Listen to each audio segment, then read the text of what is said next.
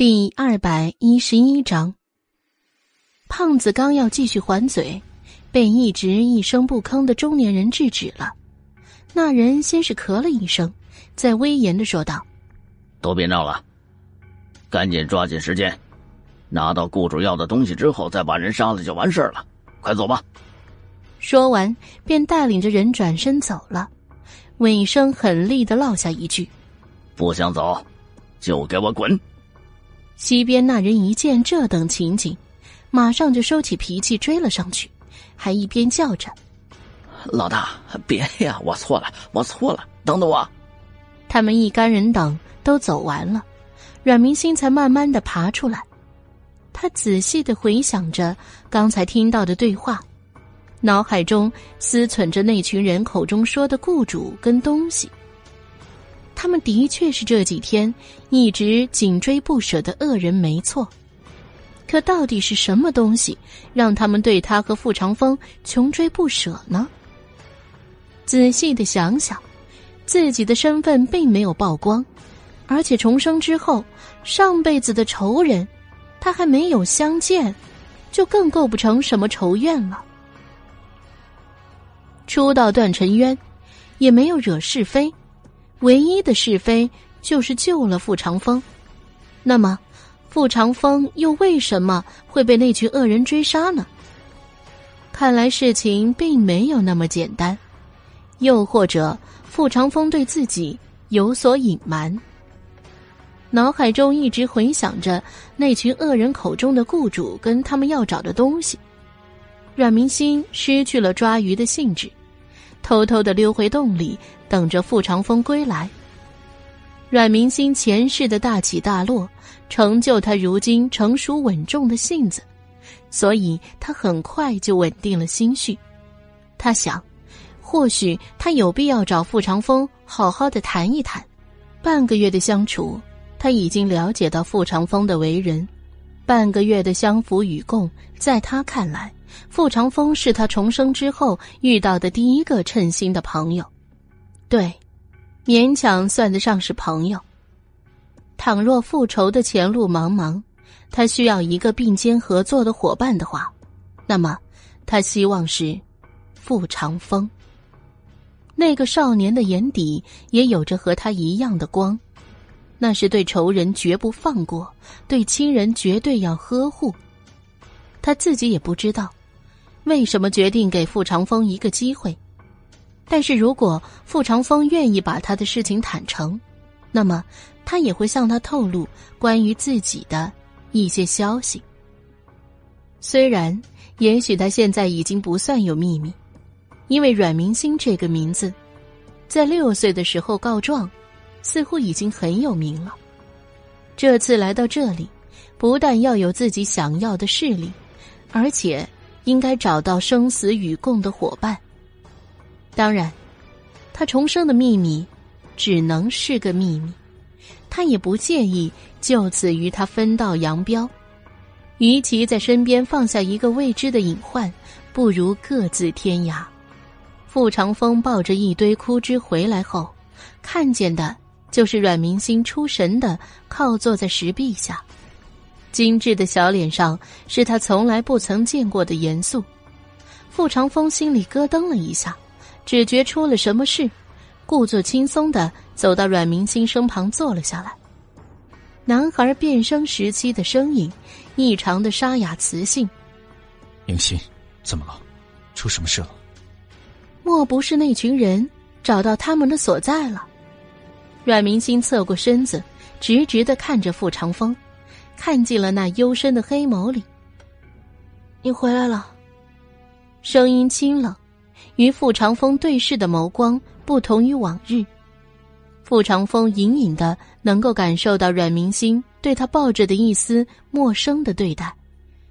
他是察觉到了什么吗？嗯。傅长风心中多了一丝警惕，同时也在思索阮明星的心思。跟这段时间两人之间的相处，阮明星坐在傅长风的对面，洞口已经被拉扯来的灌木丛遮住了，洞内燃起的火光不至于会引来野兽跟暗处追杀他们的人。但阮明星陡然变转的态度，还是让傅长风不适。既然阮明星不开口，没道理，他们都得安静下去。单刀直入，傅长风对着阮明星说道：“你知道了什么？”傅长风猜测，阮明星肯定知道了什么，或许他跟他们碰过头了，说不定。不过知道了也好。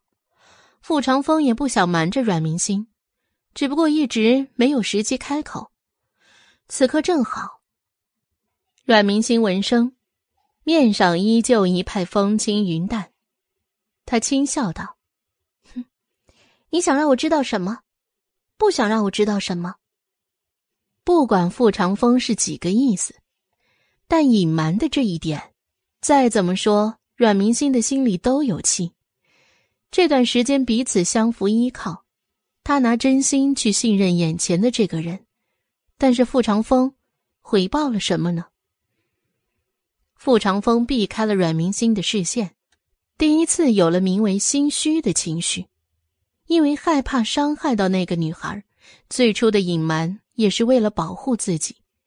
他对阮明星了解甚少，家族人的背叛，他重伤。那个时候，他要如何去信任阮明星呢？尽管他对他有恩，可后来熟悉了之后，他心中的愧疚感也油然而生。面对那群人不间断的追杀暗害，好几次傅长风都想把他隐瞒着阮明心的事情告诉他，但他突然很害怕，如果阮明心不理解他的话，还不如他一直隐瞒下去，反正。也不会伤害到他，但是阮明心现在的态度让傅长风开始动摇了心中的想法。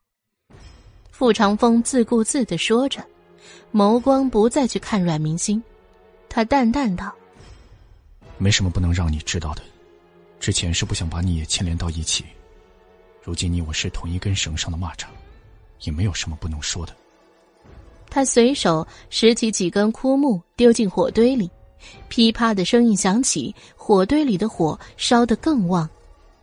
以你的聪明，应当也能察觉出来，最近追杀我们这一波人，并不是段尘渊里的恶人，他们是杀手，追杀我们，不，攻击我的恶人，真正属于段尘渊的势力，只有最初的那一伙人，自从甩掉以后。我们就没有再遇上。后来追杀的人都是傅家请来的江湖杀手。阮明星听到这里，心跟着一紧，这跟他的前世是如何的相像，都是为了血亲眼中所不能容忍的人。即便重生后，他带着强大的恨意而来，可心底依旧是不可磨灭的悲伤。他能够理解少年的伤和痛。停顿了好一会儿，傅长风才接着说道：“因为我是东胜傅家的嫡系血脉，只要我不死，庶出的旁系或兄弟就不能继承整个傅家，所以，所以，到底是十二的年纪，再坚强的他，还是眼圈红了。所以，为了得到傅家。”他们必须解决掉你这个名正言顺的继承人，并拿走继承家主的信物。阮明心接着傅长风的话语道：“东胜傅家，他倒是不太了解。”第二百一十二章，傅长风不置可否，他们的确是要杀了他，并夺走传家的玉佩，尽管他无心那个位置。却还是抵不过家族中人的野心，就连亲生的父母都更疼宠他的弟弟。有时候他也会怀疑，到底自己是不是傅家的骨血？为什么他们之间的对待会有那么大的差别呢？阮明心的眸光对上了傅长风的眼睛，似乎要从里面辨出几分真伪。上辈子的经历让他不得不警惕。傅长风也无惧与他对视，终了，阮明星还是决定信他一回。他问道：“之后你决定怎么办？总不能躲藏一辈子吧？再加上断尘渊内凶险无比，生存本就不易，你就甘心吗？阮明心的话问到了傅长风的心上。是啊，他就甘心吗？差别的对待，那些本该属于自己的东西，一件件被剥夺。瞧瞧自己，如今多么的狼狈，拱手相让出属于自己的身份地位，甚至是生命，他甘心吗？不，他不甘心。凭什么他舍弃了身份地位跟荣华富贵，流落到这个与地狱无差的地方？还要像过街老鼠一样活在人后躲避、逃亡，他又没有做错什么，该受罪的人不应该是他。那明星，觉得我能够怎么做？冷静下心后，傅长风也恢复了理智。他并非没有脑子的人，如今不过是对傅家人的所作所为更深层面的看透了罢了。眼下阮明心有好的计谋，他也不介意听听看。倘若没了傅家，就不能活了吗？若不是，面对傅家的咄咄逼人，一味的退让，并不是好办法。阮明心一手拿着一支枯枝，在地上画着什么。他心中很清楚，当他愿意陪傅长风一起出谋划策关于傅家的事情的这一刻。他就决定，他要拉拢傅长风这个人。也许前世他没有遇过傅长风，也没有听说过这个人。或许是老天爷可怜他，重生一次，他遇上了。只要对自己有利，不管多难，他都会抓住机会，把他们都发展成自己的势力。他的仇，他的恨，等到他羽翼丰满，他无所顾忌。那时在一块儿算了。你的意思是？傅长风隐隐听出来阮明星话里的意思，却又不敢相信，这是从一个十岁的小女孩口中说出来的话。没错，既然是江湖杀手，江湖规矩，只要我们解决掉他们，那一切就好办多了。阮明星的眸中闪过一丝促狭。傅家是个大家。如果名正言顺的继承人莫名其妙的死去，那么背后的那些人肯定会被怀疑。为了解脱嫌疑，他们势必会请第三方人马出手帮忙，而江湖杀手无疑是个很好的选择。当然，有利也有弊。杀手的规矩，为了不暴露自己、暴露组织，他们与雇主之间的交流都是靠书信传递的。而段尘渊又恰好是四国不管的地带，在这里出了什么事，没人会去追究。不管是杀手，亦或是傅长风、阮明星，反杀掉追寻他们的那些人，模仿他们的笔记给傅家送信。阮明星的提议在傅长风的心里造成了不小的震撼，但的确是个不错的妙计。尽管他跟阮明星的力量不足以反杀掉那些杀手，但别忘了，这里可是段尘渊，一个吃人不吐骨头的地狱。这一段时间，他跟阮明星也差不多摸清了山里的情况。论起地形，他敢保证那群杀手不如他们。既然他们两人的力量不足以跟杀手对抗，他不介意借助山中的凶猛野兽。毒虫蛇蚁，以牙还牙，以眼还眼。默默秋云起，稍稍夜寒生。微凉的天蒙上一色阴沉的压抑。傅长风抱着一怀的熟果子，急急的跑进山洞，随手把抱着的青枣李子悉数放在草垛上。他又往洞外探了探脑袋，确定没有被人尾随。这才拉过灌木丛遮住洞口。自从前几夜的坦诚之后，傅长风发现阮明星开始忙碌起来。具体是在折腾些什么，他不清楚，只知道自己除了每天出去找些吃的，帮阮明星摘些奇形怪异的花花草草，再来就是注意傅家请来的那帮杀手的动向。余下的时候，就是待在洞里。而阮明心整日坐在洞里的一个小角落，捣弄他摘回来的花草，研成粉末或是捣成汁液。尽管他不知道阮明心弄的那些东西是干嘛用的，但对于阮明心的吩咐，他还是一一照办。只不过眼下的天气，近几天估计是出不去了。外头的天乌云密布，也不知道什么时候一场大雨就会来临。雨后的毒物都出来游荡，山里会更加危险。傅长风沉了眸光：“你这两天的身体感觉如何了？”寂静的山洞内只有柴火烧的噼啪的声音。阮明星突然想起的话语显得格外清晰，跟平常没有什么不同了。傅长风的语气平淡，似是不怎么在意。他的身体自从来到段尘渊以后，大伤小病不断。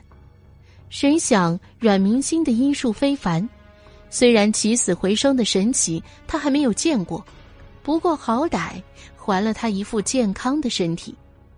既然好了。那有些事也该动手了，免得夜长梦多。阮明心将手上的东西整理好，放到一边。如果傅长风仔细去看的话，可以发现，他这些天摘来的药草少了一半不止。至于少掉的那一半到哪里去了，也就只有阮明心自己知道了。你确定？傅长风挑眉看了他一眼，也难怪。这几天，阮明心在捣弄那些药草，也没有踏出山洞一步。如果知道了外边的天气，或许就不会这么说了。这两天会有一场大雨，这是我们唯一的机会。阮明心指了指他身下坐着的那块石头，说道：“柱石脚下潮有雨，这是最基本的常识。”从角落里走出来。他拿起傅长风放在草垛上的青枣，随意擦了擦，就拿进嘴边咬了一口。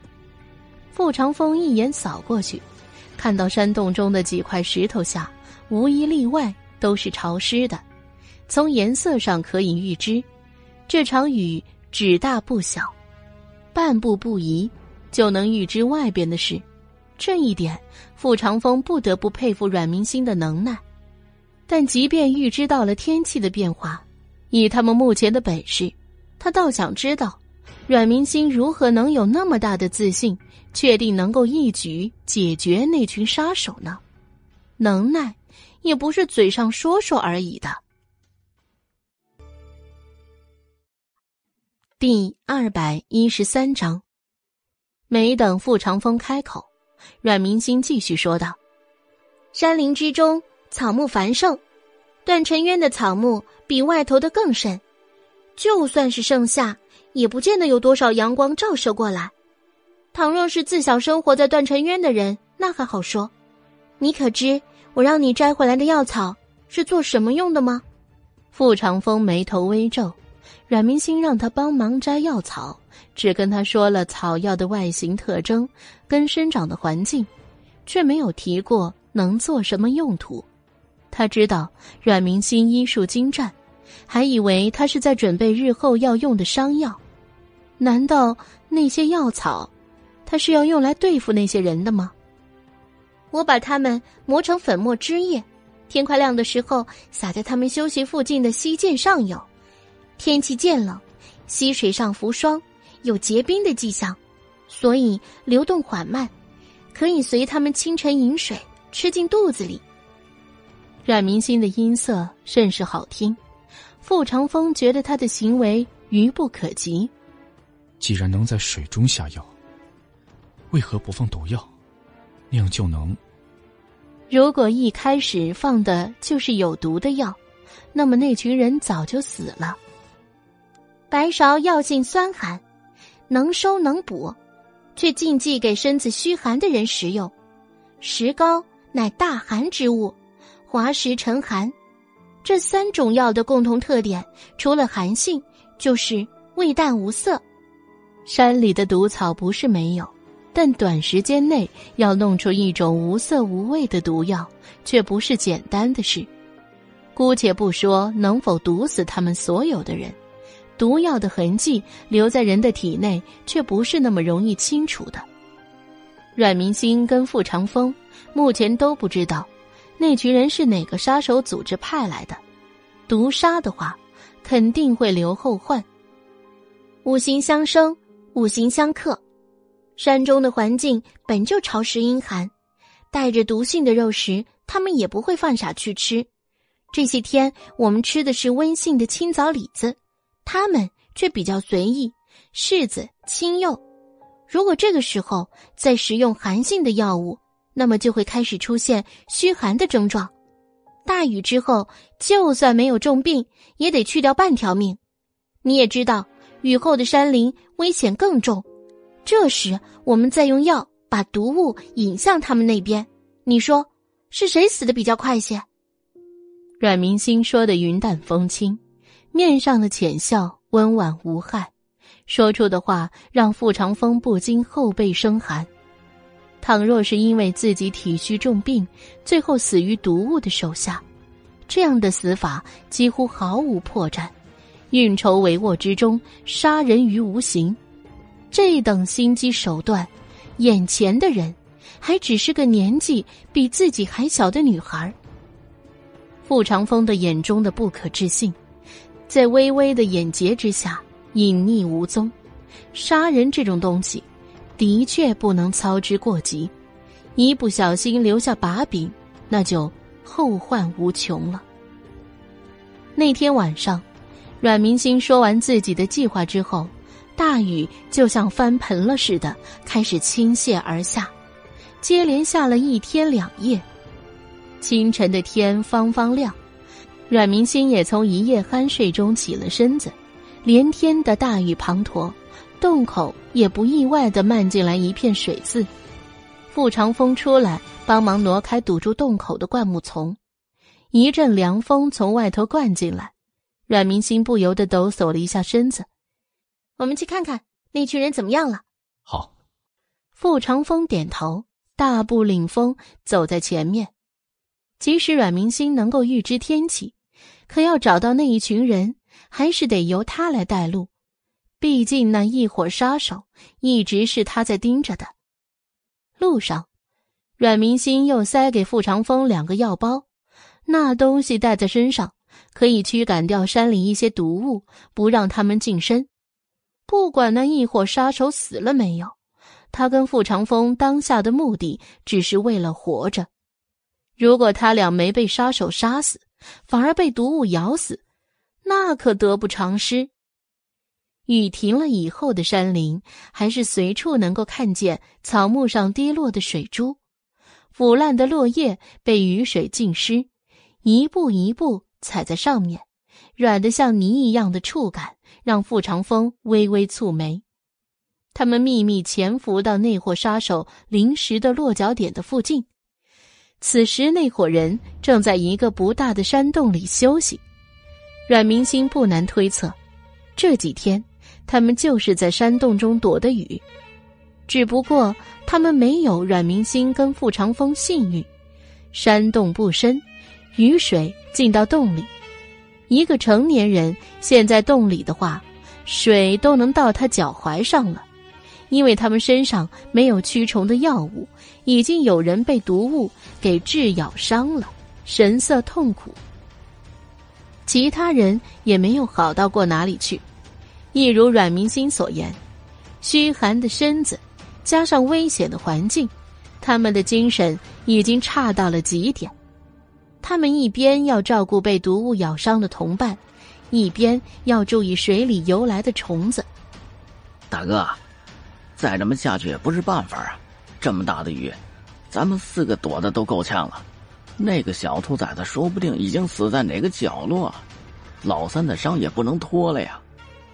声音从洞里传来，开口的是杀手里的其中一个，声音里毫不掩饰的急躁。大雨之后，他怕遇上了山里隐藏的其他毒物，老三只是被咬了一下。如今全身麻痹，面色通红，甚至连话也说不出来了。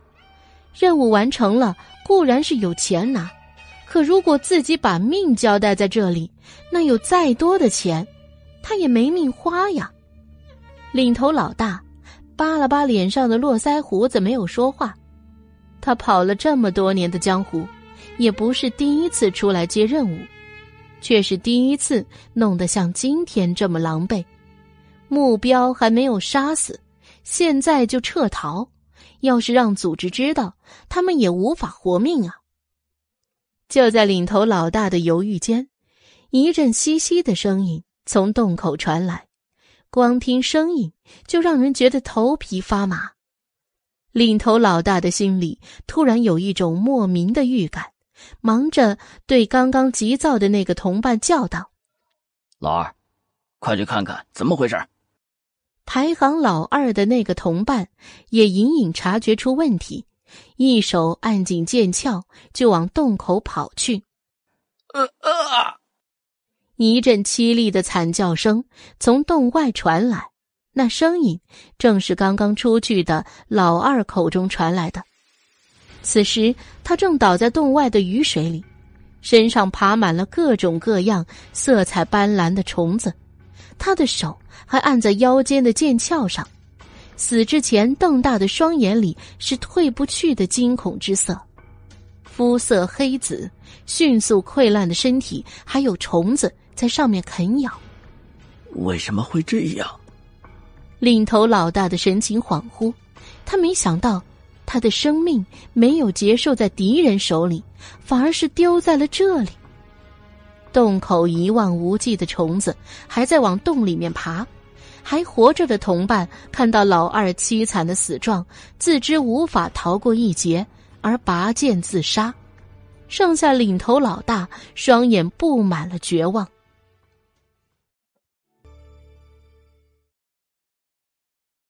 第二百一十四章。呃呃，他不甘心啊，不甘心。山洞里传来的凄厉惨叫声，听得人头皮发麻。单是铺天盖地的毒雾密密麻麻爬向山洞的场景，就让傅长风看得毛骨悚然。你不怕？看了一眼云淡风轻的阮明星，傅长风开口问道。话一出口，他就后悔了。这场景，就是出自阮明星之手。倘若他有一点害怕的意思，断不会有现在这个场景了。这山中不适合继续待着，我们还是快点离开的好。阮明星对着傅长风说道，并没有回答他的意思。应该害怕吗？有什么好怕的？有时候，人心要比毒物更可怕。一如他的父亲，一如他前世的夫君。书弟，一阵凉意从脚底漫上后背，对于危险的敏感预知，本能的让阮明星没有来由的一阵惊恐。他的身体比脑子运行的还要快，双腿迈出的瞬间，他对傅长风猛吼道：“长风，快跑！”随着两人飞快的身影从林间穿过，一只巨型的猛兽从他们刚刚站立的灌木丛后面窜了出来，他的身子。大约有三四个成年男子的大小，手掌拍在地上，锋利的爪子瞬间从地面上掀起一块黄土，尖利的獠牙上布满稠稠的粘液，模样可怖至极。浑浊的眼珠子盯紧了奔跑中的阮明星跟傅长风，仿佛那就是自己今日的食物。暴吼一声。他驱动自己的四肢向阮明星跟傅长风的方向而去。长风，往小道上跑。这个时候，他们无法往原先的山洞跑。如果被巨兽堵在山洞，那才是真正的灭顶之灾。那头巨兽的体型庞大，身姿矫健。如果在大道上奔跑，以他们目前的状况，是无论如何都逃不过的。为今之计，只能尽量跑小道。小道上有不少的灌木丛，他跟傅长风不大的身子容易穿过。身后的巨兽体型庞大，灌木丛会摩擦他的身体，减少他冲击的力度，并且拖慢他的脚步。该死的，他怎么忘记了？清晨在外游荡的，还有同样躲了两天雨出来觅食的野兽。阮明星丝毫不敢放松双腿上的速度，他知道，只要他的速度稍微慢一点，随时都会成为身后那头巨兽的盘中餐。灌木丛的小道也终有尽头，前方已经出现了亮光，那里是树林的尽头。他们现在的位置大概是在半山腰之上。车到山前必有路，这句话在阮明星的脑海中响起，但此时此刻，他用脚趾头想，都知道那条路会是什么样的。他脚下的路只能直走，就算前面是悬崖，他也得跳过去，不然只能做凶兽的口腹之食。前面的光越来越亮。阮明星别无选择，他印象里，这座山有一条大河环绕，或许就在前方的光亮之下。与其原地等死，不如放手一搏。长风跳，高峰疏叶带霜落，一雁寒声背水来。近来的天可愈发的冷了，阮明星坐在溪边的石头上晒太阳。暖融的光线射在身上，驱逐了不少晨间的寒气。他不禁抬头，看向攀爬在林间枝干上摘野果的傅长风。也许是从前一直生长在北地的缘故，段晨渊的冬天，他还从未听傅长风喊过冷。收回了停留在傅长风身上的视线，阮明星的眸光顺势落到溪间浮着薄冰的水面上。最近的鱼，估计也知道冷，又或者害怕被他抓去吃了，竟然都看不到影子。这一处地方，还是前几日他跟傅长风一起发现的。那日，为了甩掉追击他的巨型猛兽，他们别无选择，不得不跳过悬崖。谁想最后坠进一个洞中。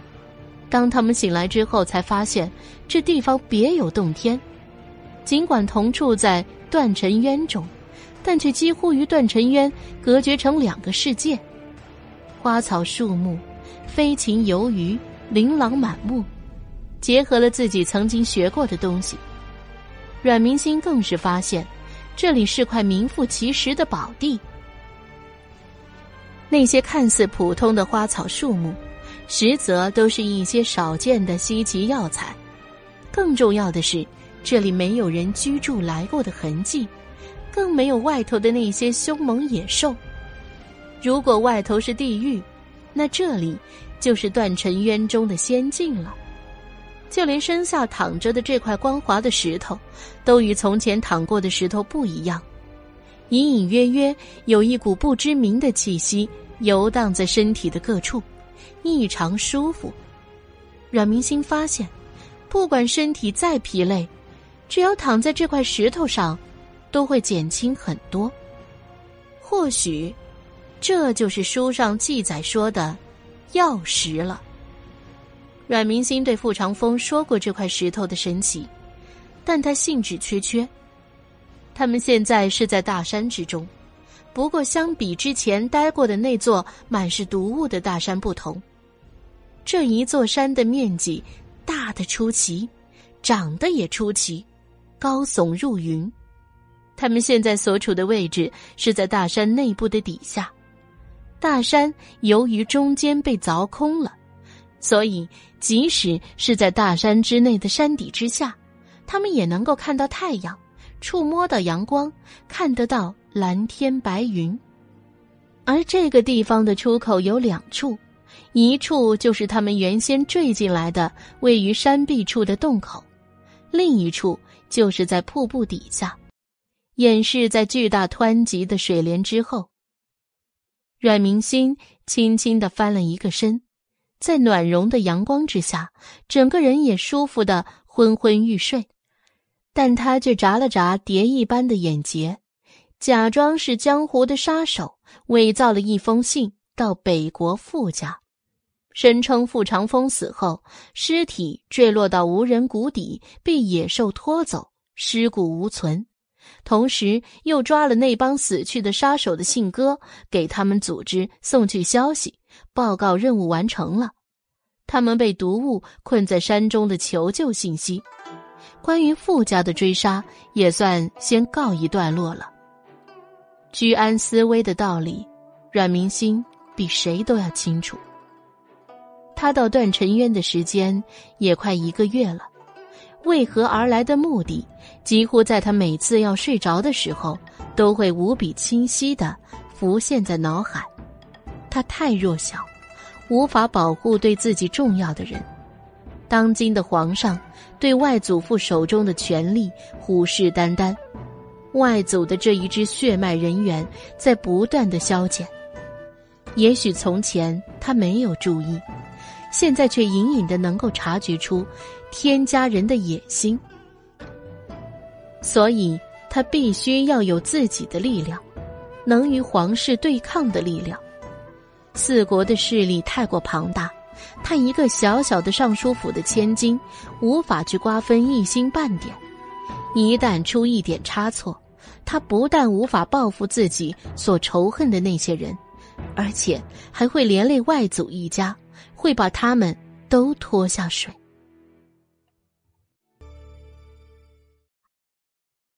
第二百一十五章，而段晨渊属于四国互不管理的地带，危险重重不说，因为没有国家的管制，段晨渊各方的势力更加混乱。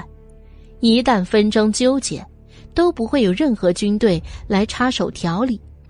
俗话说：“乱世出枭雄。”段晨渊之所以乱，就是因为他没有规矩。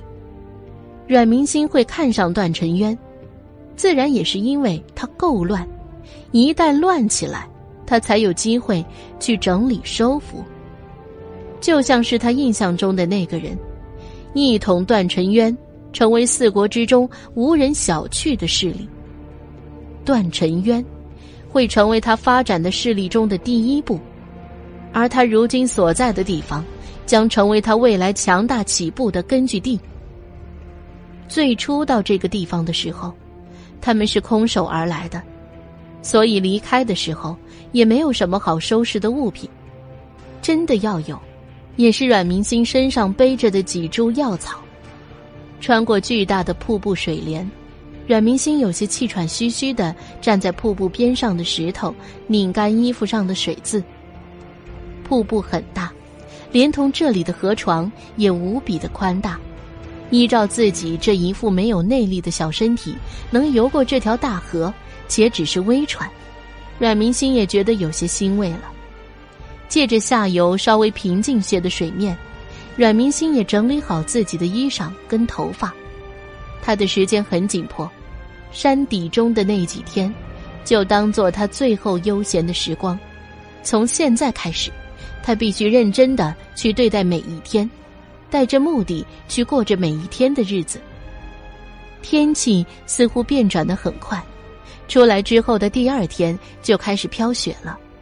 在山中待了近一个月的时间，阮明星原先带着身上的盘缠银两，也不知道在逃避杀手追杀的时候掉落到哪里去了。好在他没有忘记出来的时候多摘几株珍稀的药草。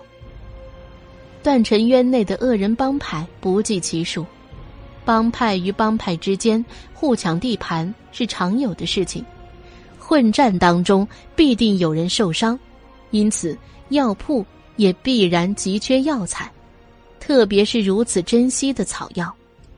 没有银两又如何？他有稀世药材，而且现今他尚且摸不清段尘渊内的势力，医术是他的底牌。不宜过早暴露。砰！肉体与地面碰撞的声音在寂静的巷子里格外的清晰。跑啊！你倒是跑啊！男子信停漫步从巷尾走了过来，手里还拿着一根纯钢铁的狼牙棒，确实威风。不过左眼眼眶上的淤青眼圈为他添了几分滑稽之感。地上横陈着的是一个受伤的少年，衣裳破乱的模样比阮明星跟傅长风身上的更甚。脏乱的头发已经打结在一起，远远看去，一皱一皱的头发，仿佛被撕开的脏布条。刚刚传来的声音，大概就是这个少年摔落在地上的声音了。你小子怎么不跑了？你不是挺能跑的吗？拿着狼牙棒的男子上前，神色狠厉，似乎对乞丐痛恨极了。提起一脚，又狠又重的踹在少年的腹部，少年愣是没有吱声，苍白的脸上沁出了汗，身体痛得弓成了虾状。他痛苦的模样更是刺激到了男子。男子把手中的狼牙棒丢给身后的伙伴，面上是掩饰不住的兴奋，像是找到了什么好玩的东西。在前面痛苦的表情下，他抬脚踹过去，又是一下，腾空横来一脚挡在少年身前，挡住了男人的攻势。傅长风清朗的声音从旁边传了过来：“俗话说，做人留一线，日后好相见。对一个女孩子下这么重的手，传出去对你的名声也不太好吧？”阮明星伸手把受伤的少年。从地上拉了起来，男人刚刚下脚的力道，他也瞧见了。只不过少年的反应，让他也感到意外。明明痛的五官都拧在一起了，他也没有吭声求饶。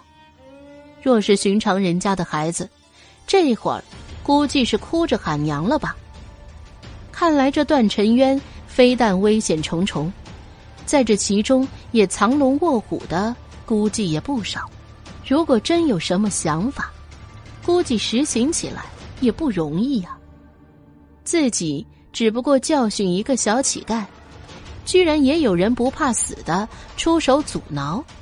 男人运上心头，却也是个有眼色的主。看到眼前的两人，通身气质非凡，身处断尘渊中，倘若不是家里有人帮忙撑腰，谁家的孩子？敢出来多管闲事儿啊！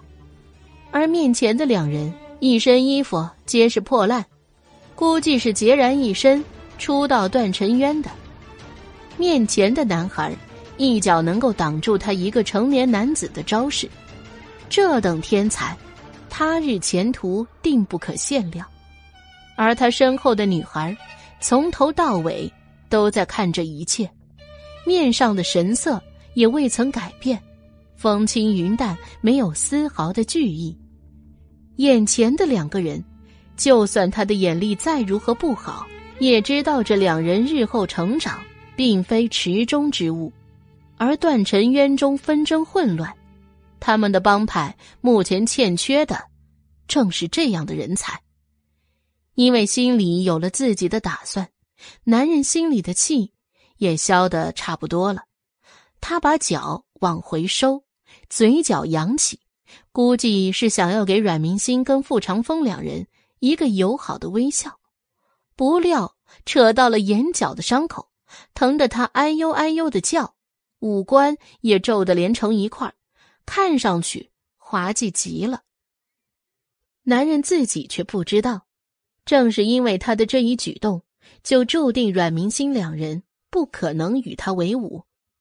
男人跟受伤的少年之间的纷争，阮明星不清楚。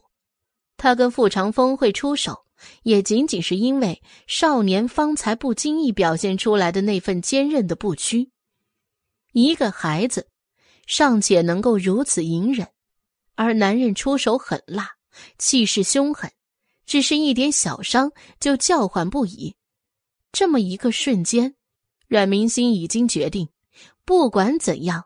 他都要把少年救下，当然了，若是他能为他所用，那就更好了。不管你们之间有什么恩怨，这个人我救下了。如果没事，那就走吧。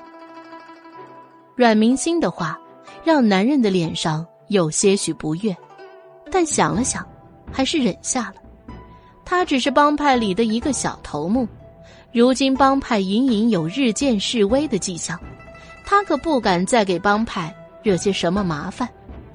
可就此让眼前的这对男女把人带走，要是传出去，他的面子也就没了。可又想，如果他能把人留住，带回帮派内，或许是大功一件。怎么算都是好处比较多。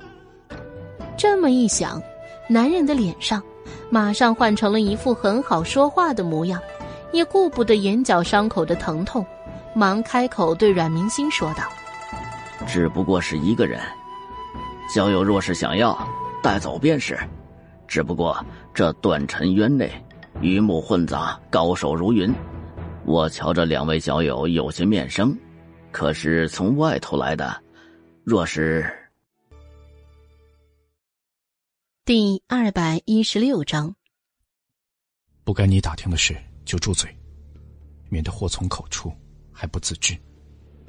傅长风打断男人的话，男人的目的太过明显，眼中贪婪的神色让他感到厌恶，甚至恶心。男人察觉到傅长风的不悦，连忙安抚道：“哈。”小友莫要误会，我只是觉得两位小友虽然武艺高强，但在断尘渊中也难免显得有些势单力薄。断尘渊里恶人无数，人心叵测，不如暂且在陈某人的寒舍小住几日，也好先探探情况。二位意下如何？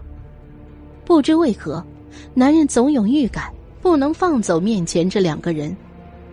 阮明星还没开口，就发现他身后的那个乞丐少年扯了扯他的衣角，流转的眸光在给阮明星透露男人的不怀好意。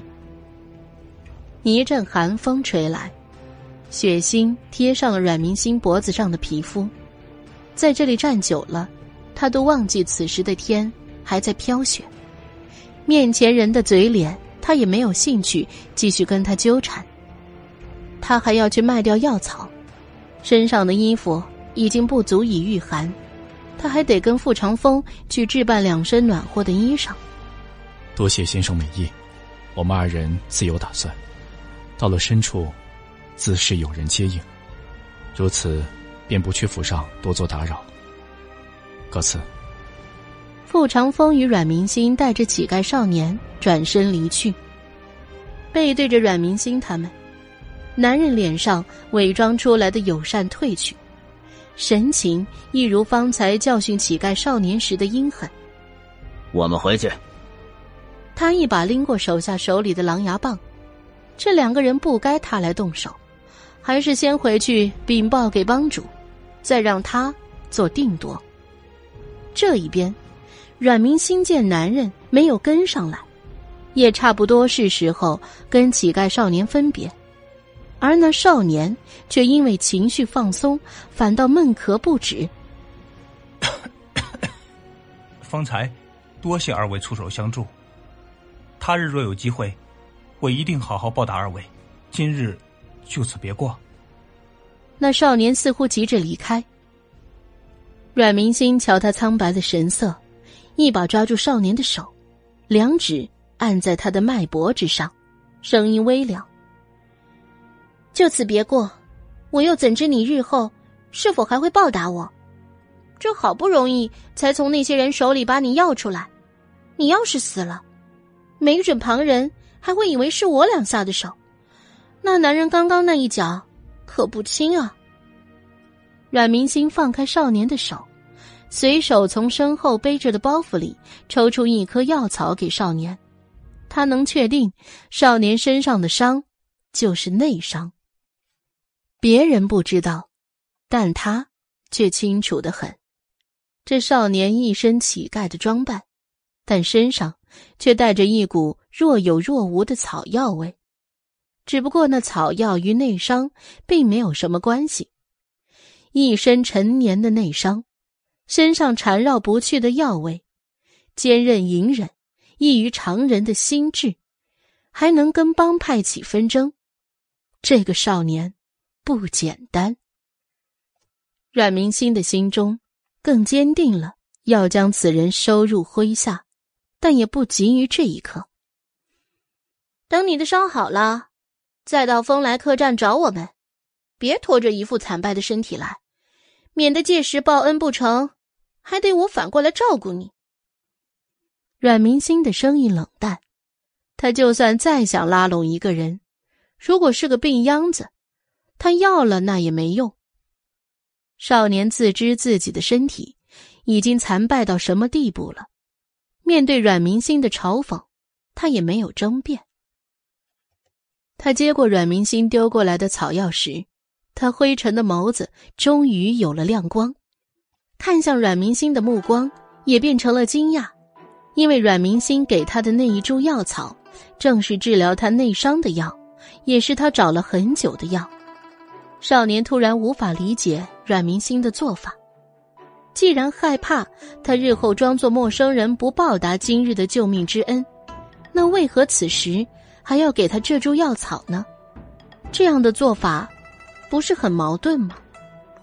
但没有等到他把话问出口，阮明星跟傅长风。已经离开了。想起自己今天还没有把药带回去，少年也步履匆匆的离开了。前日，拿着从山底摘来的草药，辗转了几家，才卖出一个好价格。这几日，阮明星跟傅长风暂住在风来客栈，一来可以了解一下段尘渊的具体情况。顺便等等，那个少年是否会再回来？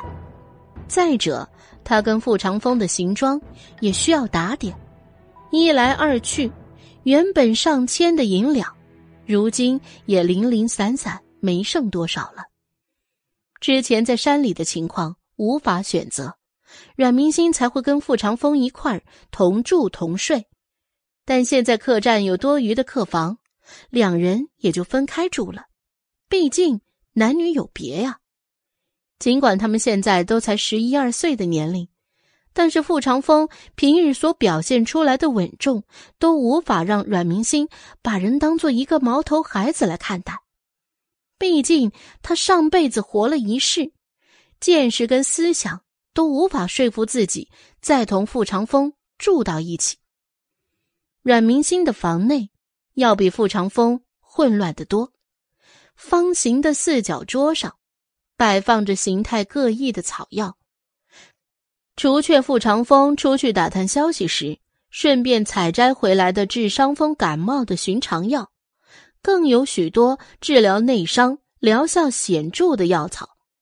这东西平时都很难采摘得到，一般的药铺可是难求啊。阮明星把一块灰蓝色碎花的大方布。摊开在石桌上，随手把今天刚摘回来的草药剪放在方布上。新鲜的药草上还带着淡淡的药香味与泥土湿润的气息。翠绿的药草衬得纤细的手更加光滑白嫩。一旁站得笔直的傅长风正看着阮明星的一举一动，盯着那手，不禁入了神。这样一双软弱无骨的小手，曾在运筹帷幄间解决了一群恶人，那里面蕴藏了多少未知的强大的力量？即便是他，也不敢轻视他的主子。没想到这些草药这么容易卖。尽管之前他曾预料过草药不难出手，但却不曾想过。段尘渊的药铺会如此稀缺，特别是对治疗内伤经脉的药草，随便一株都可以要价到上百两。他也挺幸运的，因为杀手追杀傅长风，导致他们都进了无人山，唯一的收获也就是那一山的草药，还有那一座神秘的山底，那里面的财富更多。阮明星的动作很迅速，方布上。立马就堆起了一座小山，手中动作不停。再过几日，别说在这过冬不是问题，我们也有银子干点其他的正事儿了。段尘渊中的势力繁多混乱，他想要在这里占有一席之地，银两是最不可少的东西。清脆的声音拉回了傅长风的思绪，对于阮明星的话，他点了点头，表示认同。傅长风看见阮明星脚边掉了好几根药草，大脑还没做出指示，身体已经走上前，弯腰把那遗落的草药捡起。等他直立起身子，才发现自己似乎走得太近了。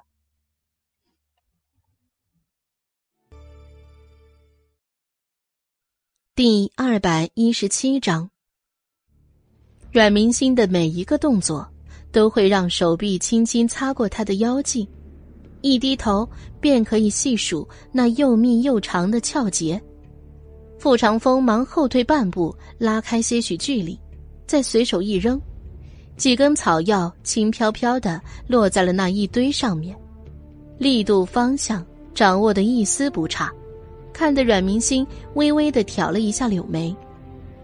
傅长风对阮明星是不一样的，与以往的任何一个女子都不同，不但不排斥与他亲近，还渴望能和他走近一些，仿佛这样才会更踏实。他想，也许这就是可以用性命交付的伙伴。孤寂的心终于有了落脚点，不再飘荡。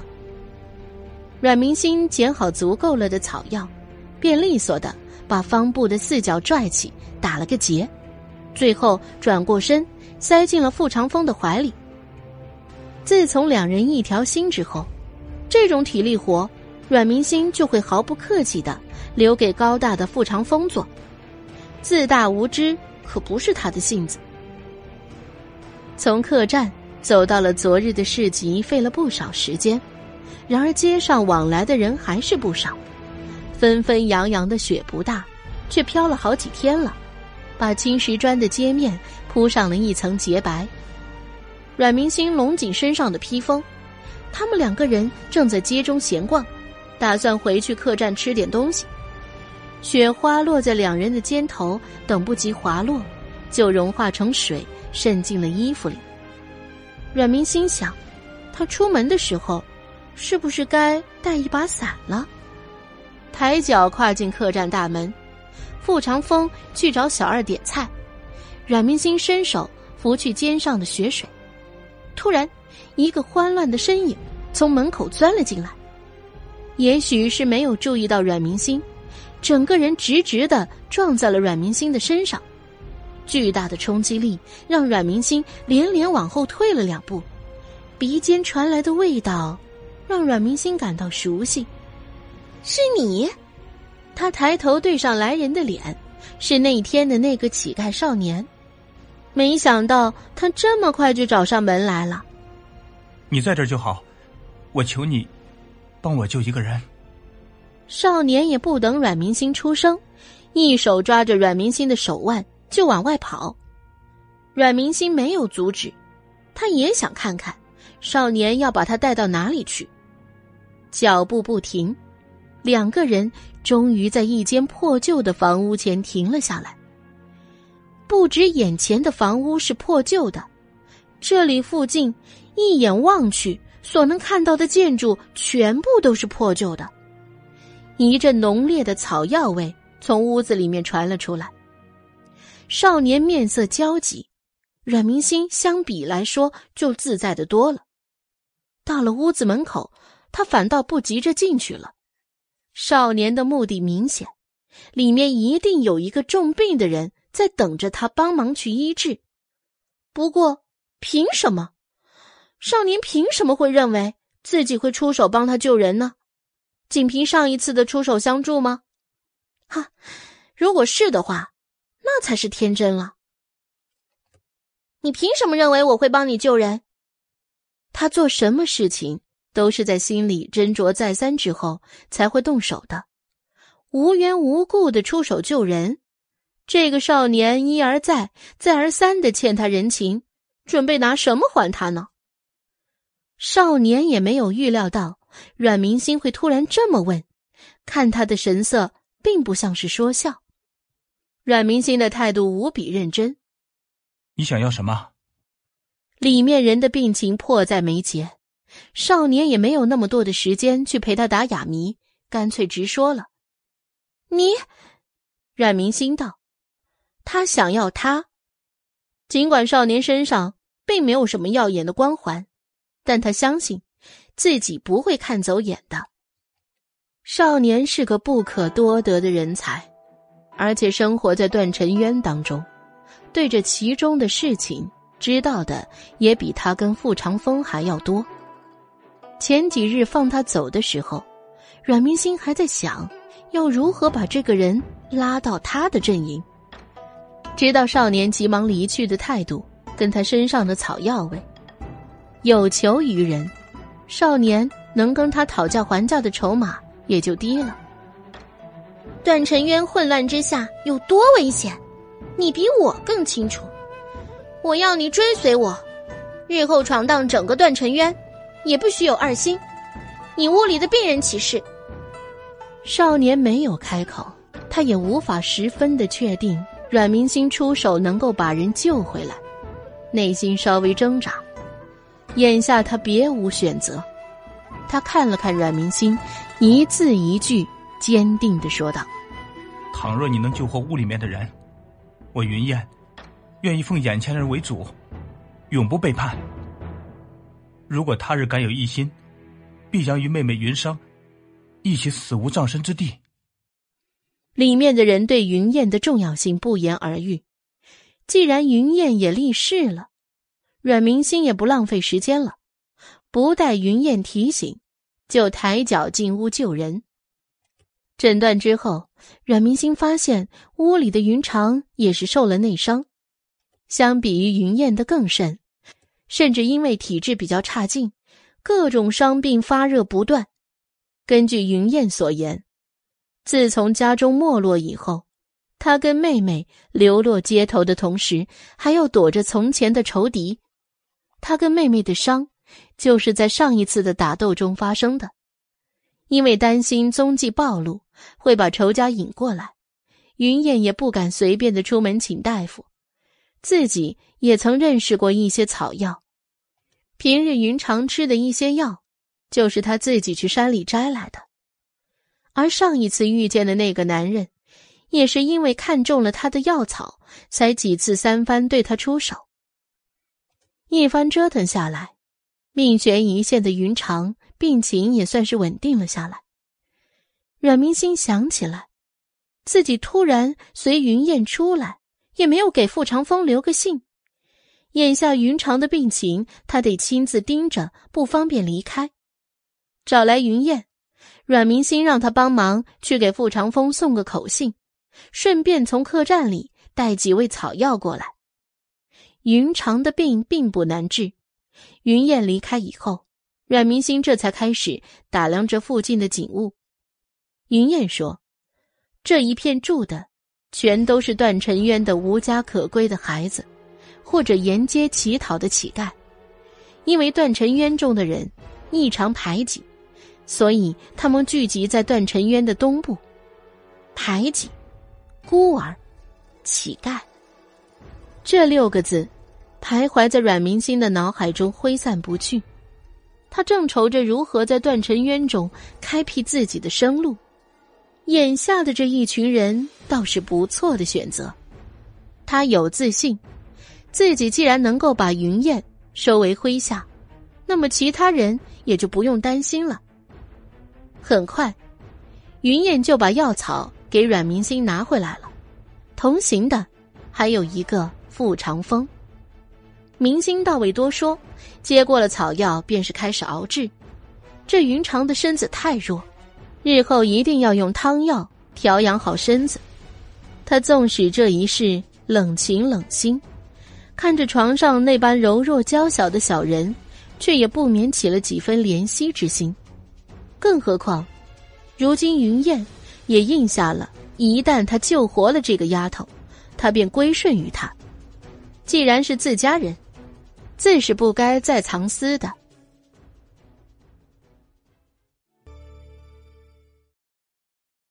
第二百一十八章，傅长风只帮着打下下手，面无表情的脸上倒是掠过些许不明意味，双目。又移到了床上之人，面色苍白，呼吸都是极缓的。若不是他来了，这小丫头怕是熬不过去了。阮明心细细熬制着草药，这是急不得的。也总算一个时辰之后，药汤终于熬开了，散发出一股浓郁的清香。云燕便要接过去喂给床上之人，却被阮明心伸手拦了下来。倒不是他觉得云燕毛躁，只是那丫头还未醒来，这药汤要是喂进去，却还是有几分难度的。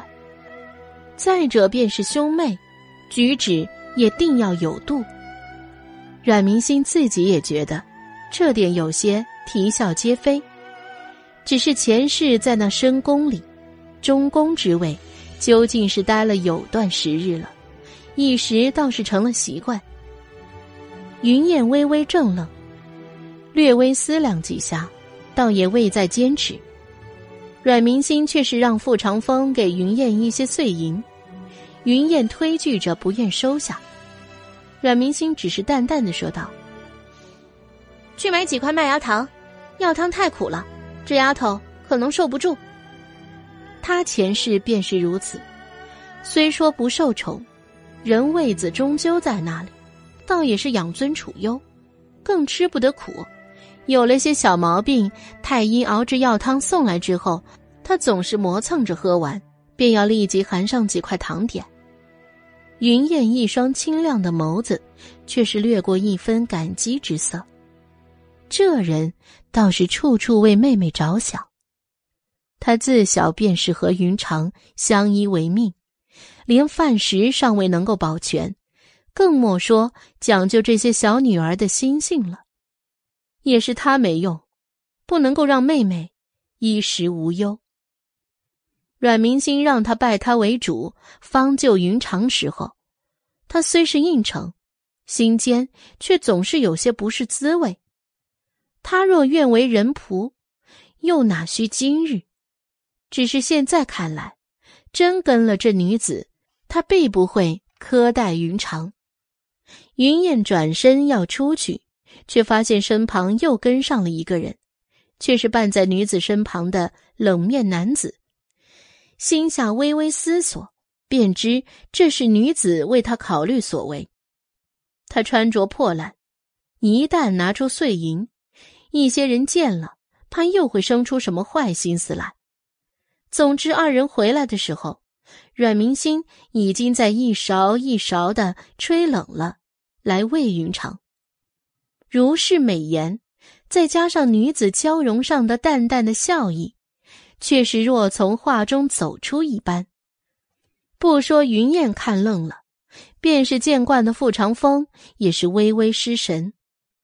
傅长风还真从未看过女子这般温润的模样，小心翼翼的动作，就和怕惊醒梦中人一般。云燕心中却是如什么融了一般，只是将麦芽糖递给了床边的女子。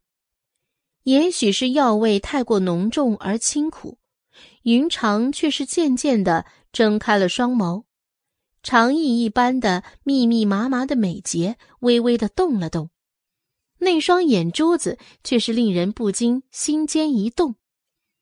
这倒还真是个美人儿，阮明心觉得自己这笔注下的也算对了，就算没有云燕，他救云长倒也是不错的。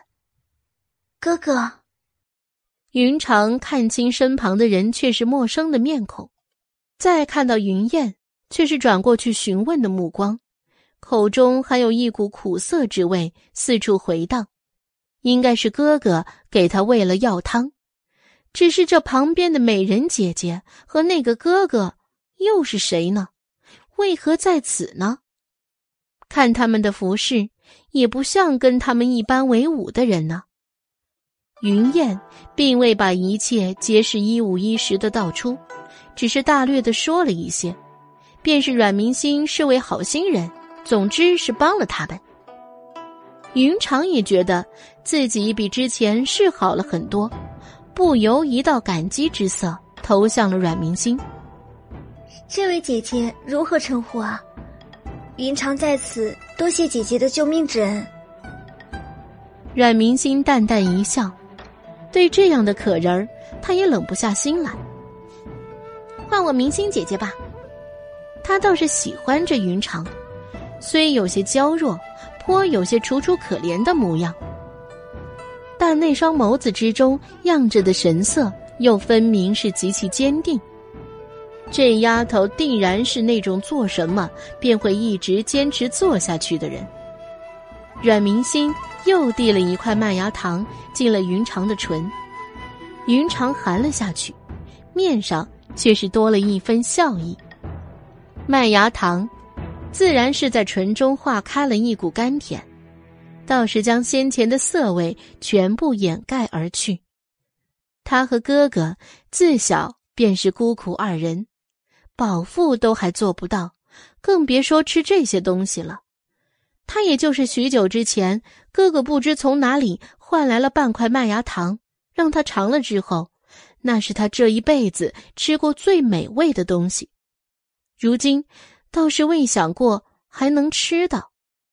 云燕看到妹妹的面上有满足之色，心酸之余，却也有些喜意。妹妹开心，她便也开心了。阮明心却是让云长再躺下休养，现在的他不适合起身，还是在榻上多躺些时日为好。而后云燕也跟着出来了，站在院中。阮明心问道：“这些孤儿没有收容之处吗？怎么不集结成一番势力？小便是小，但至少也不会太受人欺凌。”他要先弄清这孤儿之中可有小头目，若是有，还要先收服那些小头目，剩下之事才更方便进行。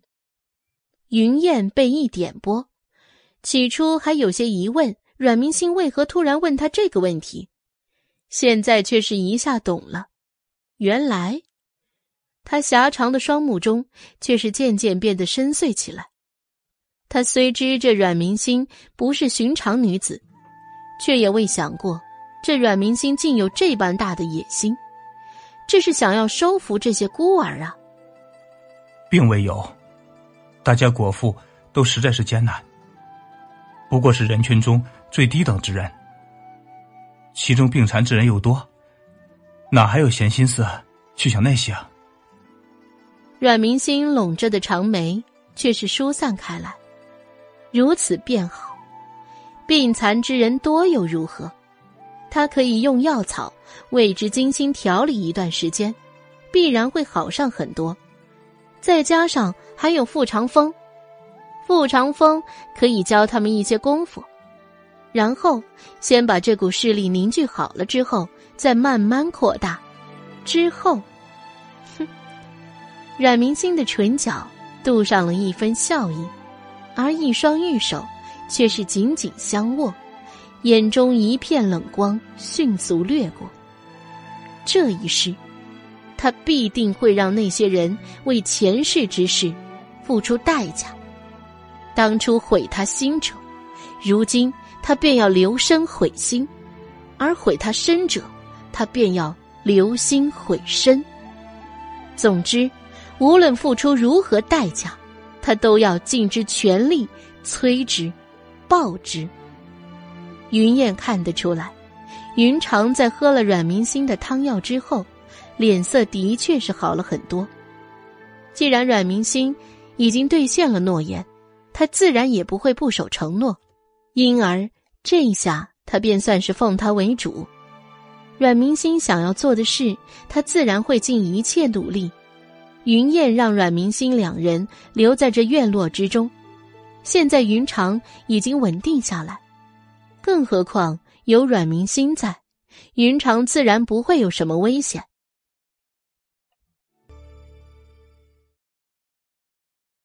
第二百一十九章，云燕却是出了院落之后，直接去了一个房阁。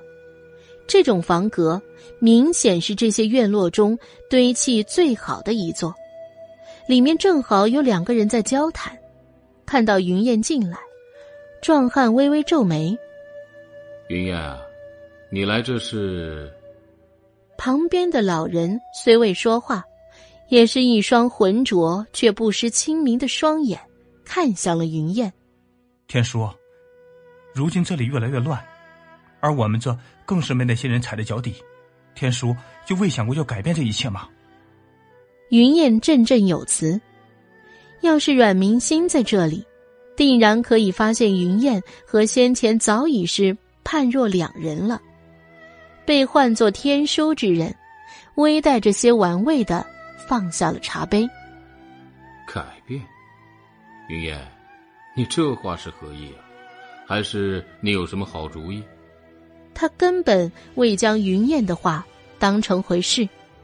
云燕不过是个孤儿，从小和他妹妹云长孤零二人，连口饱饭都吃不起，怎么可能会有法子来改善呢？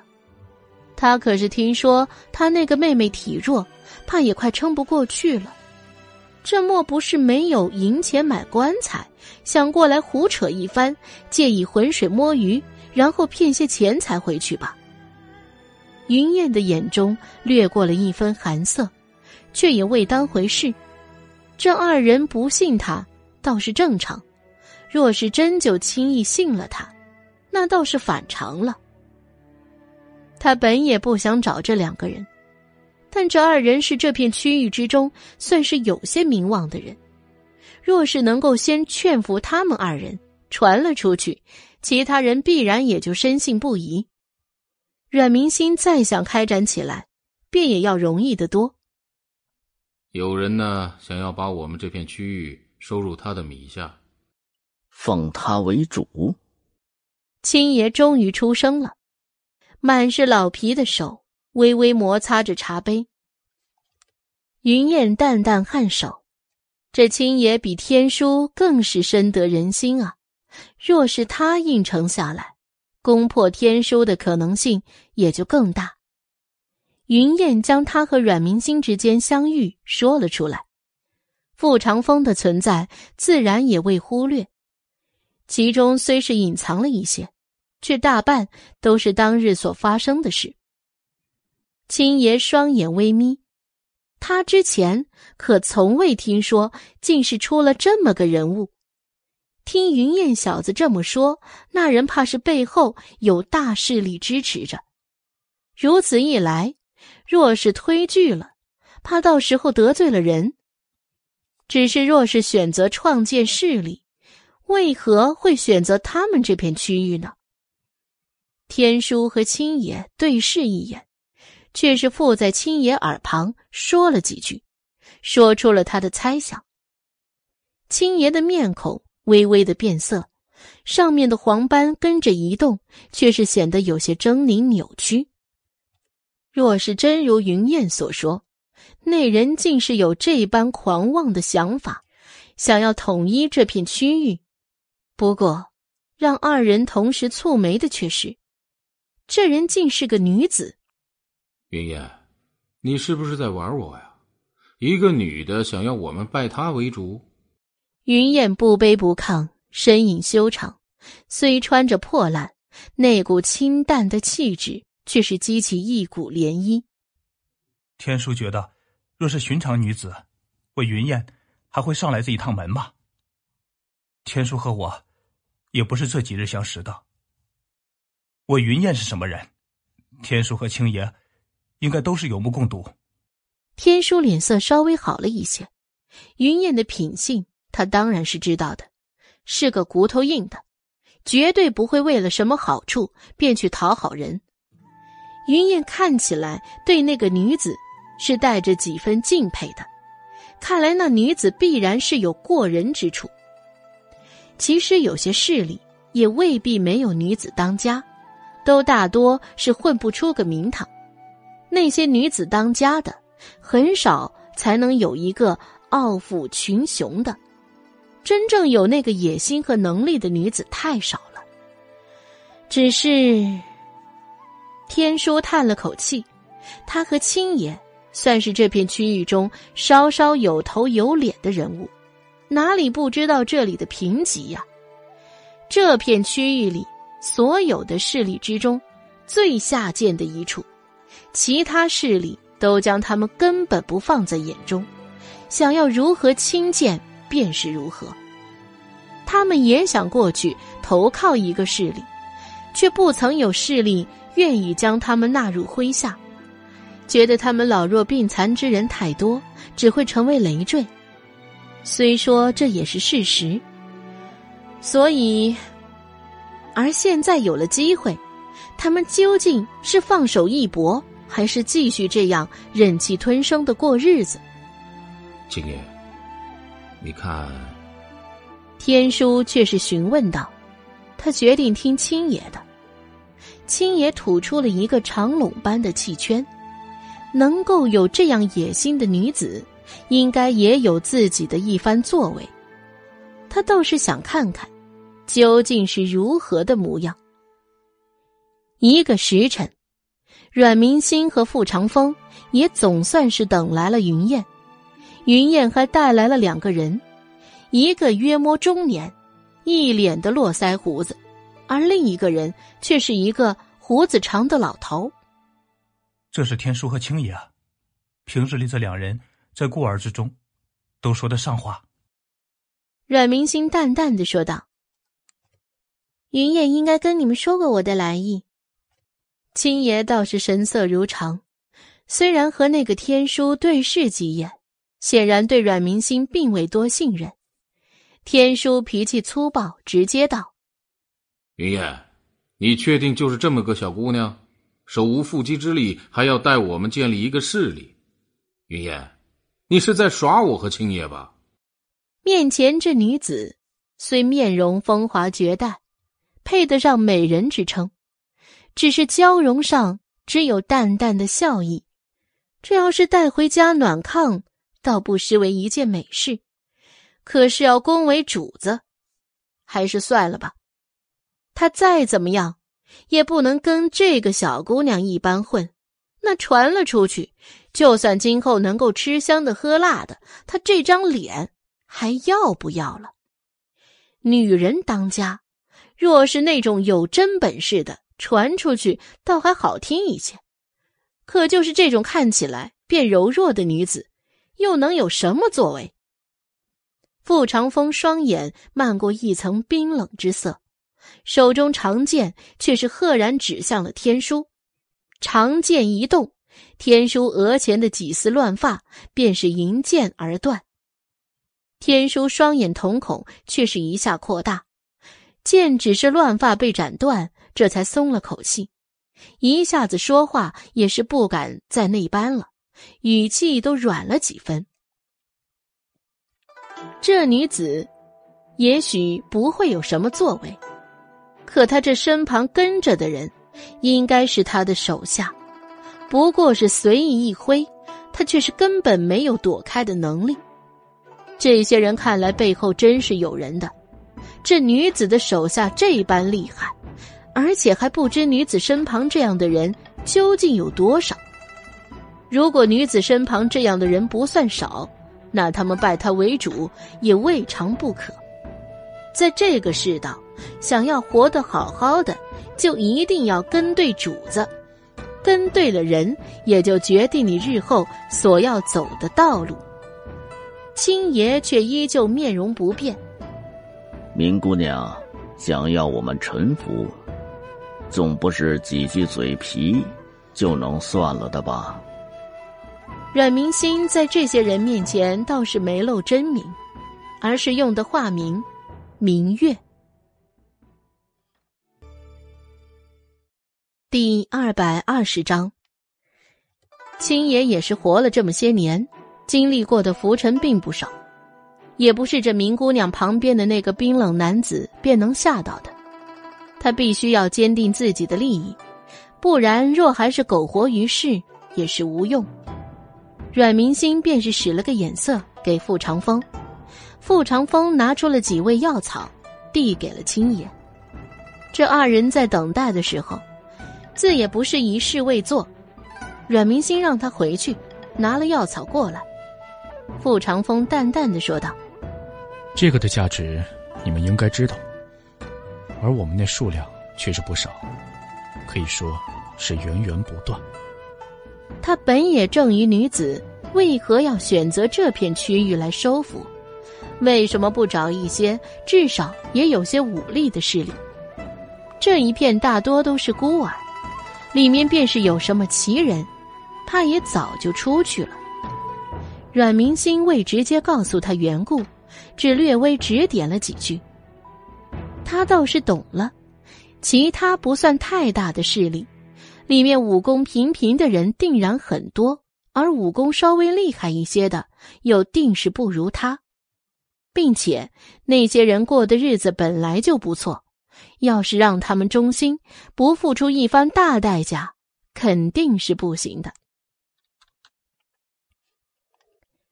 这些孤儿平时的日子定然是清贫，给一些好处，必然就可以让他们心动，而且往往这样的人也最会知恩图报。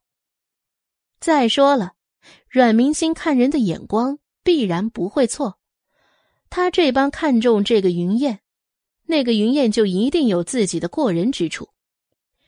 青爷拿着药草放到鼻前一嗅，本就流露着震惊之色的双眸，这下更是布满了吃惊之色。这分明是上好的草药，这些人居然数量还不少。这些人究竟是何人？这种珍贵的东西，居然在他们嘴里似是一点也不值钱。在这种地方，受伤濒死是家常便饭的事，因此药物就成了顶顶有用的东西。阮明心并不打算废话下去，能够好好解决，顺应民心，他自然也会好好着来。可若是一些人贪心不足，那就别怪他了。他虽然不滥杀无辜，但也绝对不会是什么菩萨心肠。顺他者，他护之；反他者，他灭之。若这个天书和青野过了分的话，那可就不会是那么轻轻松松的过去了。势力的建造和成长，是必然要见血腥的，不可能轻轻松松就能度过的。他也不介意杀几个人，以儆效尤。杀鸡儆猴这种事。他做的如今也算是轻车熟路了。他早说过，他不是前世的那个阮明星了，他不再是那个单纯的不知心机的女子。这一世，他宁愿负尽世间的千万人，也不要再被自以为所看重的人辜负。一炷香的时间，你们决定究竟要不要跟我？机会只有一次，青爷面上却是带着微微的笑容。敏姑娘，那容我们商量一刻可好？他承认，他的确心动了。虽然他也不确定这女子究竟是不是真的有那么大的背景，只是相信一次也无妨。他这一生虽然波澜，也并非没有。却都是一些小风波罢了，就当赌一次吧。只是这件事也不能他一个人决定啊。阮明星这个时辰自然还是等得起的，微微一笑说道：“哼，好。”青爷和天书便出了院落。青爷，跟个娘们混，传出去我们还有什么面子？以后出去都没脸见人。青爷摆了摆手：“这些人。”可并非寻常之人，尤其是那个女子。先前她靠近之时，我就闻到她身上有一股极浓的药香。如果不是我猜错，那个药草可能就是那个女子自己采摘的。药草极其难寻，更何况那种极其珍贵的药草。他们就算没有强大的武力，但是能够在经商上。占一席之地也是不错的。药草那么珍贵的一株，能够足足卖上上百两。天书面色也凝重了起来。青爷这般说了，那自然是真的。那他们，青爷循循善诱道：“现在这片区域可是大多人饭都吃不上，跟着这个明姑娘，起码能吃一口饱饭呐。这也是他想要应下的缘故之一。他年纪大了，以后能不能过上好日子，也未必太在意，而却还有太多年纪小的孩子，他们又要如何？眼睁睁的看着他们饿死吗？他自然不想。可是不这样又能如何呢？他根本救不了他们。他也许可以帮几个，可也就是几个罢了。天书也长长的叹了口气，终归是一片区域的人，相处久了，怎么可能没有一点感情呢？可是，一个个的哪里管得过来呀？不就只能放弃一个？这片地方，要是每个人都管，那可是管不起的。唉，也罢。两人的心间也都有几分沉重。是给自己都找好了理由，可是却不免还是有些。毕竟奉一个女子为主，传了出去，还真是一个笑话。尤其是这明显还是一个半大的孩子。两个人将答案告诉阮明星之后，阮明星却是将一个小包裹给了二人，并叮嘱回去之后再打开。二人又以还要告诉其他人为由而离开了。傅长风看着这二人离去的背影，冷漠的眸光微挑。你觉得他们是真心要臣服的？阮明星反问道：“哼，你觉得不是吗？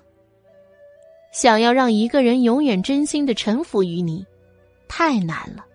只有足够大的利益，才会有永久的来往。”这些人岂是那种轻易臣服之人？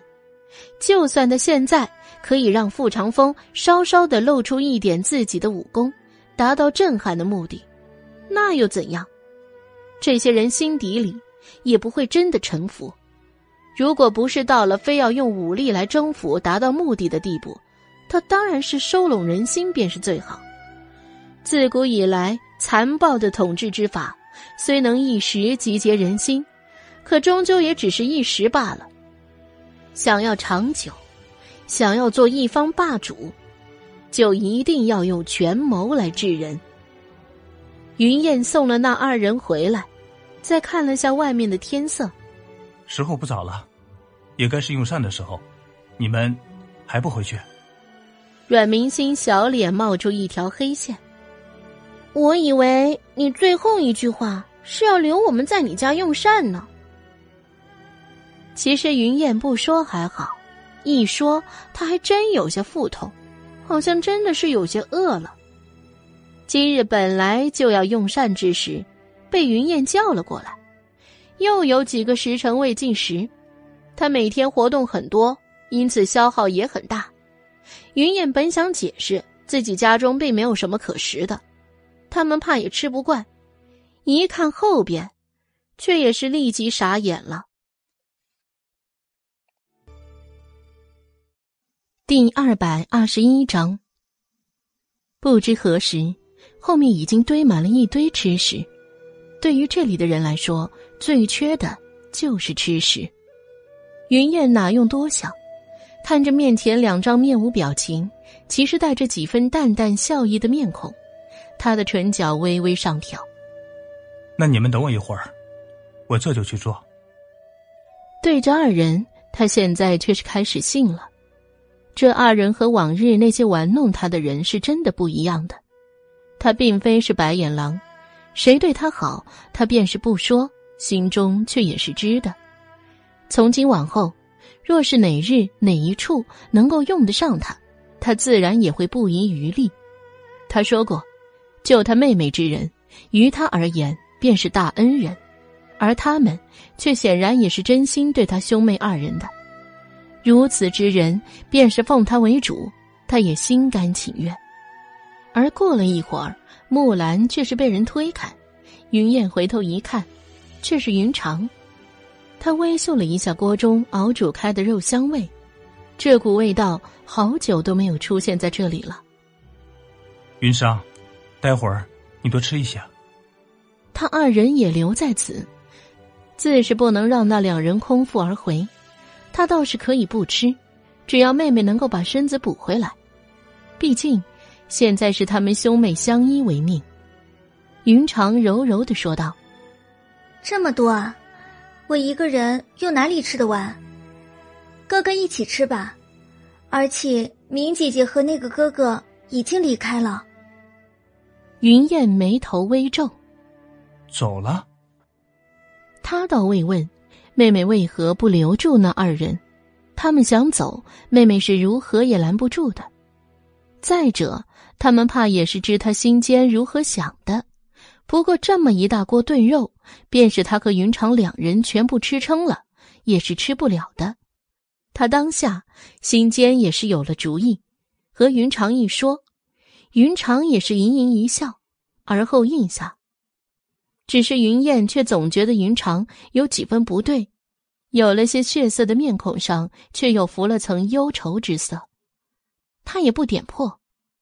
从小到大，云长要是真想和他说的，总是会说出来；而要是说不出的，他也总会发现。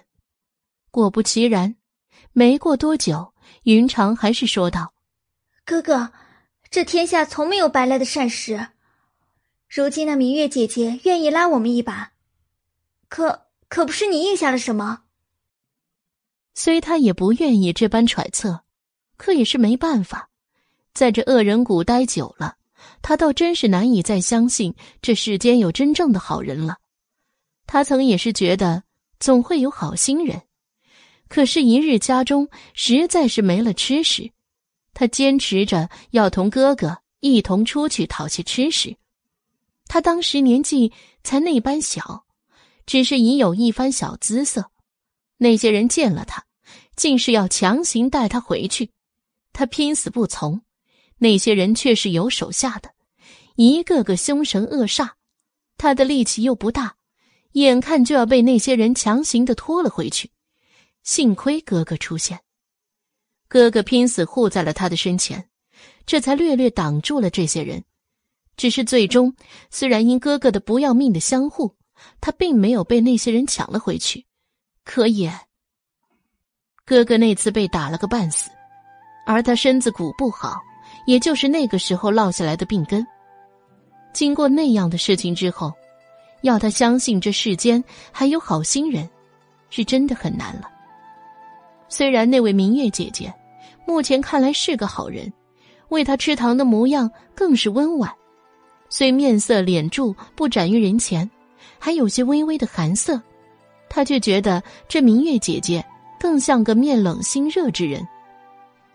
云燕被云长这个问题问得有些发怔，所以他的确是应下了一些，只是他索性都说了出来。妹妹早晚都要知道，与其那个时候生出什么误会，平白惹出麻烦，还不如现在知道。云长听完，满面正容，随即长长的叹了口气，不再言语。云燕也继续熬煮肉汤。又寻了十几个碗洗净。云长的身子现在是碰不得水的，这些活当然得他做。至于云燕，现在他已经应了人，自是不会更改，也无从更改。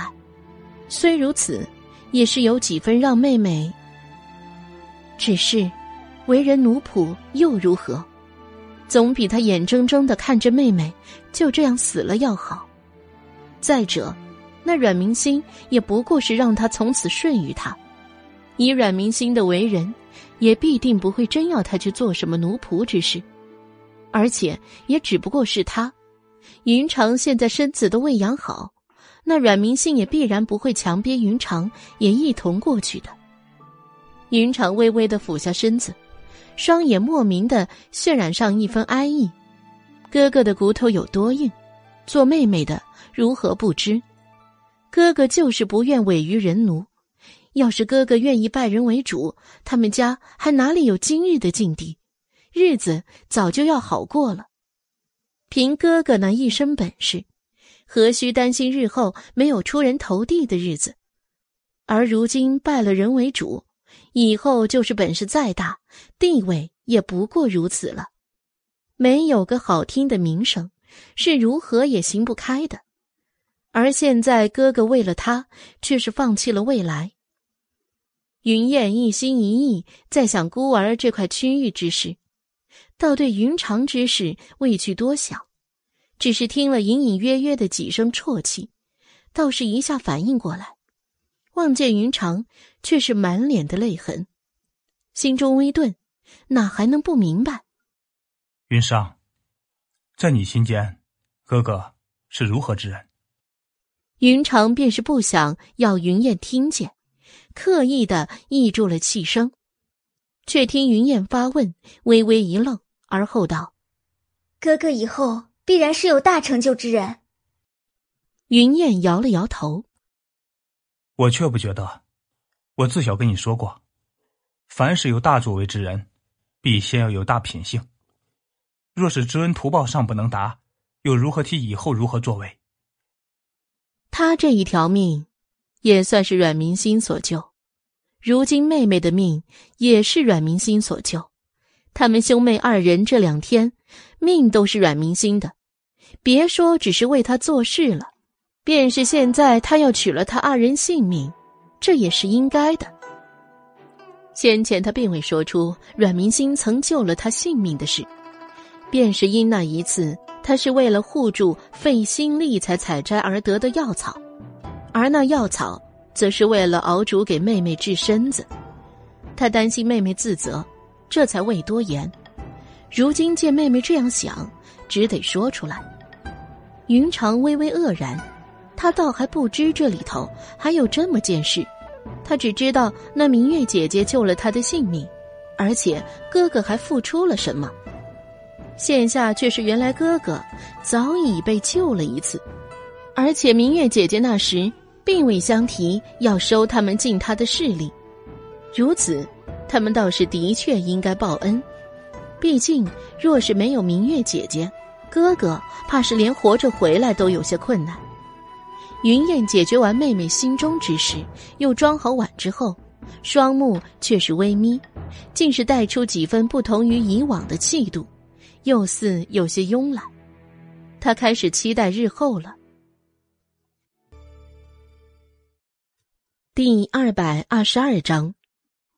再说青爷和天书这边，看着送过来的肉汤，他们虽家中在这片区域尚算好的，却也是为一次性能够这般奢侈，食物也可以反映地位和等级。明心姑娘让大家改善的，而且这种食物以后只会是经常。云燕淡淡的说道。阮明星当然没有这样说过，也从未让他把肉熬煮后分给他人。但他相信，等这些人也真正臣服后，阮明星对自己的人是差不到哪去的。除非你对他有二心，他就必定不会轻饶了你。青爷面孔微微变了些颜色，天书倒是有些不好意思，挠了挠脑勺：“呃，云烟，你便放这里吧。”青爷却是看了眼云燕身后的篮子里，还有一些。那是。云燕依旧神色清淡。明星姑娘说：“大家以往受了太多苦，让我熬煮后，给大家补补身子。”待云燕走后，青爷心中最后一分踌躇也是尽数退去。不论是什么好处，夸得天高海阔都是没用的。只有让他实实在在的看到，这才是最真实的。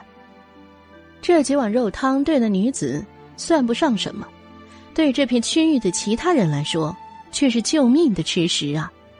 这一下，就算是他们不去说，这几碗肉汤也会帮女子收买那些明星。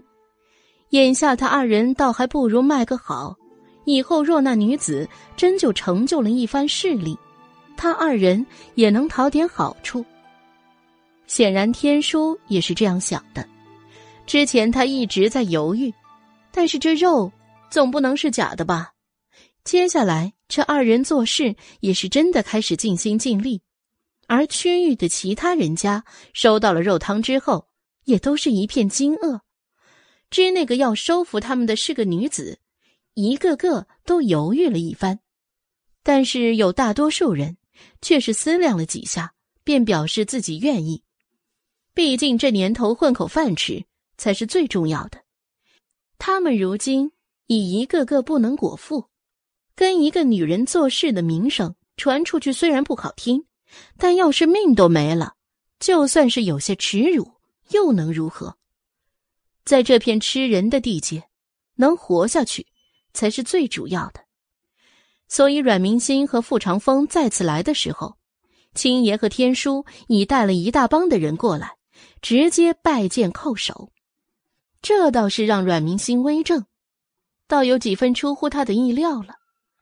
怎么看着青爷和天书，也不像未拿太多好处便这般尽力之人呢？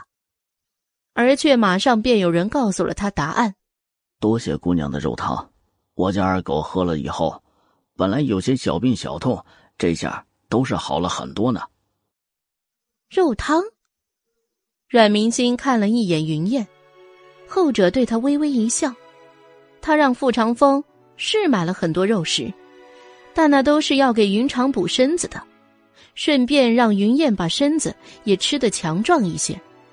云燕定然以后不是寻常人，但是这身子也太瘦弱了，这总是不行的。但未想过云燕这也是大手笔啊，这些人定然都是知道了。他这剩的肉食，怕也是所剩无几了。哎，这个人，阮明星的眼中寒色倒是褪去了几分。自作主张，他的声音并不大，却清冷的足以沁入人的心底。云燕自不会因此生出他想，只是唇微微动，同样是四个字，那又如何？他为他们考虑。他也总是要为他着想的，阮明星也不再搭理他，只是剩下的这些人里，身高不仅参差不齐，而且这老弱妇孺也不少，倒真是有些难办呢。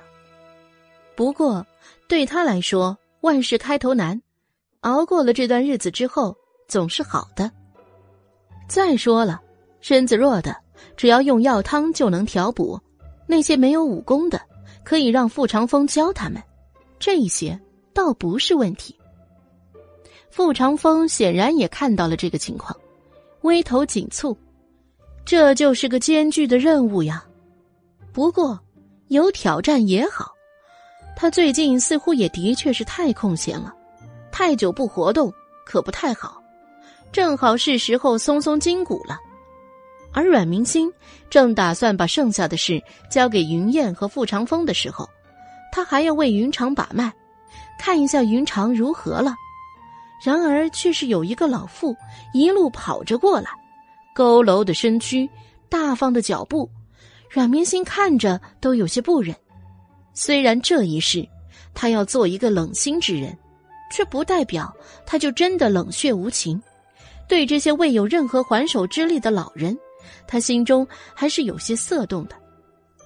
老妇一来，就是扯着青爷和天叔的长袖跪了下去。青爷、天叔，求求你们，救救我家琪儿吧！青爷看了一眼阮明星，然后呢，要扶起老妇。花婶，有什么话起来再说，别跪着，地上凉。花婶却是不愿起来，跪在地上。秦爷，您就救救我家琪儿吧，我家琪儿还小啊。天叔却是有些不耐，一把将花婶拉了起来。究竟是什么事儿？就说，跪着能解决什么事儿吗？花婶依旧是哭哭啼啼的，却也开始说起了事情的大概。那个白爷非要将妻儿带走，留下几两碎银子，就说他买了妻儿。阮明心算是听懂了，原来又是仗着自己强大欺凌弱小的事。他本来也看不惯这种事的，只是经历了前世之后，他也不会再去多管闲事。不过，若是这些人归顺了他，这就不一样了。既然是他的人，怎能容忍其他人欺负呢？而且，这些人因为一碗肉汤而愿意投靠他，听起来似乎有些好笑，但这是事实啊。他们现在是连果腹都做不到。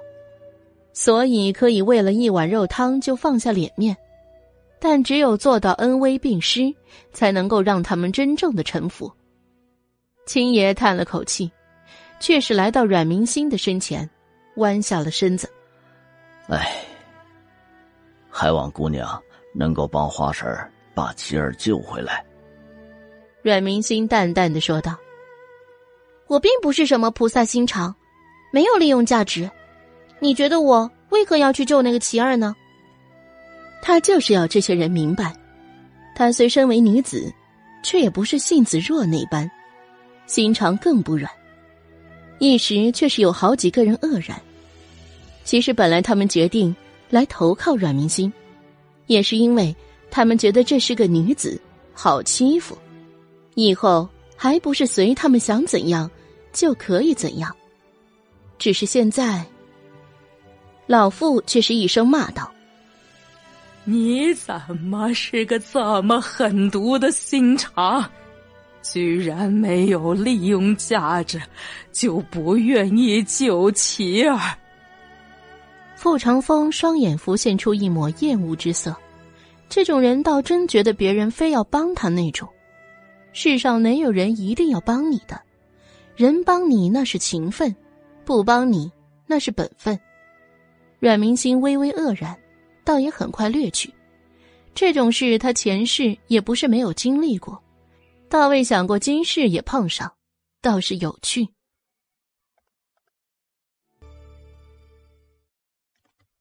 第二百二十三章，青爷却知这事完了，这花神怎么就这般？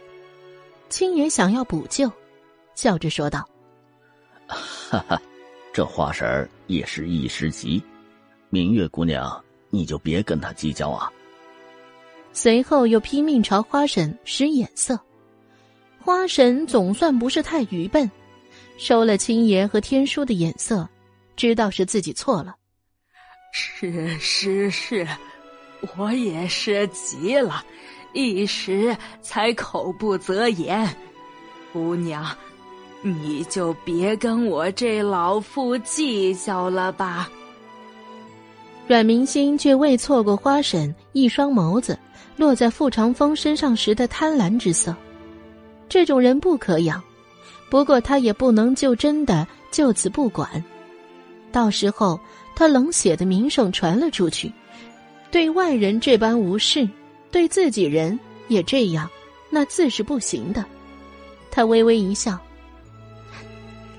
花婶可否跟我们说说事情经过呢？他总要先了解事情再说啊。本来若是花婶方才不是那副嘴脸，他现在定然是不会问这句多余的话的。只是这花婶，该也不是好相处的。此事怕也不一定全是其他人的错，毕竟鼠虫一窝，什么样的长辈？生养出来的小辈也是差不了多少的，当然，例外的也并非没有，只是终归是有些少。花神眼中挑过一分怒气，这人还真是冷血无情。琪儿现在都不知如何了，若是去晚了，被那些人给轻薄了，可如何是好啊？只是有青爷眼色的警告之下。他只得说了个一二。今日午时分，突然便有两个人过来，一个是白爷，另一个是他的跟班，穿着也并非华贵，只是比他们倒也好上很多。却是一来，就要将琪儿带走，他自然不让。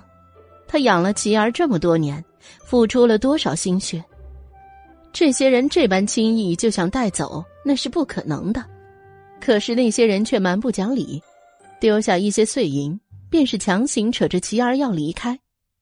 他一个老妇人，哪里有那个本事将人拦下来？只得马不停蹄的前来寻青爷和天书。他们二人是这片区域最有本事的两个人，定然是有些法子的，却不想这还有个姑娘。姑娘能有什么用呢？看着也就长得勉强过去，还一副清高的模样，不知是做给谁看的。不过青爷也让他来求这人，这女子说不定是位贵人，是哪个有本事之人的女人。毕竟，长成这样，定然会被那些人看上。怕这女子就是凭着自己一副美貌，还有那心机上位的。一个靠着男人上位的女子，竟然还想要靠自己来创造势力，想要收容他们。他前些日子听说，便是嗤笑了一声。这女子真是异想天开。虽然青爷和天书是帮那女子的，可指不定便是在那女子身上占了什么便宜。不过那肉汤，他倒是不介意再收几次。肉汤想要去买上一些，也是浪费银钱的。这女子愿意傻气，给他们改善一下，他也不是不愿收。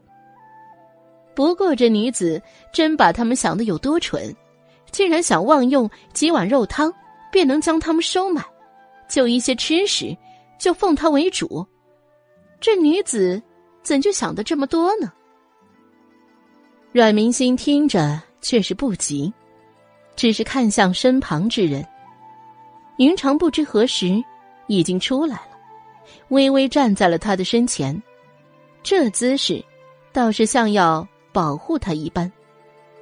心间终究是漾过一分暖色。这云家兄妹为人倒是不错，便是他也的确赏识。那个琪儿相貌不错，算是我们这里的第一美人。不过是比不上明月姐姐的。云长附在阮明星的耳边轻道：“他倒是不喜欢那个琪儿。琪儿虽然长相娇美，和男子之间却总是有些扯不清道不明的关系。明明家中情况也不是太好，却每日都要打扮的花枝招展。总之，他是不太喜欢。再加上那琪儿老是喜欢挤兑他。”曾经他被人硬是要抢回去，害得哥哥为了护他被打了个半死。那些人也是这齐儿让去的，他也是无意中听到。那个时候，齐儿把他当成笑话，同这花婶说笑，两人倒是笑得合不拢嘴。他却是一时心凉了半截，从未想过那齐儿竟是这么个恶毒性子。其实，大概也和很久之前的一件事有关。那个时候，大家都太小的模样，爹娘也在，而哥哥那张容颜，却是这片区域生的最俊的。很多小姑娘都喜欢和哥哥玩，哥哥却不爱搭理他们。哥哥性子清淡，小小年纪便喜欢一个人，只舍不得他无趣。偶尔陪他一同玩，而那琪儿偏不信这个邪，仗着自己长得美，过来硬是要哥哥陪他玩。哥哥怎会答应呢？直接就无视了他。琪儿自然不可能找哥哥算账的，哥哥足足高了他一个头，他是打不赢哥哥的。而那个时候，其他和琪儿玩的好的也是不敢来动哥哥。琪儿便来找他的麻烦，将他用了几个时辰才编制而成的花圈给扔到了地上，踩了个稀巴烂。他看着自己做了那么久的花圈，而且农家哪有什么银饰，小姑娘又爱美，只能靠这个来装点自己。现在却是给毁了，他哭了很久。哥哥知道后，问他发生了什么。他说了出来，他也是第一次看到哥哥发那样大的脾气。哥哥带着他去找了琪儿，当时琪儿正在跟几个人玩戏，哥哥过去却是将琪儿的头上那银钗拿了下来，用手便折断了，而后丢还给了琪儿，那根银钗可是琪儿的心尖之物，极其宝贵着。这下被哥哥折断之后，那几个人都傻了眼，因为那些人也从未看到过这样的哥哥，一个个除了秦儿，都被吓跑了。秦儿也哭了起来，小小年纪，倒就哭得梨花带雨的那种。这也是他第一眼就和琪儿不太对头的缘故。而哥哥，却只冷眼看着他，愁死了。琪儿哭得更加大声了，哥哥却是直接拉着他离开，看也不再看琪儿一眼。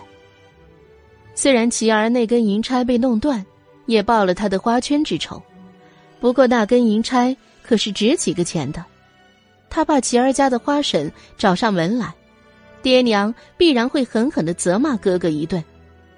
哥哥却让他不必担心，见他不解，又解释道：“那不是琪儿的，是他娘亲留下的。被他偷拿出来显摆，现在断了，第一个要被骂的可是他，他没那个胆子。”他问哥哥如何得知那根银钗是琪儿娘亲的，哥哥只淡淡的说道：“我从不做无准备之事。”也就是因为这件事。他们也算结下了死仇。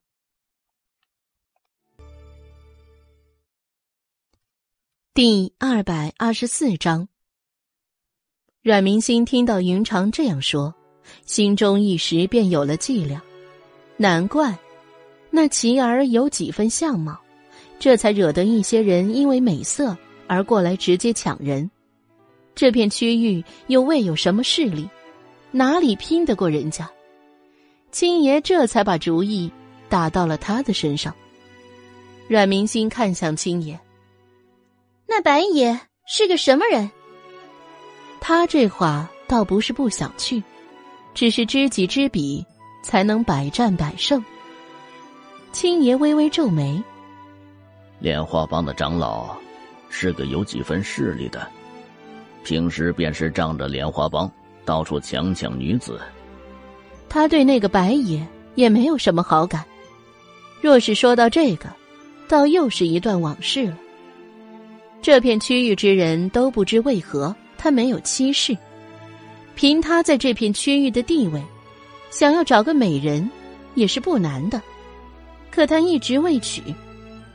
他曾经也是莲花帮的人，那个时候他便是壮年，那个白爷不过是个毛头小子。只是莲花帮一位长老是他爹，这小子仗着有他爹，就谁也不放在眼里。有一次，他和这小子去出任务，这小子和他称兄道弟的，最后出完任务回来，却就把大部分的功劳都揽到了自己身上。他自然是愤愤不平，就和那小子争执，那小子却是翻脸比翻书还快，当场不认人了。还说是他非要抢他的功劳，还污蔑他。莲花帮里见他们谁也不愿意让步，就让一位长老过来解决。偏偏那位长老跟那小子的爹也是结拜兄弟，自然是毫无悬念的帮着那小子。最后，他还要当着全部帮众的面，跟那小子道歉，承认自己是污蔑他。并且帮中为了以儆效尤，还罚了他那个月的月银。也就是那个时候，家中孩子又病了，却是无钱治病。他向帮中那些兄弟筹钱，那些兄弟却是一个个被那小子给说好了，不准借给他。没钱，他又不想回去看到婆娘那张脸。他婆娘和他是青梅竹马，柔婉的性子。从来不和他大吵大闹，但也就是那样，让他却是看着不忍。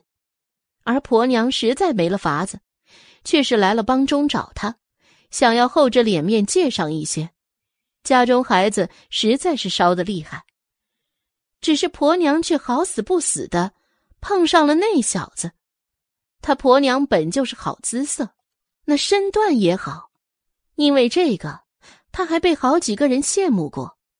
那小子眼都看直了，那小子听了婆娘的来意，立即一副讨好的模样，借给了婆娘，并让婆娘何时手头宽松了再还吧。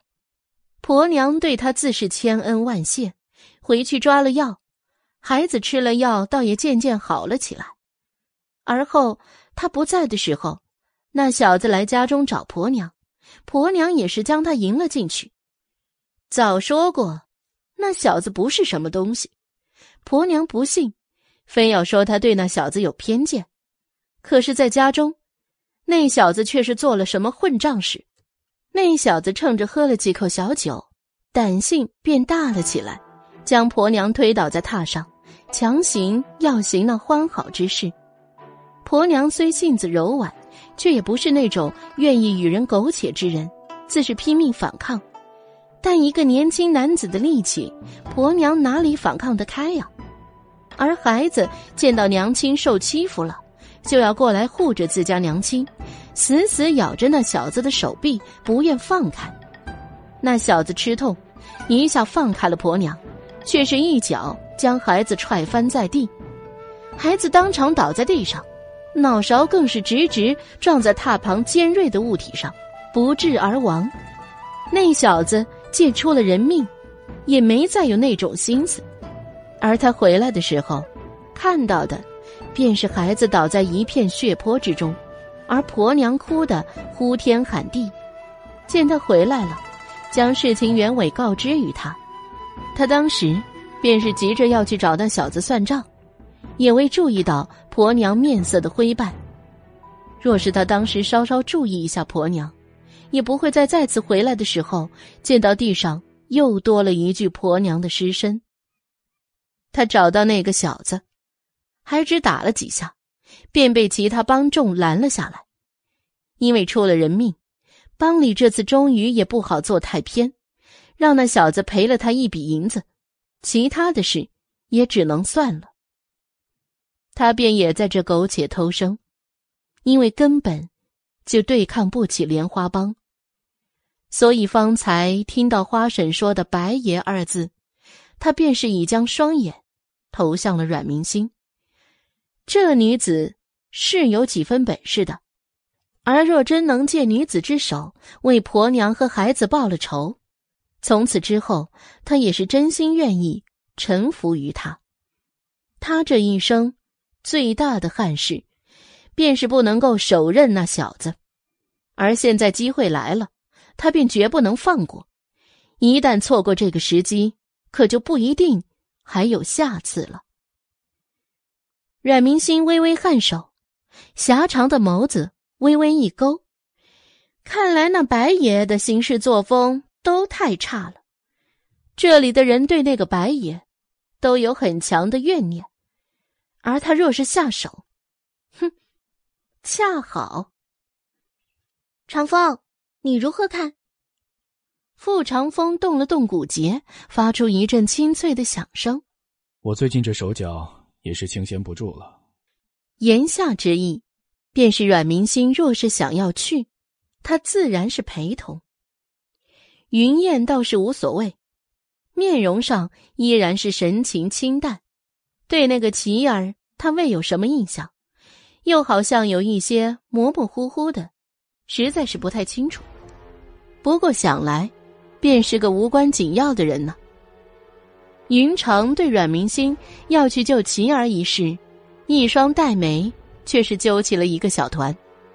他不喜欢琪儿，再说了，琪儿不是喜欢和男子勾勾搭搭的吗？不过这种想法，他倒也很快就退了去。他哪能这般狠心呢？就算是对琪儿再不欣喜，这女儿家的名声。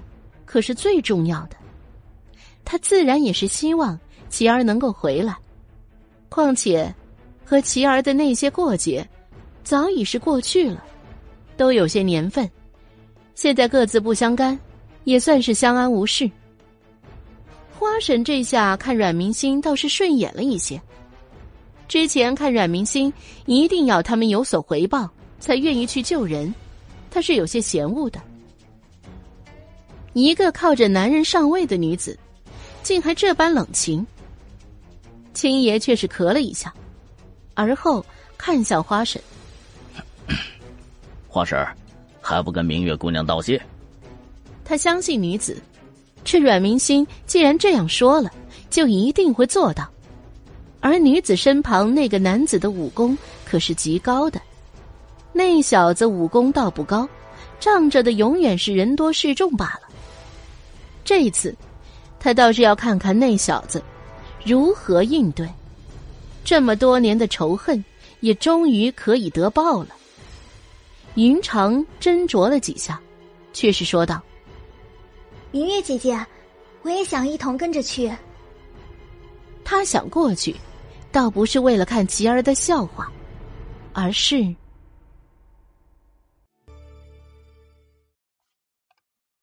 第二百二十五章。阮明心本是不愿的，云长一个弱女子去了，那若是被吓到了，可该如何？到时候必然不是几句话可以解决的。按青爷描述，那个白爷也不是个容易对付的。不过云燕这次也支持云长一同去。阮明心也没有再说什么。要说这世上最关心云长的人，除了云燕，怕也再无他人了。根据打探回来的消息。白爷那帮人已然回了祝府，阮明星直接带着傅长风寻去了祝府，花婶在前面带路，这倒是令阮明星唇角微微上挑。这花婶进白爷的家门，倒是像进自己家一般轻车熟路啊，其中的缘故还真是让人浮想联翩呢。进白府门前，阮明星却是停下了脚步。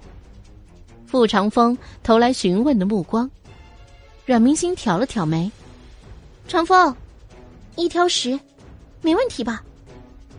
花婶看见阮明星停下来的时候，却是觉得他也是表面足，里头却是……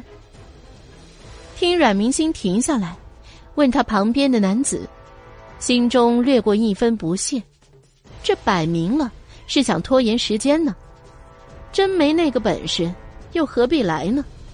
带着他们这行人浩浩荡荡的来，还没进去，又打算灰溜溜的走，这是让他们来丢人现眼的吗？不过见青爷都未说话，他也未言，省得待会儿青爷又说他破坏了事。傅长风紧了紧手中的一柄长剑，别说是十个，便是上百又如何？他也是时候该见见血了。说不定都嘴馋了。长剑一抹银光闪过，白府大门打开的时候，那小厮看着一把长剑过来，却是不由吓得直退。白爷刚刚抢了个美人过来，现下却是要办几桌宴席，来庆祝一下这个新得到的美人。宴席过后，再好好的享用一下美人。他正准备出去。采办宴席所需之物，身前便是伸来了一把长剑。阮明星双眼微眯，傅长风却是长剑几下动作，那朱红大门却是迎声而断。做的太不牢固了。傅长风剑眉紧锁，花婶却是看呆了。这个男的倒是不错，如果把琪儿成功的抢了回来，让这男的做上门女婿。也是不错的，他却未曾想过傅长风是否愿意。只是在他看来，琪儿的模样那么标致，若不好看，这白爷如何会来抢他呢？而且入赘他们家，这可是件别人抢破头的好事啊！其实这花婶也未曾说错，入赘花家，的确是很多人争着要的事。不过，那也仅仅限于这个段沉渊。说更仔细一点，便是恶人谷的那片区域。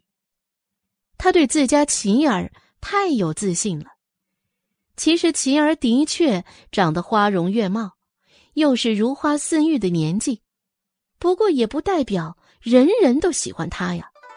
何况，这种长相也就在这里算是出挑的。傅长风要是知道花婶心中所想，怕是要一声冷哼了。小厮见门被打破了，更是一下坐在地上，而后猛地反应过来，起了身：“你们是什么人？这里是白夜的地盘，你们居然也敢在此造次！”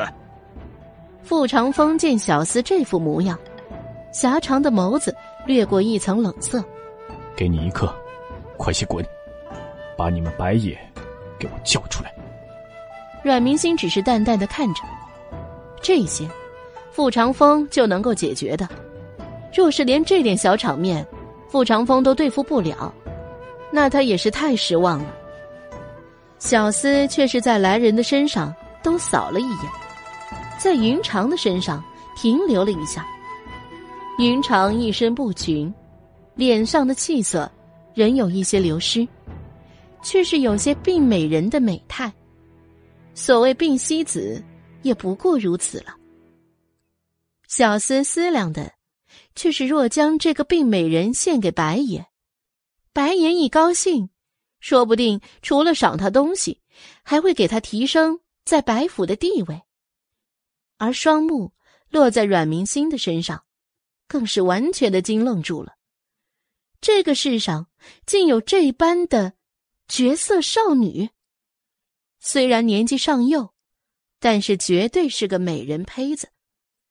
阮明星今日却是着一袭青色衫裙，白紫色的腰带完美的将那盈盈一握的柳腰勾勒出来，一张娇容不施脂粉，却美得叫人直移不开眼。他今天是如何了？除了白爷先前抢回的那个美人，竟是又碰上了两个美人，还一个。比一个美，病美人倒是堪堪和白爷先前抢回的美人差不多，这后头的青山美人，可就是绝色娇容了。小厮赶忙回跑，现在他心里想的，却只有把这两个美人的发现告诉白爷，白爷会给他如何的奖赏。至于其他的，他却是未多想。至于那个拿剑的男子。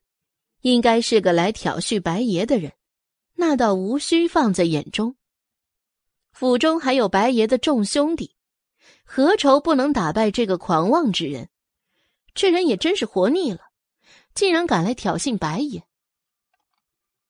他可记得，挑衅白爷的下场是如何的？活的话，白爷还会大发慈悲，留你一条性命；至于手脚，可就未必会给你保全了。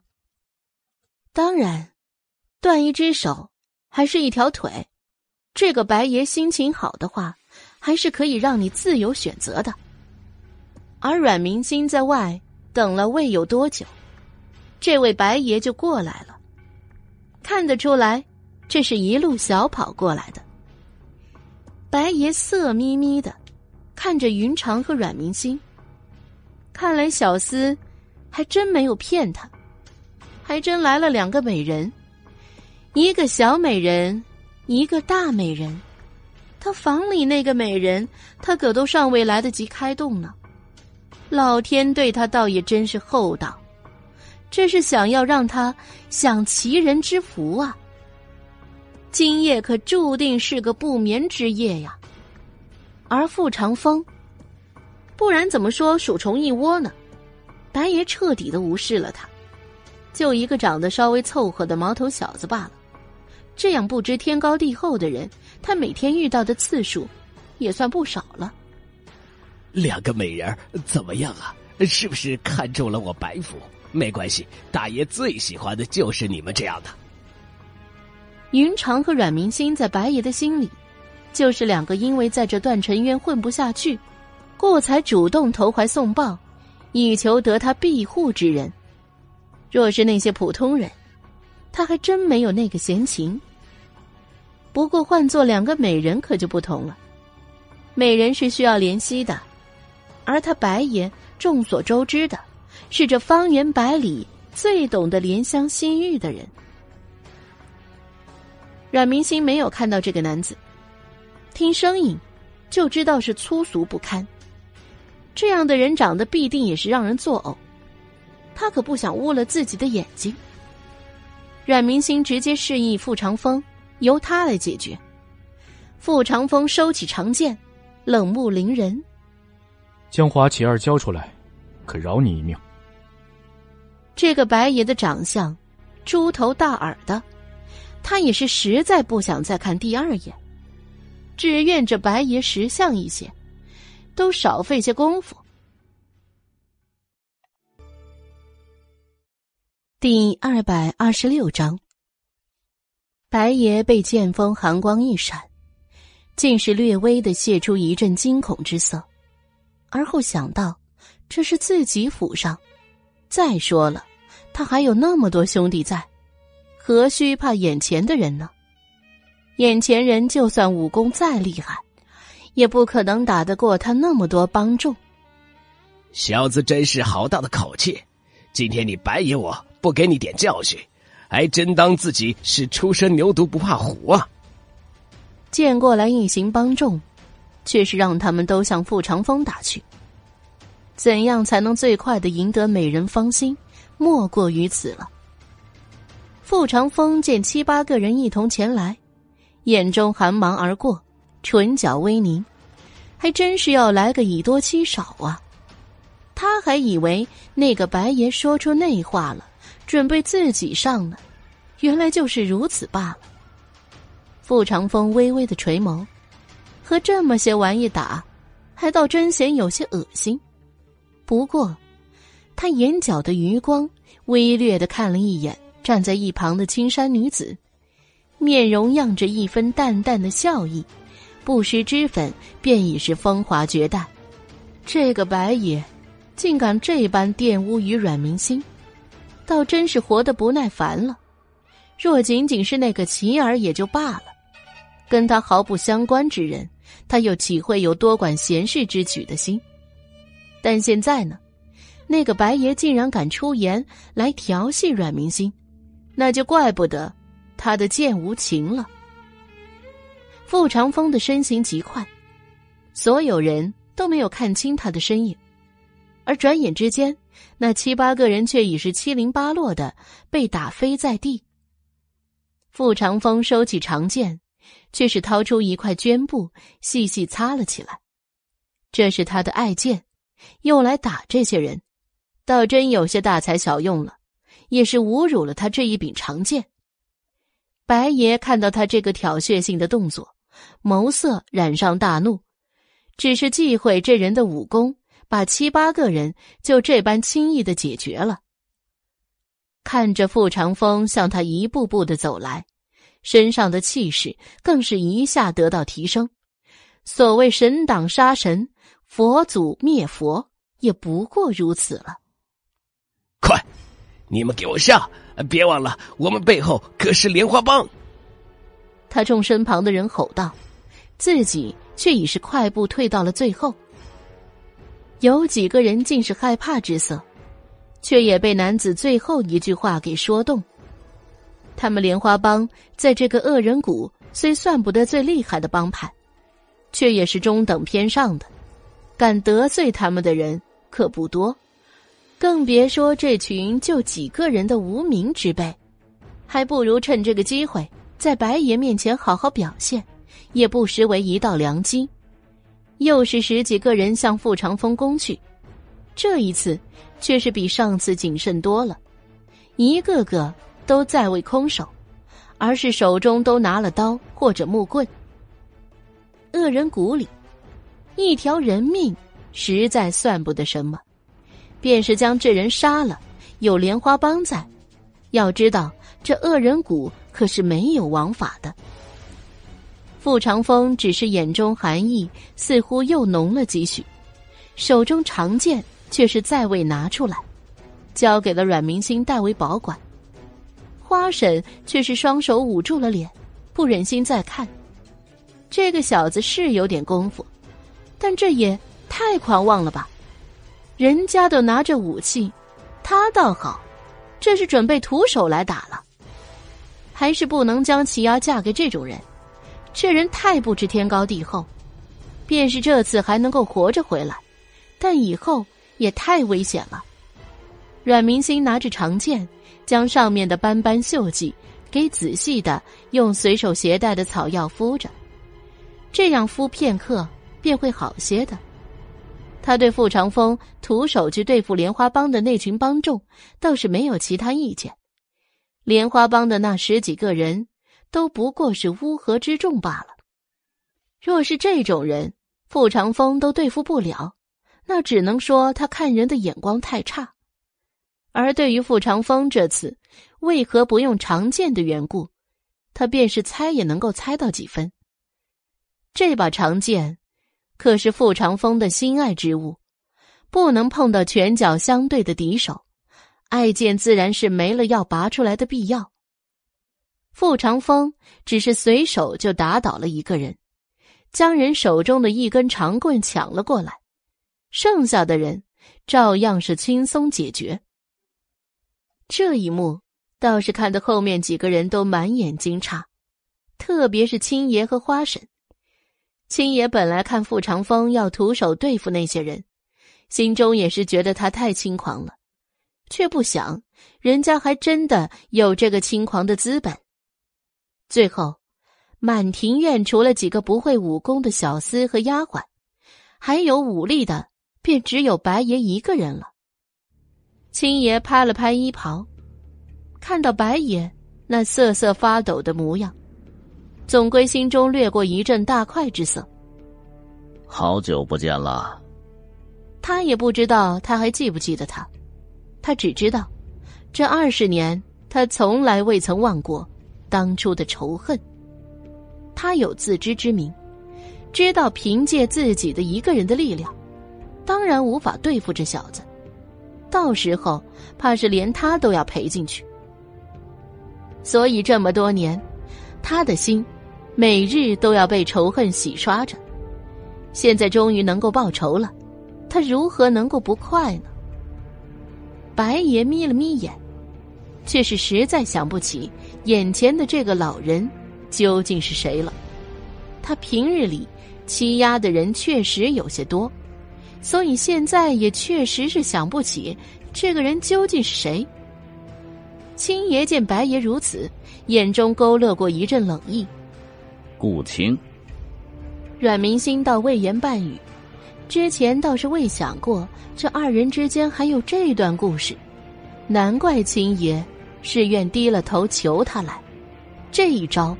他本还以为青爷不过是看不下那个齐儿被白爷这种恶霸抢走，才会如此的，却不想，原来还有些借刀杀人的味道。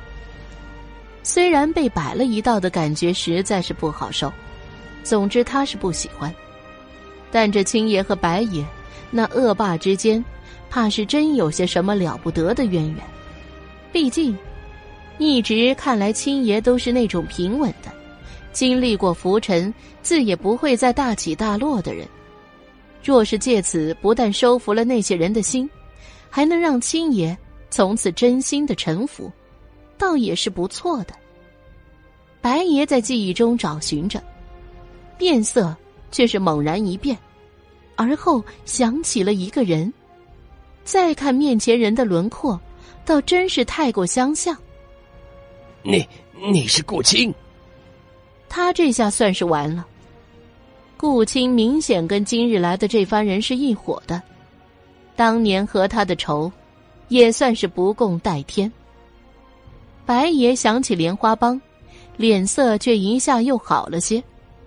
顾青，你别忘了，当年那件事可是已经得到了解决，帮上长老也说了你不得再找我，而如今你这又是如何？青爷的面容却仿佛一下变得从容了一些，如今也没有谁再能够救得了这个小子了，他自然可以慢慢的来。毕竟这小子当初所做之事，他便是现在将他千刀万剐都不够泄愤。他想到婆娘和孩子的惨状一时间手上的青筋却是不由得暴起。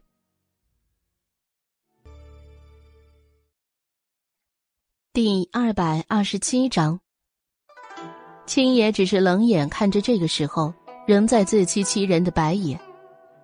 当初究竟是什么样的情况你我都知。现在和当初也未有什么不同。只是你我处境换了吧。紧接着，青爷却是来到青山女子的身前，弯身一拜：“顾青只希望姑娘。”能让顾青亲手手刃他，从此之后，顾青但凭姑娘吩咐，以姑娘为主。阮明星被一个老人跪在身前，总归也不是那般自在。虽说他要的的确是那些人的忠诚，可被老人跪了，他怕是会折寿的。另外，他也实在不忍看到一个老人就这样跪在他的身前。只是该做的还是要做，他扶起老人，面色淡淡的说道：“好，从此你是我的人，今日便是放心杀了这白爷，我看他莲花帮又能如何？也正好可以借此立威，把名声打出去，这样的好机会可也并不少见。”顾青再次叩拜。而后却是再无言语，随意的在地上挑了一柄长刀，向白爷一步步的靠近。傅长风看向阮明星，却是询问自己需不需要帮忙。那白爷怎么个废物法？终归也是个壮年男子，青爷可已经是个老人了，哪还有当初的气力？既然这青爷从今以后是他的人。他自是应该护着，他的确从来不多管闲事，但若是换成了是自己人就不一样了。阮明星摆了摆手说：“再说。”阮明星也是有些顾虑的，毕竟从身形或者年纪来说，他并不看好青爷，他也未见识过青爷的功夫，不知如何。而那白爷虽是个孬种。但终归是个壮汉呢，正是最血气十足的年纪。不过青爷未让他帮忙，便也是决定自己来解决，他又何必插手呢？等青爷力不从心的时候，再让傅长风去帮着一二便可。白爷见其他人未有动手的意思，倒是略微放定了心，一时也有些恼怒，拿起了一根木棍。堪堪抵住了青爷。当年之事，他还未嫌够。若不是老爷子让他放手，他当初也不会放了他离去，还让他好好的一直活到现在。今日，他倒是要看看顾青是要如何弄死他的。一个上了年纪的人罢了。青爷虽然年纪大了，身躯也微微有些佝偻，那身子。却因常年行走于山间而矫健异常。白爷虽然气力不错，可这些年沉迷于酒色和美色，便是身子也被掏空了不少，一下子倒也未有人落于下风。而青爷完全是那种放手一搏的状态，他今天只有一个念头，就是杀了这个小子，为当年的妻儿报仇。他当初瞎了眼，如今这双眼，却是再也不会让他人被蒙蔽着了。白爷仍有些顾忌，他可不是青爷这种但凭一搏、完全不怕死的。他的身家性命，他自己也是要保全的。因而青爷身上虽然多处血痕，白爷身上倒不是有太多处，却条条叫人触目惊心。住手！阮明星闻了这声大喊，狭长的眸子挑起一股不悦。白爷却是转身而去，青爷却是不管不顾的依旧冲他打去，在白爷身上更是留下了一条长长的血痕。先前那声叫喊之人，却是顿时被激怒了，见青爷竟敢这样无视他，一把匕首却是直直朝着青爷刺了过去。力道之快和大，青爷躲避不及，眼看就要被刺中了，却是被一柄长剑打开。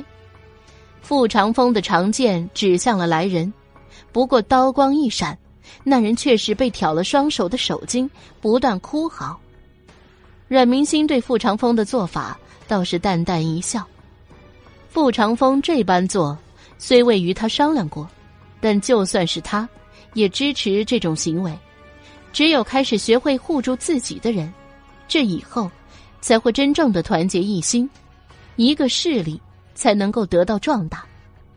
而那人背后跟着的人却是勃然大怒，指着傅长风便是骂道：“你这人！”怎么这般蛮横？我大哥和你素不相识，你却就这样废了我大哥手筋。而剩下的人中，却有几个心生怯意。这人武功太过高强，他们怕也不一定是对手。而且，若是他们也被挑断了手筋，以后家中可怎么办呢？傅长风却未言半句，他只是冷眼视之。对于这些人。他自是未有半分言语，他的责任，便是要负责好阮明星，至于其他的人，不关他的事。青爷被那一把匕首，也是给弄得心间一慌。如果再差分毫，傅长风再慢上一些，他这条性命，怕也就没了。他是满腔仇恨，才能跟白爷玩命。可是现在一个匕首过来，他心间的所有气性也都尽数退去，全是后怕。白爷看着进来的一帮人，自是认得，全是莲花帮的弟兄。这下自也是不怕傅长风了。这些人可不同于方才他府中的莲花帮的帮众，这些人都是莲花帮的精英，自是极其的厉害。武功虽说不算这恶人谷中最高强的，却也是有一般的。至于灵手之人被那冷淡男子挑断了手筋，那完全是冷淡男子卑鄙所致。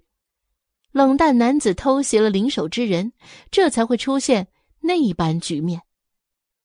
白爷有了帮手，立即躲到莲花帮精英的身后，对着傅长风等人也是开始耀武扬威了起来。今天你们赶紧给我跪下！大爷若是心情好，也说不定可以饶你们一命。至于那两个美人儿，你们还是乖乖的把他二人送到我房内来，这事儿也就罢了。不然，白爷唇角掠过一抹阴狠的笑容，阮明星眼角微微的挑过一分不屑之色。这种人就知道恃强凌弱，倒是最让人瞧不起。起码他是看不上眼的。对于这种人，他除了满眼厌恶，也再无他法。傅长风却是再听不下这等污秽之语，一把长剑而落，几下招式却是立马有人倒地，很快便是薄薄的几人之后，露出里面隐约可见的白眼。我本来不想让他见血，但若你们还是这般顽固。那可就不一定了。傅长风冷声道：“白爷本来的确是仗着有那一帮人而开始得意起来，却还没多久，这金英好像还不如他先前的那些帮派弟兄。”阮明星却是知傅长风是真的开始厌烦了。先前傅长风还是有些耐心陪他们玩，现在却是要快刀斩乱麻了。他还是在为他们祈祷的，白爷吓得就差没屁滚尿流了。他哪里想到，这冷淡男子竟然是这般厉害的人物。只是帮众兄弟都在这里，他要是此时低下头认错，以后他在帮内还要怎么混呢？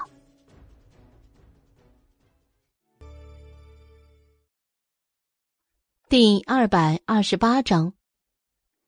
阮明星看出白爷的心思，却是转头对傅长风一笑：“哼，长风，有时候是脸面重要，还是性命重要？”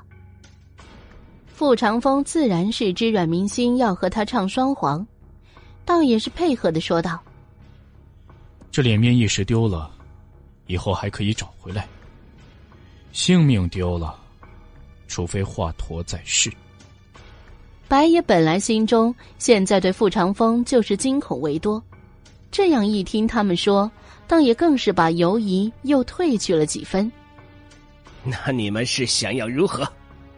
阮明星淡淡的说道：“把琪儿放出来，然后你跟青爷赔礼道歉。青爷，这样的处理结果，你满意吗？”莲花帮的人又来了好几个。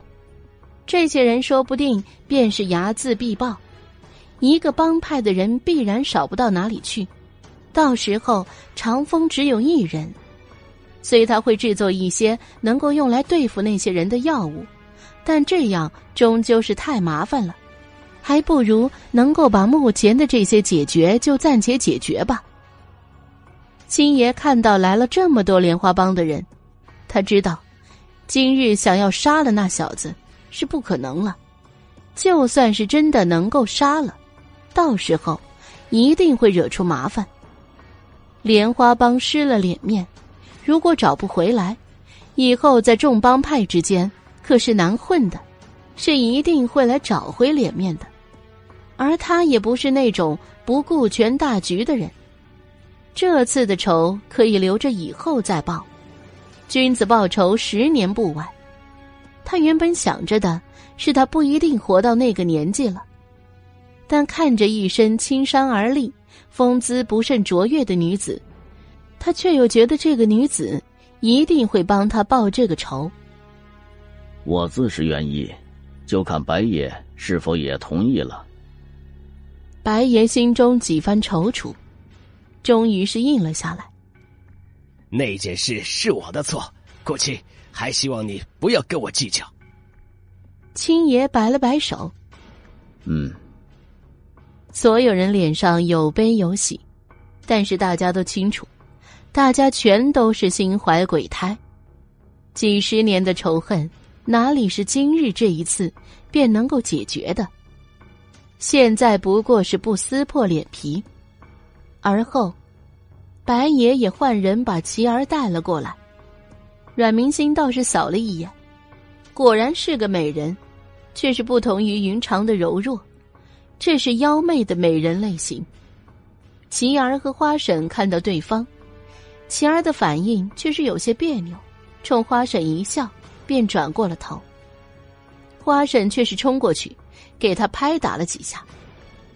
你都吓死我了，我还以为你要被人轻薄了。可如何是好啊？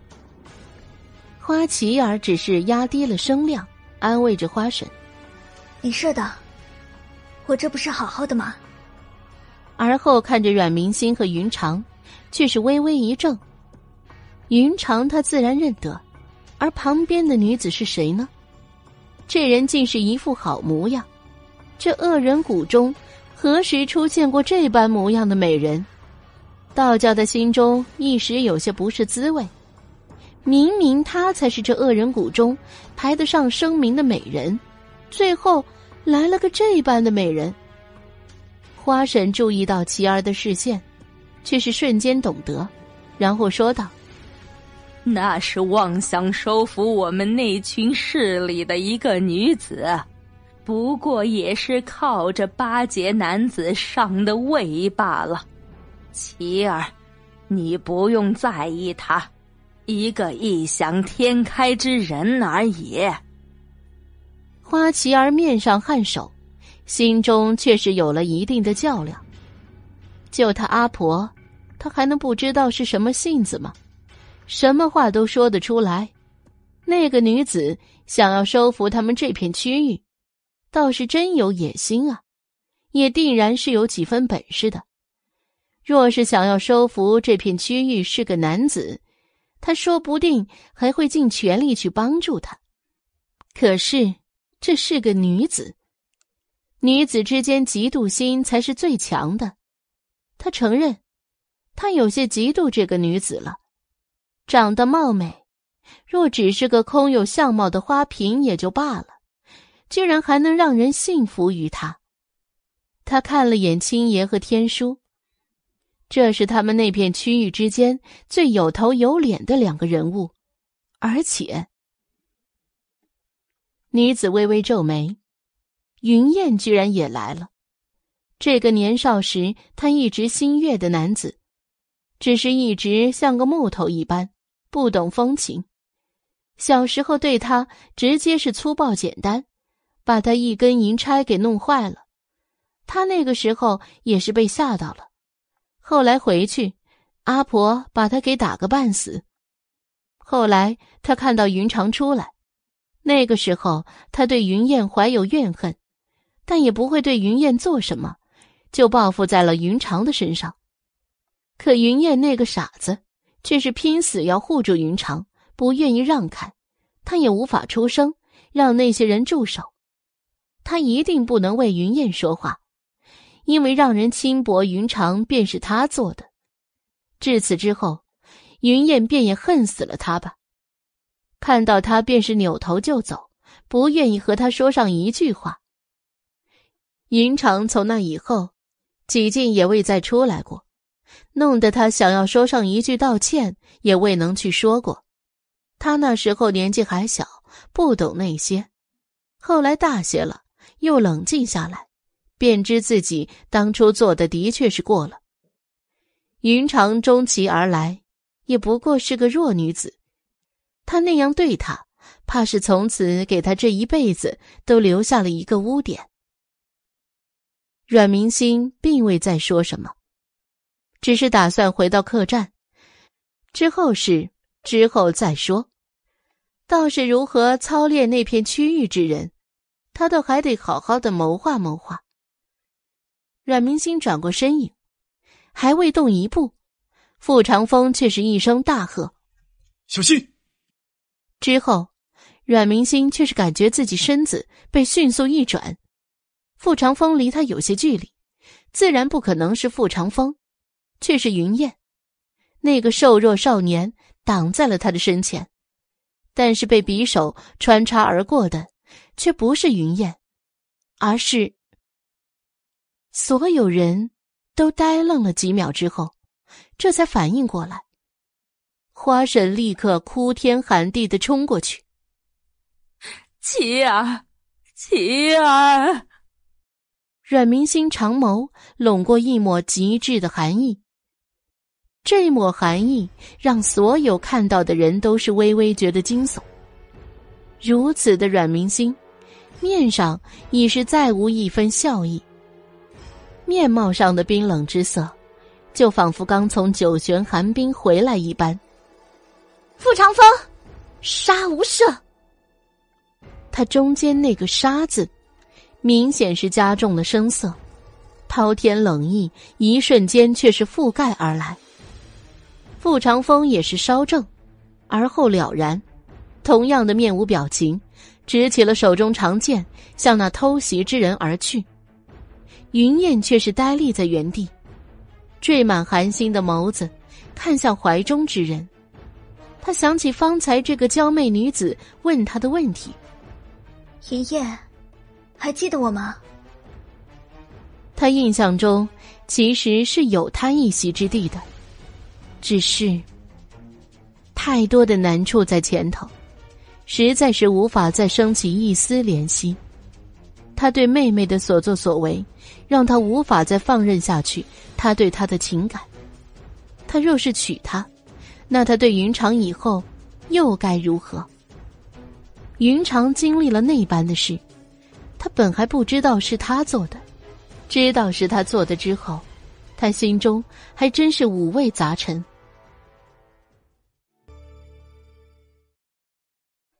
第二百二十九章。这姑娘太恶毒了，竟然想出这样的法子来对妹妹。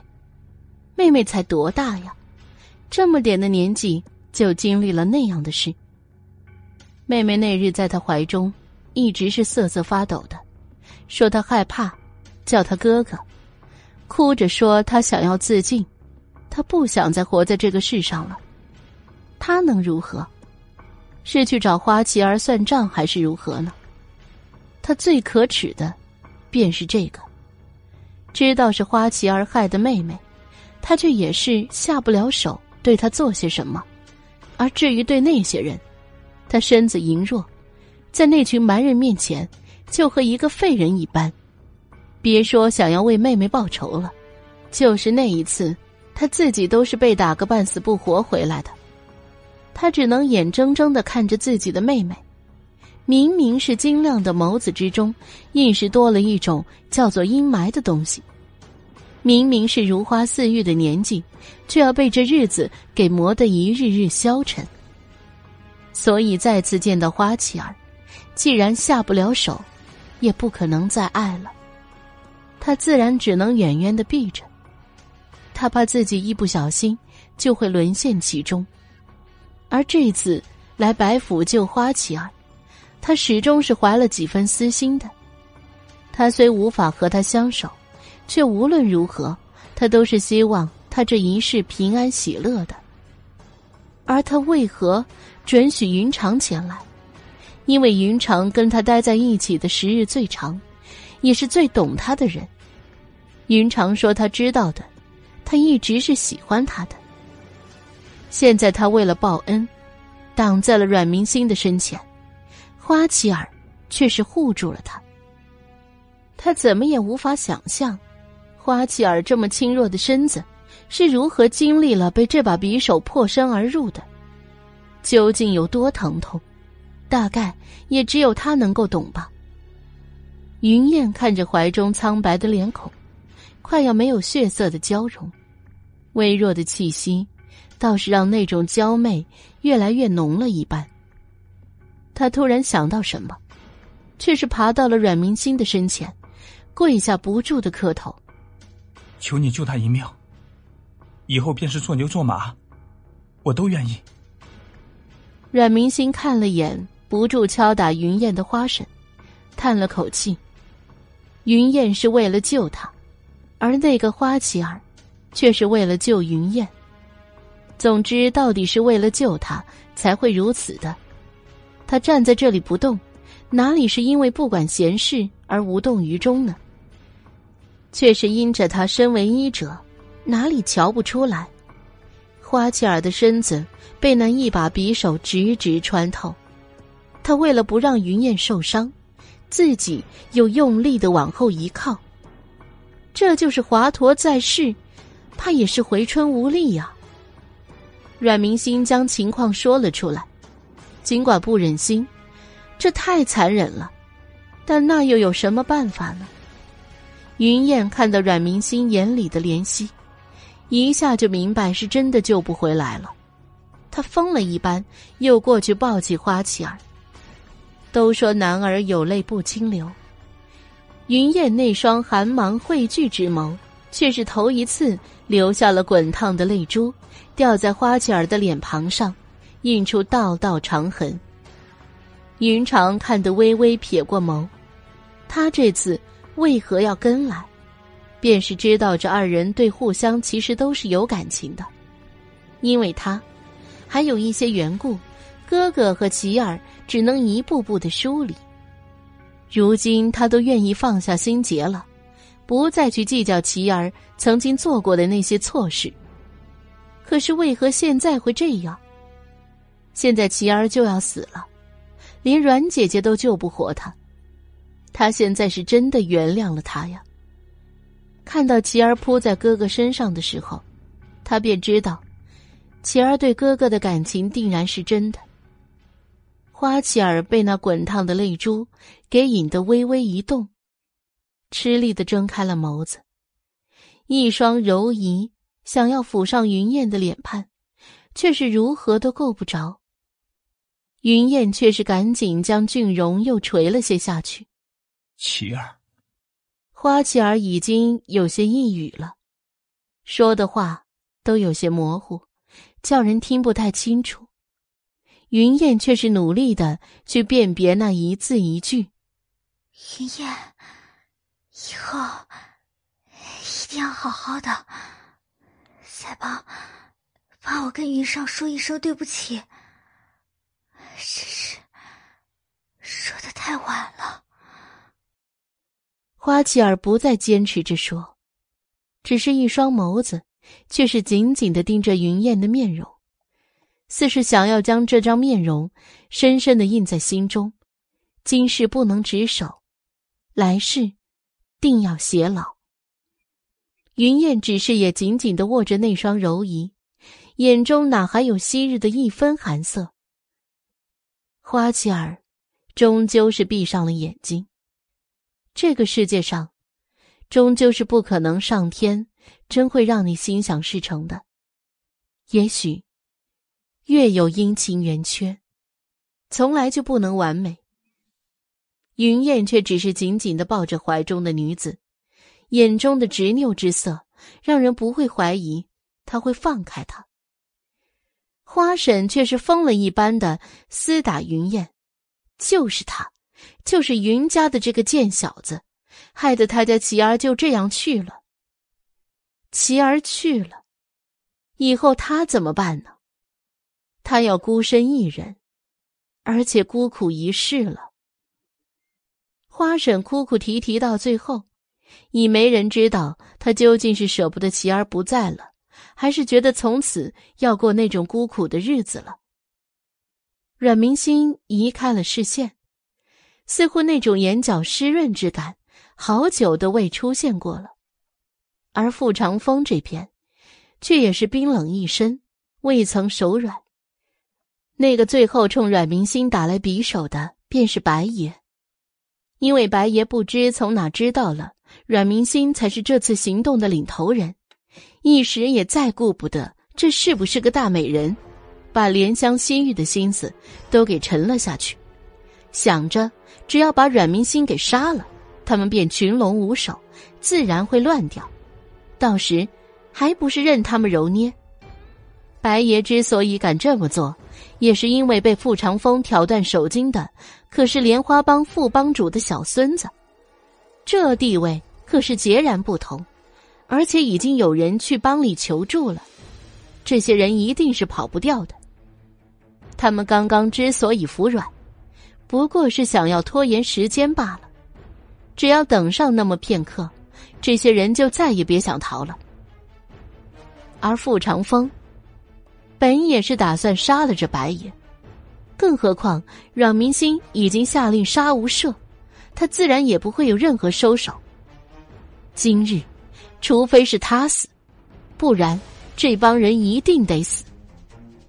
傅长风看着又新进来的二三十个人，神色未变半分。他们这不过是想要做人海战术罢了，但他们忽略了，在真正的实力面前，一切计谋都是虚无。真正的实力才能够带来压倒性的胜利。饮血吧，傅长风低低的说道，手中长剑更是像隆起一圈寒光一般速斩而去。傅长风面前之人却是齐刷刷的倒下了，并且这一次不再是被简单的打倒，而是全部身亡。傅长风对这些人哪里会同情，现在只想一心将这些人全部斩杀，二三十个人又怎么样？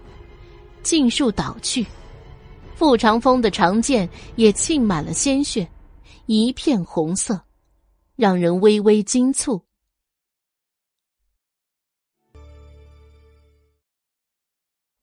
第二百三十章，最后只剩余白岩一人的时候，便是地上那被挑断手筋之人一样也被封杀。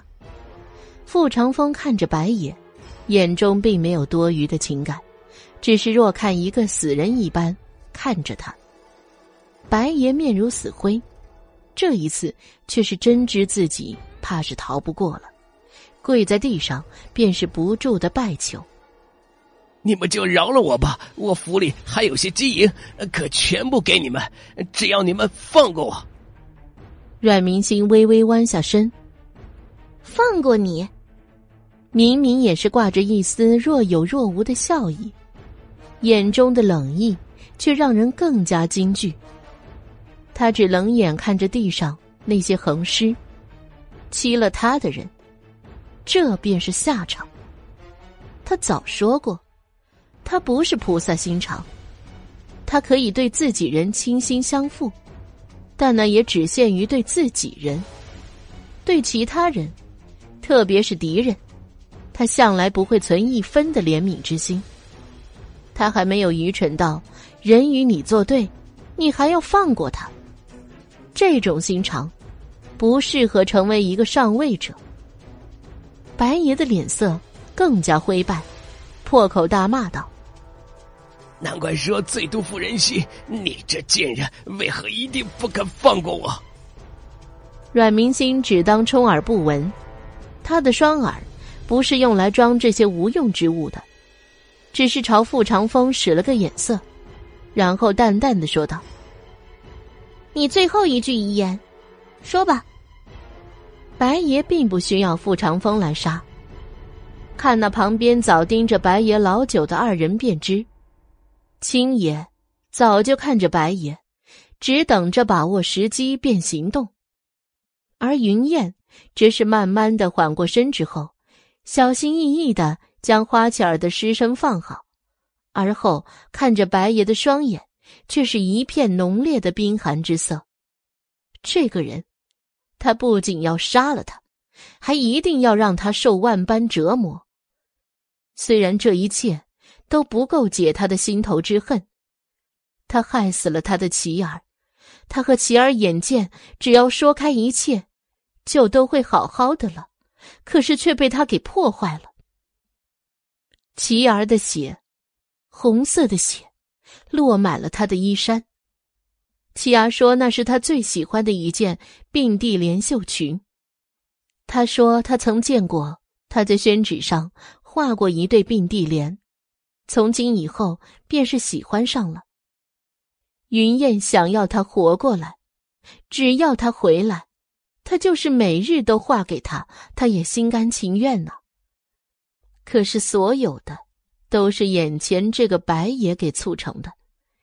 既然他不能够携着琪儿一生一世一双人，那这白爷不仅不要再去享那奇人之福，并且他要他家破人亡。云燕来到青爷面前，微微俯身：“青爷，我云燕这一生也未求过你，今天却是想要求你一次。”让我来了结他。青爷稍稍犹豫，倒也很快应下。这孩子也是个可怜人呢。云燕对青爷叩拜一下，而后却是来到阮明星的面前，同样是跪下一拜。阮姑娘。阮明星眼中浓得化不开的寒色，这一刻却是大多化去了。去吧。傅长风只是怜悯的看了云燕一眼，对闲人他自然不愿意露出多余的情感，但是云燕自然不是那个闲人。就凭刚刚云燕第一反应，便是要去救阮明星，他便是彻彻底底的把云燕当成了自己人了。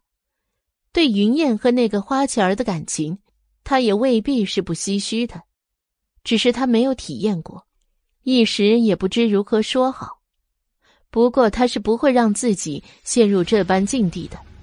这一辈子，与其纠缠于情爱，还不如跟随着阮明星走一辈子，并且他也不懂得那男女情爱究竟是如何模样。云燕来到白爷身旁，捡起那把匕首，锋利的匕刃，把它放在唇边，轻轻一吹。露出几丝微小的、丝毫不模糊的闭窍声。我这一辈子，从没这么想杀一个人。你倒是让我破例了。白爷尽管身子已经在颤抖了，口上却仍然不愿饶人。你的意思，这这是我的荣幸。云燕淡淡一笑：“你是我第一个要杀的人罢了。”云燕拿着匕首，对着白爷的一张脸微微的估计了一下，在白爷脸上勾勒了一圈，猛然一下插了进去。白爷一声惨叫，云燕却越加云淡风轻了起来。阮明星只是眉头微蹙，也并没有任何不喜之色。云燕，这是成长了。若是说，云燕以前只是一柄尚未开窍的剑，那么现在就是已经开了半点了。光芒便是需要慢慢的展露，这样一个天才才不会太快的陨落。但云燕这以后，怕是感情会更加收敛了。虽说对敌人就是应该冰冷无情，但他也不想云燕成为一个杀人机器。云长显然也有担心，却是蹙了一双黛眉，而后捂着自己的心口。我心口疼。云燕心中还是有妹妹的，却是立即转向了云长。见云长有些难受，却是为他寻了一个舒服的姿势，让他坐下休息片刻。云长却是双眼一眯，眼中似染上了一层薄雾。你还是我的哥哥吗？云燕却是以为云长如何了？当然是。云长摇了摇头。可我哥哥，他不是你这样子的。云燕如何还能不懂呢？想到琪儿的香消玉殒，眼里又是迅速集起了一片阴霾。他为云长掩去了双眸。你闭着眼，便不会怕了。我是一定要为琪儿报仇的。花神本看着云燕不进行剩下的动作，又准备大闹，却因为云燕那身冰冷的气势，终究是顿住了脚步。看云燕仍然是准备为琪儿报仇的，心间这才微微的好受了一些，心中也是很快有了打算。云燕并不想云长再看到那样的场面，因而蒙上了他的双眼。想要齐儿临死前的双目，却也未再继续折磨白野，只是很快的一刀毙命。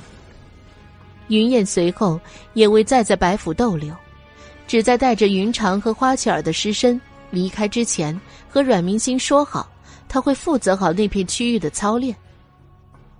阮明星只在最后看着残局收拾好的时候，一双眸子转向了傅长风，这一步。你说算快的好吗？傅长风眼中迅速的融过一许哀色。算是妙吧。这下是能成功立威了。但花琪儿死了，云燕心性突然大变，他是有些道理的。这好像就是以前的他。阮明星的那番作为，在那片区域上却是影响深远。除了几个孤寡老人，还有点气力的青年壮丁，却是全部同意了加入他的势力。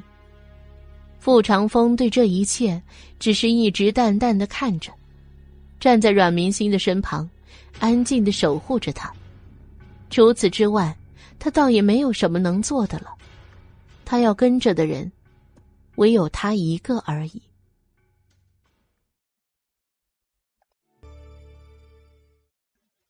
第二百三十一章，而关于势力立名，青爷却是过来询问。每个势力总是要有个名字的，就像白爷所在的莲花帮。阮明心微微的垂眸，泛着几分思索之色。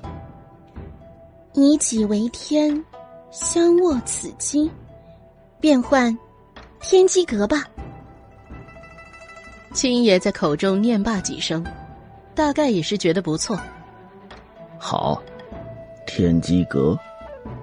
傅长风读来，也是觉得朗朗上口，比之前莲花帮的又是多了一分韵味。不过终究是太耀眼了。所谓天机，便是把握天之计策，这却是有些叫人不知如何发感了。天书没什么学识。只觉这几人都说好，那必然就是好的。而既然有了名，天机阁的训练便也正式开始了。天机阁分为三殿：阎罗殿、天机殿，还有天护殿。阎罗殿便是相当于杀手组织的，有人可以给银钱，而后阎罗殿便为其杀人。天机殿。便是寻求情报，可以天机阁自己用，也可以卖给别人。天护殿则是护卫，大多是护守天机阁，也可以被人请去做几年护卫。这三个殿的武功自然是全部由傅长风来教授，而天机阁的情报如何找寻，却是交给了云燕。天护殿的护卫教导便交给了青爷和天书。这二人用来此处，倒是不错的。护卫并不需要有阎罗殿的身手，一切便也就按着正常的步伐而来。阮明星神色倒是一如既往的淡淡的。只有看到归来的云燕，这才微微的露出一丝笑意。云燕一张清俊的容颜，总是仿佛镀上了一层冷色一般，冰冷的任何人都无法靠近。那张脸的冰霜，好像只有看到自己人的时候，才会微微的融化。云燕看了眼跟在自己身后的云长，有些事发生的太多了，不过这段时日。云长一直陪在他的身边，他似乎也好了一些，只是想到花琪儿，好不容易身上要融合的伤口又会再一次被撕裂，而后未有任何的留情。云长看着云燕大步而去，眼里的悲意到底融去了几分？哥哥不管怎样，只要没了轻生的念头，便怎么都是好的。他已经失去了双亲。无论如何，也不要再失去哥哥了。云燕对阮明星的安排自也没有任何异议，他承认，阮明星看人的眼光很准，对搜寻情报也倒的确算是擅长。而天机阁的名声，因为上次在白府的事情，倒也是慢慢的传了出去，引起了些微轰动。莲花帮却是又来寻麻烦了。原来前些日子。是因为这莲花帮的副帮主不在，上次被傅长风挑断了手筋的，就是这副帮主的孙子。副帮主的儿子早在一次意外中死了，这孙子却是从小被他宠到大的，舍不得他吃半点苦。帮里其他人都知道，明里暗里都会照顾着一点副帮主的孙子，反正对他们来说，不过就是举手之劳。却可以拿到副帮主的一个人情，何乐而不为？所以上次白府小厮来求救，他们派来了帮派中的精英，又加了副帮主的孙子进去。基本上，副帮主的孙子是相当于可以直接减了这份功劳的。只是没想到后来会这样。副帮主知道自己的孙子被杀了之后，自然是勃然大怒。把那几个派他孙子去的人给狠狠的骂了几顿之后，便是立马要带人上门找麻烦。正好那女子又创建起了天机阁，这便是可以切磋为目的找上门去了。那女子可是叫人灭了他们莲花帮的三四十个人呢。这一次必定不能再让他们占尽先机。再说了。副帮主这次带去的可是一百多人，那个男子一人就算武功再厉害，也不可能一个人独挑一百多人吧？再说，主要抓住其中一人，看他们还不得乖乖就范？阮明星看了灵手之人一眼，和青爷差不多的年纪，胡须花白，不过眼中那金光一掠一掠的，倒实在也应该有些本事。不过估计也不是个好的，他最厌恶的便是这种人。老了就留在家中享受着子孙奉养多好，何必要出来挑事儿呢？来我天机阁，所谓何事？阮明星淡淡说道。蓝袍老人的眼中掠过一片冷光。小贱人，这就是你创下的天机阁？蓝袍老人心中颇为不屑，不过是一个相貌稍微出挑点的女子罢了。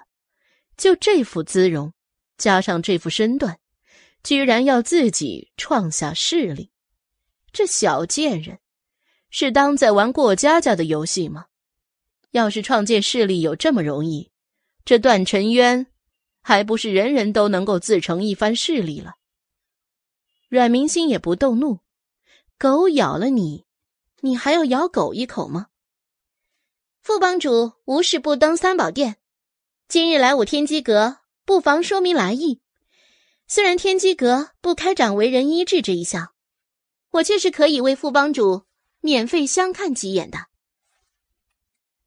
天书也出声道：“我家阁主医术高明，毕竟人老了。”在有些地方总归是不太行的，副帮主倒是可以请我家阁主帮着看看。他一个粗犷的大汉，说出这些倒是不会受人说道。蓝袍老人这番话说的，顿时脸色便是一黑。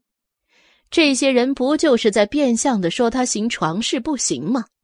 哼，一张嘴倒是生的能言善辩。那就别怪今天我给你一番教导，给我上，将这些人全部带回去。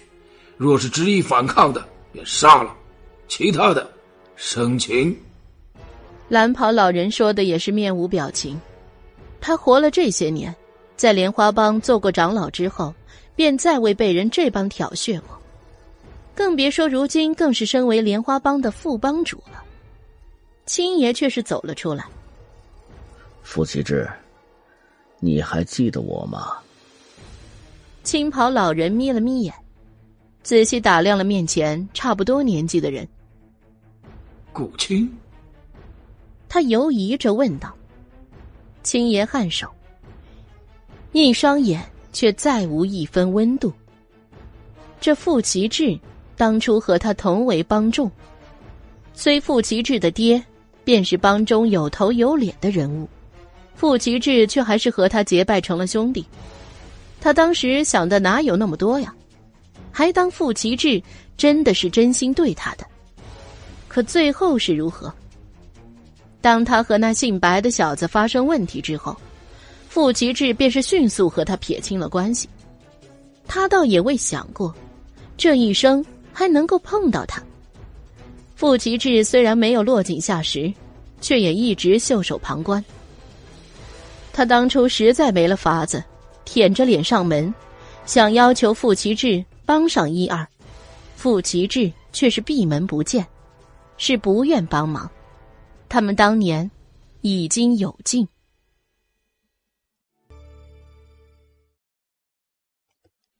第二百三十二章，如今再见了傅其志，青爷的脸孔是有些微微扭曲的。傅启志，当初道你是个好相处的，却想不到，竟是如此个狗东西。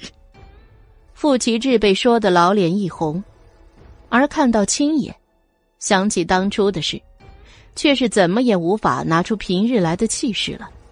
终究是定了定心，道：“当初之事早已是过眼云烟，你又何必拿出来说？”青爷冷哼了一声：“哼，那今日你来这儿又是想如何？”傅其志并不是真正的无心之人，被青爷这一问，倒是准备给青爷几分薄面。毕竟当初他也的确算是对不起青爷。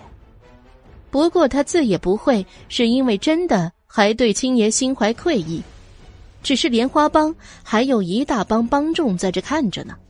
他到底还是要顾颜面的。若是他不讲义气的名声传了出去，便是在这段尘渊传开了，他以后便是个笑话，还如何在段尘渊混下去呢？你们天机阁之人杀了我独孙，如此之仇，你说我要不要寻上门来？青爷略微皱了眉头，他当初跟傅其志交好，自也是知他太过护犊子。怕上次在白府傅长风所杀之人，其中还真有着傅其志的孙子。如今天护殿之人，虽然武功都得到了提升，但毕竟人算不上太多。比之傅其志带来的这帮人，若是真要打起来，也不知道谁胜谁负。阮明心虽然不怕这青袍老人，却也要占到理字。副帮主只道是我们天机阁的人杀了副帮主的独孙，但是副帮主可知道，是你莲花帮的白长老先抢了我天机阁的人去，我们这才找上白府。谁知那白府仗着有莲花帮，便未有一丝顾忌，还要将我们都给拿下。我天机阁之人实在是没了法子，这才出手。那白长老开始倒也是讲理的，而后我们也愿意就此了结这件事。我们天机阁素来不愿惹事，但也不代表我们就怕事。那白爷却是背后偷袭于我，若不是手下的人替我挡下，我今日还不知是躺在哪副寿棺之中。这笔账，敢问副帮主，莲花帮又打算如何和我算呢？傅奇志被这一番长篇大论也给微微怔住。倒想不到，这小女娃这张嘴还真是伶牙俐齿啊！竟然几句话，就说的错全在了他们这边。不过看着身后百余人，傅其志的气势也再次回来了。我现在不是说白长老那件事而是说我孙子这件事若只是白府那帮人和莲花帮的其他帮众，他哪里会过来寻天机阁的麻烦？他没有蠢笨到要来做这个出头之鸟。阮明心微微一笑：“那副帮主找的更不应该是我们，而是你们莲花帮的那位白长老。若不是他请了副帮主的独孙过来，副帮主的独孙又如何会那般呢？”他只觉得好笑，这副帮主还真觉得自己有理。不过这样。就是他有理都显得没理了。你，傅其志就不擅长这言语争论。平日里，他只要带着一帮人马，那谁还会不听啊？小贱人有些本事，也不知是靠了什么手段，招的这么多男人都拢在你身边。就连云清居然都站在这女子身后，当初也没看出她是这么个软骨头之人呢。扫了一眼青野，傅其志漫不经心的说道：“云清，当初还觉着你对你娘子那番情谊倒是让人佩服，哼，现在看来也不过如此。”青爷一下脸黑了：“你少给我胡说八道！”阮明心却只是淡淡一笑，如此拙劣的激将之法，不过他还真就是受了。副帮主，你觉得为了你刚刚那番话，我应该给你什么回报才是啊？残了左手，还是右腿，或是瞎了哪只眼也不错，反正你也不需要。阮明星说的云淡风轻，清冷的嗓音回拢在这天机阁之间，又自有一番别样的风味。傅其志却是听得满面怒容，再看天机阁那帮人哄笑起来。自己这后面也有一片低低的议论之声，自然知道，今日若是不拿出些本事来，怕就以后他这张脸也就丢尽了。还愣着干嘛？把这个女人给我抓起来！傅吉志喝道。顿时，青袍老人身后一帮人却是向阮明星冲了过来。之所以这么有效率，不仅是想要在副帮主面前表现好一些。还有就是那上面的女子的姿容可是绝色呀，虽然不能行那欢乐之事，但是能够占些便宜也是极不错的。傅长风仍未拿出长剑，只是徒手而上，对这些人全当锻炼一下拳脚了。他也并不是想以一个人挑着百余人，并非是觉得自己没有这个能力，只是天机阁之人，总也是要得到历练的。现在他可以全部打退这些人，他一个人的确可以搞定。不过天机阁的人又何时能够得到真正的历练呢？傅长风只选择了十多个人，这十多个人是百余人之中拳脚最好的十几个人，尚有几分实力，能够一战，也许能够痛快一些。至于其他的八九十人，却是太没挑战性，他也没那个兴趣。傅长风的身形却是犹若惊鸿一般，游纵在这些人之中。十多个人一起围上他，却没有一个人可以攻击到他一下。天机阁三殿之人却是看得目不转睛，难得看到这位大人动用招式，能够多看一些，却是能够学到太多。只可惜呀，这场较量，终究也未太多时辰就结束了。傅长风看着落地的那些人，并未下杀手，只是也差不多了。这些人的经脉被他尽废了，这些人一次又一次的来挑衅，他实在是厌烦了。如果不下一点狠手，怕是只要莲花帮这个帮派未曾灭绝，便是有源源不断的人过来找麻烦。如此，现在他还不如快刀斩乱麻呢。傅奇志看得大惊，这小子的武功确实不错，不过俨然傅奇志也未太放在心上，毕竟不过十几个人罢了。要是这百多人一同上去，可就不是如此了。傅奇志对其他剩余的人使了眼色，这些人却是大多停下了脚步。副帮主不知道。他们怎么可能不知道呢？那十几个人可是他们这些人中最厉害的，都被那个男子就这样给轻易打败了，更别说他们这些人了，心底已经是惧意丛生。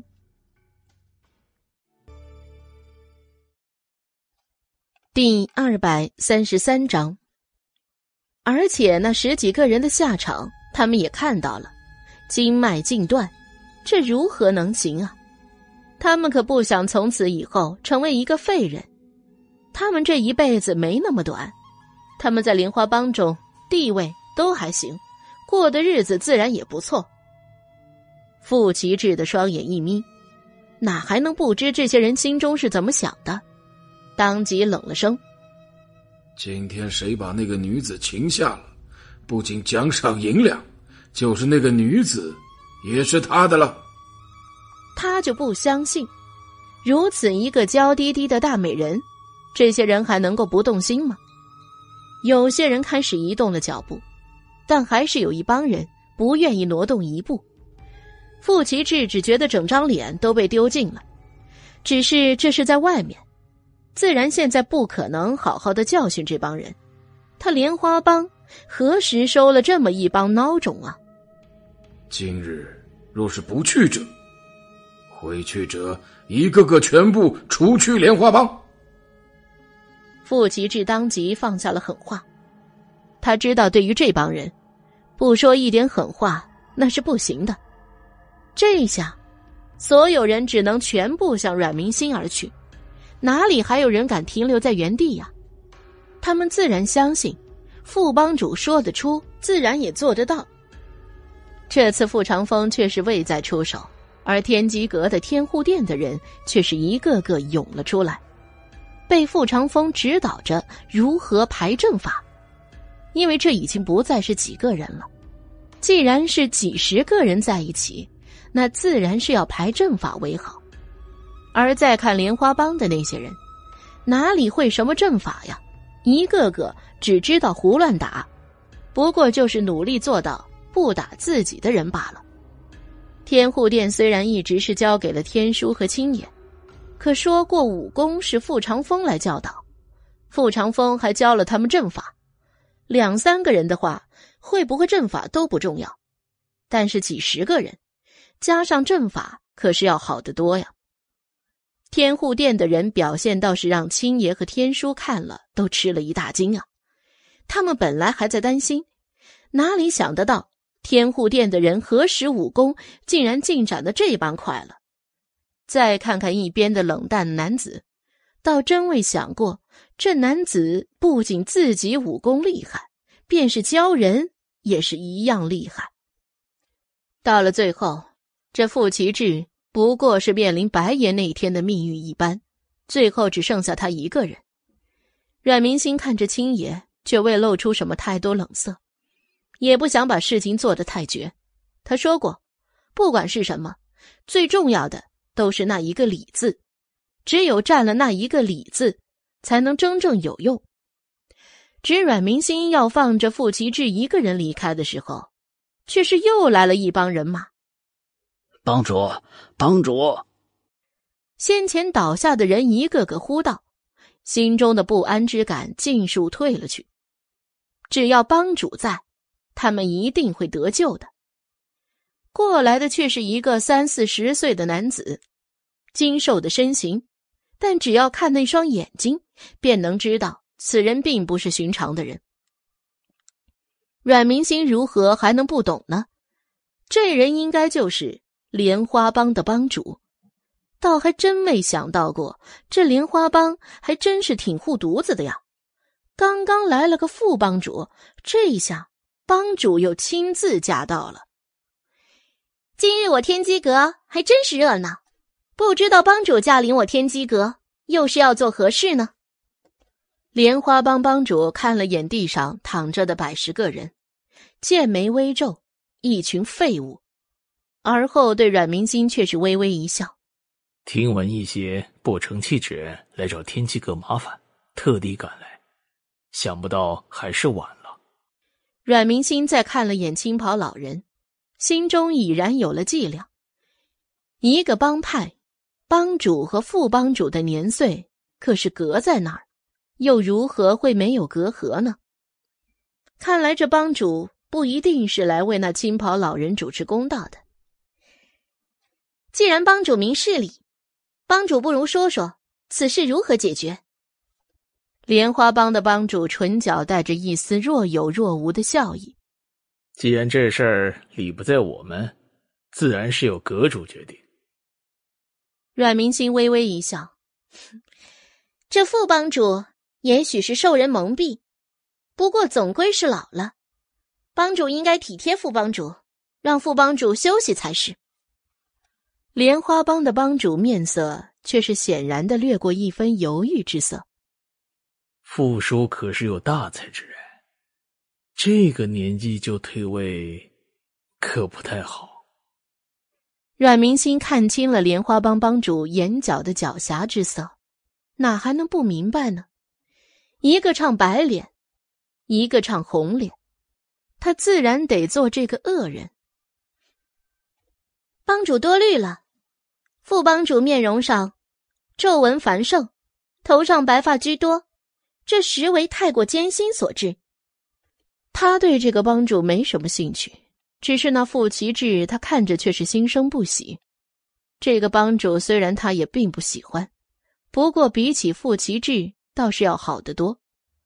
莲花帮的帮主倒是挑眉看了一眼阮明星，姑娘还会医术。阮明星淡淡的颔首，会一点罢了，倒不算精通。莲花帮的帮主也未再纠结这个问题。阁主的意见，我回去会好好考虑的。今日却是想跟阁主说上几句话，还不知阁主是不是愿挪个地方？却明显是表明了自己只愿意和阮明星一人交谈。阮明星也想看他这是想要如何。再说不过是交谈，也无非不可。既然他想要在段晨渊脱笼而出，和其他的帮派。是早晚要将关系打通的，不过目前还有一些事需要解决。阮明星看向傅奇志等人，这些人帮主准备如何？先前为了替帮主查看一下他们的实力，就动作小幅度的那个了一下，不小心却是过了一点度。相信帮主大人有大量，想必是不会和我们计较的吧。莲花帮帮主听完左右护法的禀告，却是眸色大变。虽然这些人都算是副帮主那帮仗营的，但也是他莲花帮里的精英帮众啊！现在都被废了，这可是帮里的损失。到时候，万一其他的帮派或者跟莲花帮结了仇的人前来，莲花帮可要如何防护啊？不过想着心中的那件事，莲花帮帮主也就放下了这些。如果这件事成了，这些损失不仅能够补回来，还能够双倍的增长。毕竟，莲花帮帮主看了眼阮明星旁边的冷漠男子，阁主替我操练他们一回，倒还要感谢阁主。傅其志就算是再不甘，但是帮主在这里，又是不容置疑的语气，也只能够灰溜溜的离开了。其他闲人都离开之后，天机阁三殿之人也各自恢复进度。阮明星和莲花帮的帮主却是到了一个小亭内。阮明星其实并没有太多兴趣，只是反正无事，倒不如听着莲花帮的帮主闲扯。嗯，帮主有什么话？现在倒是可以说了。少女眸光淡淡，倒是不卑不亢，年纪虽幼，但是久居上位的气势却是浑然天成。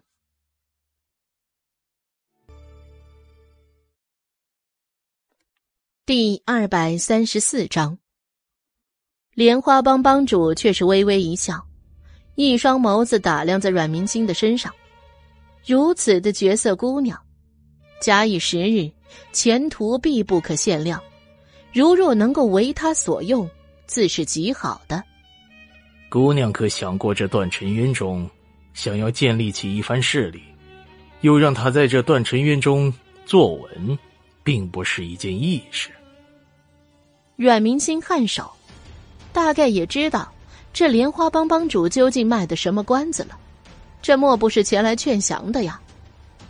那帮主的意思是，这莲花帮帮主可能是觉得自己能够庇佑他们，以相差太大的实力，他定然不会太过犹豫。而他的谋划，其实在于整个段尘渊。莲花帮帮主却是拿起先前云长斟好的两杯茶。阁主是我见过女子中最传奇一位。我自然是想看到阁主能够成就自己的心愿，只是眼下这段尘渊并不平静。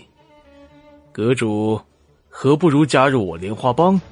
以阁主的能力，在莲花帮也定然是可以做一方大拿的。阮明星唇角勾起一分冷意，这一下倒又开始威逼利诱了。只是无论是威逼。还是眼前这帮主所使用之策，他都没有一分兴趣。他既然要创建势力，无论成或是败，他都不会想要去附庸他人。靠他人者，即便登上了高位，又能如何？前世给他的教训，难道还不够吗？他还要再靠别人吗？最后，却落得个满身落魄的结局。谢帮主的一番好意了。但我和天机阁其他人，倒就当一场赌吧，赌赢了或是赌输了，我们都应该自己承受。莲花帮帮主微怔，而后却是拍掌大笑：“阁主真是好心性。”而微顿又话锋一转：“只是，阁主也应当想到其他人，比如那位月白色的公子，他武功不错。”若是能够跨入一个更好的平台发展，于他以后必也是极好的。阮明心把玩着手中的瓷杯，眼中讥讽之色迅速掠过。感情这还看中了傅长风啊？只是若真是为了傅长风得到更好的发展，他也更不会选择莲花帮了。从哪里看来，莲花帮都不是他的最好选择。这帮主。是当他不过是个女子，觉得他好哄弄罢了。阮明星的唇角讥诮的勾起，这个帮主实在是多虑了，阁中之事，实在是不劳帮主费心了。莲花帮帮主的面色却是一僵，那句不识好歹，再差些便要脱口而出了，好在最终还是咽了回去。这个女人油盐不进。但眼下却还是不可得罪的，而想做之事未能完成，莲花帮的帮主脸色就变得不太好看了。阮明星更未想多言，总之呢，两人一番客套的应付之后，莲花帮帮主便告辞了。夜间用膳的时候，云燕随意的一问：“今日莲花帮帮主找阮明星是有何事？”那番神色，却是叫阮明星有些微微好笑。云燕明明是担心他会不会被那帮主轻薄，又不好意思问出来，不就只好如此。想要收拢我天机阁？傅长风俊眉紧蹙，寒气拢身。你如何回应？阮明星淡淡说道：“我若是能应下来，如今就不会坐在这里了。”其实，今日那莲花帮帮主显然还想打探一下他究竟从何而来。毕竟他可以算是凭空出现在这断尘渊中的。只是他拒绝了那莲花帮帮主的收拢之意，他终究也是未提了。他若真是一个玩乐一时的女子，倒是可以答应他，反正不过是想要创建一个势力而已。只是这一世，他必须费尽一番心机，创建好一个势力，再也不能像前世那样被动。今世，他便要步步皆夺得先机，最终的舞台。还是在南庆的京都，而不是这里。他想要做的，比他们想象中的还要庞大。傅长风看着这个一脸傲然的女孩，他有骄傲的资本。光是大剑师弟子这一项，其实就足以灭杀莲花帮帮主。怎么样？混乱的酒肆之中，几个人摸着塞子。拿着酒壶便是豪饮下去。精瘦的男子明显就是今日的莲花帮帮主，叹了口气：“唉，没成功。那个阮明星不愿意。”脸上生了一颗大痘的男子却是大笑：“哈哈哈哈！难道还有你莲花帮搞不定的事儿？这次莲花帮可是吃了一个大亏。”百多个帮众居然就被几个人给搞定了，可谓是个笑话。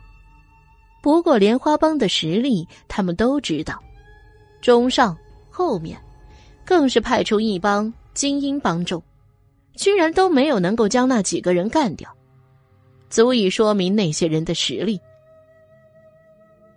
莲花帮要去收拢那些人，那些人的实力不错，如果加入了莲花帮。莲花帮的实力不仅能够得到增长，就是那些人也应该会得到更好的发展。不然，天才可是容易陨落的，这应该是双赢啊！按理说，莲花帮帮主这张嘴，可也是极其厉害的，应该能够轻松搞定的。不过，居然被人拒绝了。几个人毫不留情的取笑起金手男子。莲花帮帮主豪饮下了一杯酒，摇了摇头。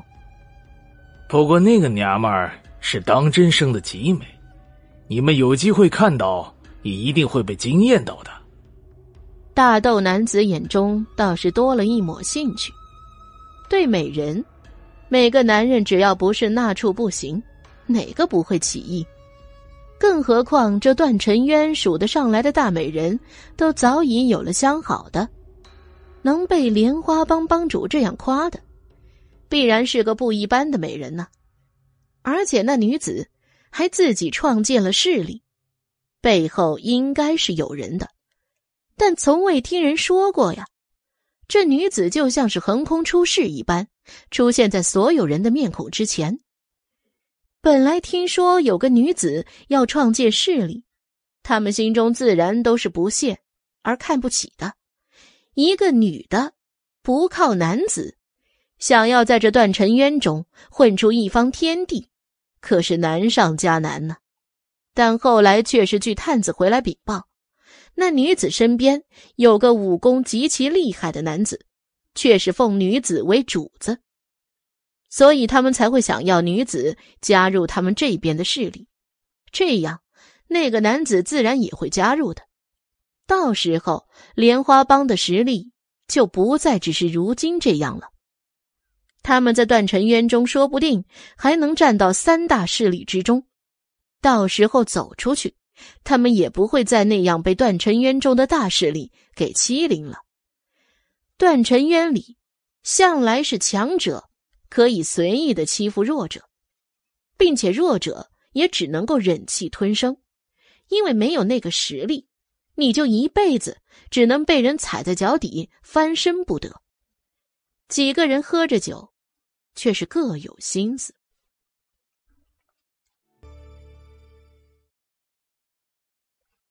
第二百三十五章，窈窕少女独站在小院中，一袭青丝落在颈肩上，几丝乱发微微的垂下。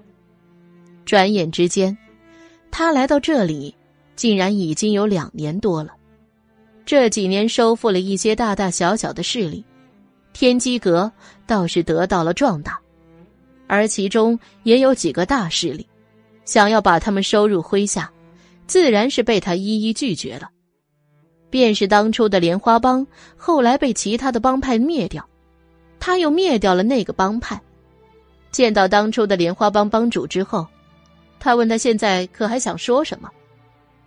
他摆了摆手，说他当初看错了，也许他们当初都未料到会有如今的这般境地，竟然一直中上的帮派。都被灭掉了，而天机阁，一个本来并不起眼的帮派，竟然是迅速的脱颖而出。阮明星对于这一切倒是毫不意外，他对傅长风和云燕自然是有这个信心的。这二人但凡得到一个人，都能够迅速的铸成一个势力，更别说这二人就相当于一文一武一般了。而且，其实二人也算是文武皆全。明月姐姐，夜里凉，你披上这个才是。背后柔婉的声音却是传了过来。阮明心转身一看，一身白色衫裙，微微施了脂粉的娇容芳华，叫的竟是让人微微失神。还未完全长开的小脸，却是令人忍不住想象这张容颜。如果长开了之后，会是如何的风华绝代？云长，你过来吧。他看着这个温婉之色的姑娘，其实还不算太多年岁，这几年却出落的越发美了，比第一次见到那柔弱的模样，看着倒是又多了几分颜色。云长却是把手中鹤衫披到了阮明心的身上。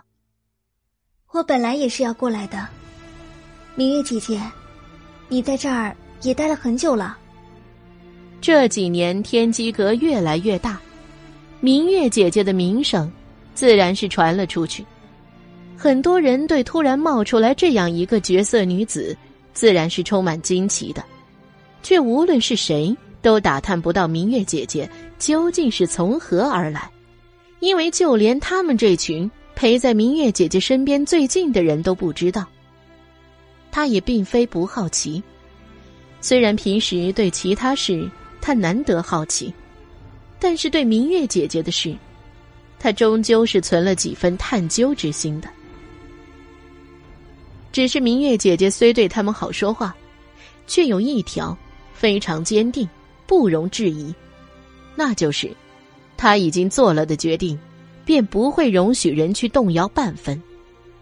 就像明月姐姐的身世究竟是如何，她和哥哥虽然都想知道，但从未有人去问过，便是如此。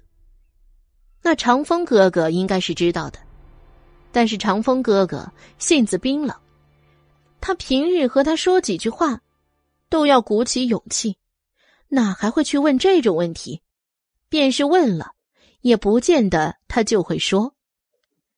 阮明心自然听得懂云长话中的意思，微微一笑：“的确是很久了，云长，你可愿离开这个地方？”他这几年从未对云燕和云长说过他之前的事，其实并不是觉得他们不可信，只要他们一直跟着他，他早晚都要说的，只是他没有想好。要如何说？云长一愣，离开。其实这个他还真的没有想过，毕竟天机阁如今在断尘渊中，可是算得上第一势力，在这里的日子极是不错，又为何要离开呢？不过想想，明月姐姐这么一个奇女子，这段尘渊终究是困不住她的。总有一日，明月姐姐会离开的。她的璀璨之光，无论在何处都遮挡不住。阮明心淡淡颔首，嗯，过段时日，收服了这整个段尘渊之后，也是时候要离开了。云长，你可愿和我一同离开？如果云长拒绝，他也不会如何。他觉得其实以云长的性子，更适合在这个段尘渊生活下去。当然，他说的是现在的段尘渊。云长的性子恬静，倒的确不适合京城。京城中明面上的打打杀杀的确是少了太多，可是背后的勾心斗角，却是一点也不少。他也怕云长到时候。被京城里那些活在算计中的氛围给污染了，他也希望云长能够保持现在的性子。云长这次却是毫不犹豫的点了头。明月姐姐去哪，我和哥哥自也是去哪的。他和哥哥的性命都是明月姐姐的，如果没有明月姐姐，他和哥哥如今已不知在哪个小土堆里待着了。阮明星的眸角微微的挑起，唇角处的笑意倒又深了一些，打趣的说道：“看云长你的年纪，等出了段尘渊，我倒是要为你寻一门婚事的。”云长一听这个话题，却是即刻满面羞红。明月姐姐，你……阮明星也未再绕着这个话题说下去。他知道云长对这个真是有些避讳的，当初云燕和花琪儿的事，对他并未是没有影响的，只是口面上不说，却不代表他的心间，也就未有着计较。回到了尚书府，若是有适合的男子，他便为云长相看；若是两人真不错，便是撮合又能如何？云长却是想到一点，问道。明月姐姐，这件事哥哥知道吗？他知道哥哥对明月姐姐来说便是智囊一般，也不是说明月姐姐就全部要靠哥哥，只是明月姐姐有什么事，一般的话还是会和哥哥商量的。琪儿埋在这里，不知道哥哥会不会想要离开。虽然知道他若是明月姐姐决定了要离开，他便一定也会一同离开的。但是明月姐姐，并不是那种不顾及他人之想的人。阮明心一双黛眉，闻言却是微皱。他倒还未和云燕说过，今日也是突的觉得，在这段尘渊已经太久了，他是时候该回去了。至于云燕，阮明心不由轻叹了口气。花琪儿死后。云燕也未再对其他女子有过那种之情。问他如何知的，云燕日日除了跟傅长风日日练武，便是待在闺中研究权谋。总之是不出府的，除非天机阁要收服其他的帮派，云燕才会和傅长风一同来商量计策。他倒是宁愿对那花琪儿愧对一次。希望云燕能够忘却那段感情。总归，云燕这样伤的只能是他自己呀。虽然也许在花琪儿死的那一刻起，云燕大概早已经被伤得千疮百孔了吧。你是第一个知的。云长的娇容也附上了一层愁意。明月姐姐担忧的是什么呢？她又何尝没有半点担心？这几年，哥哥半点都未曾忘却，虽对他一如既往，可他想要的不只是此。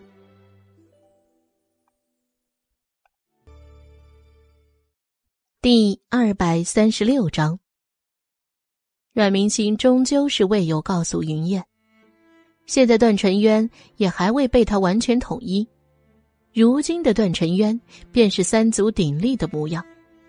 不过，也就是明面上看来，便是天机阁、合欢派，还有长留门，其实天机阁倒是微微占了些优势，不然合欢派和长留门以前这两个为了一点资源便能够大打出手的门派，又哪里会开始联手呢？也不是未有人想过和天机阁联手，吃掉其他的门派，但是天机阁行事倒也算是光明磊落，直接放出话来：天机阁迟早是要统一这里的。为了不唇亡齿寒，这些人自然也只能放下以往之仇，讲和到一起。毕竟，不管哪个帮派倒了，另一个离着被灭的地步，倒也就不远了。今日决定攻击的，便是合欢派。合欢派的实力比之长留门稍要弱一些，只是有一点让人防不胜防。那便是其中女子使的媚术。这个阮明心倒也未曾担心，他就是给合欢派使媚术的机会，就当是给天机阁的人一次历练。毕竟出去了，除了钱财的利诱，那便是美人的魅力了。他也要趁此为天机阁揪出那些心智不够坚定的人。他天机阁重金不重多。这几年合并了太多的门派，虽然云燕和傅长风都已经筛选过了，留下来的人也还是未曾少到哪去啊。这最后两大帮派，也就是天机阁等人的历练了。最后如何，全看此了。其实阮明心也就是来看看，怎么攻打下合欢派，哪里需要他来出谋划策。有云燕和傅长风便是极好，只是攻打到一半，听完手下人的禀告，云燕的脸色却是渐渐的凝重了起来。傅长风瞥了云燕一眼，倒也是不懂他为何突然如此。要知道，向来融并帮派之时，云燕都是一副大局在握的模样。云燕的冷静和他的冷酷是差不多的。两人除了自己所在乎的人，对其他的感情都并不在意。就算是看到老弱妇孺苦苦哀求，他们也并不会有任何停顿，因为他们给过了机会。那些人却是坚持己之所为，那他们也是未有何好说的。而且，为何要对他人心慈手软？那只会是对自己人的残忍。云燕半晌才淡淡说道：“云商被他们抓走了。”傅长风对云燕平静的话语有些微怔。云燕虽然现在对一切都是淡淡的，但是对云长，他还是非常在意的。不去救他。云燕眼中的瞳孔微微一缩，而又很快恢复了平静。他说：“要阁主去换。”这自是不能的。如果能够去救他，自然早就去了。可眼下报信的人说了，那边人便是想要去救云长，那一定要阁主孤身一人过去。如果还看到其他的人，大不了他们也就玉石俱焚，和云长同归于尽。阁主虽然是个奇女子，但去了那不是送死吗？他只能说找准机会将云长救出来，其他的若是云长真的被害，他也只能尽力去为云长报仇。如今齐儿早就不在了，若是云长再不在，云燕的心中突然掠过一个微有些恐怖的想法：云长若是不在了也好，他没有任何挂念之后，等为阁主做完了他应做的事情。他便也就可以放心的离开了。不过心间终究是很快便掠去了如此之想。他愿以性命去换云长活下来，因为他知道他不在了，阮明心对云长必然也会很好。傅长风只是眸子微略，顿过一阵意味不明的光芒，而后离开了。云燕依然指挥着天机阁的人如何攻打合欢派，面无表情，似乎一切也无法打动于他。过了片刻，一人却是带着一身寒色和怒容站在了他的身前。云燕，阁主。云燕看着面前的女子，她喜欢穿一身青衫，倒是极衬她那张似玉的娇容，一股灵透之气，便是引人不由得想去探寻更多。而全身溢着的清冷气息，又让人顿的一缩。倒是很少看到女子怒气勃勃的模样，不过他好像从来就没有看到过，这女子神色一直都是敛着的，就算偶然有了其他稍稍不同的面色，也是面色冷淡。阮明心头一次对云燕露出了满身的寒气。你为何不与我说？他还是方才傅长风告诉他的。云长的身家性命有了危险，他却是不来告诉他，真当他是那般冷血吗？虽说这一世，他是要冰冷无情，但也不代表他就真的没了任何感情。他对外人或者是敌人，都能够狠得下心，但对自己的人，他也是想要倾尽一切去护着的。若不是傅长风与他说了。他未去，云长真若是没了性命，云燕又当如何？云燕摆了摆手，云裳的性命与你的相差太远。他便是知道，若是告诉了阁主，阁主一定不会袖手旁观；而告知傅长风，却也是那个时候，他方才知道，也未去想那么多。二则。他觉得以傅长风那般的男子，心里定然是以阁主安危为第一的，又如何会去说呢？哪里想到，阮明星瞪了他一眼，而后再不理睬，大步的踏了出去。你去哪儿？云燕问道，却未得到半点回应，也快步跟了出去。他还从不知阁主的身手，心里复杂至极，不能让他去。可是也不能看着云长死啊！阮明星却是来到了合欢派的门前，这里已经经过一场大的打斗，用横尸遍野来形容也并不为过。而看到这一幕，阮明星却是双眼一眯，掠过一道冷光，招过身旁的傅长风，便是说道：“那几人逐出天机阁，不管再优秀之人，只要做出这等污秽之事。”都给我逐出去！看来第一个选择合欢派下手，还真是个正确的选择。他这都看到了什么？天机阁的门人，就是对合欢派的女子开始行那种苟且之事。能够进合欢派的女子，姿色最差的也在一般之上。况且修炼了那种好手段，能够让男人在某些事上。却是可以事半功倍。天机阁的人，饶是被云燕特意调制过这方面的事，却还是有不少人没有抵制住诱惑。阮明星冷眼看着天机阁那帮乌合之众，这样的人，他宁可天机阁只有几个人，也不愿有这么一帮滥竽充数的人。而且。阮明心阻止了身后之人要过去营救，看着天机阁的几人突然被压在他们身下的女子给一刀了断。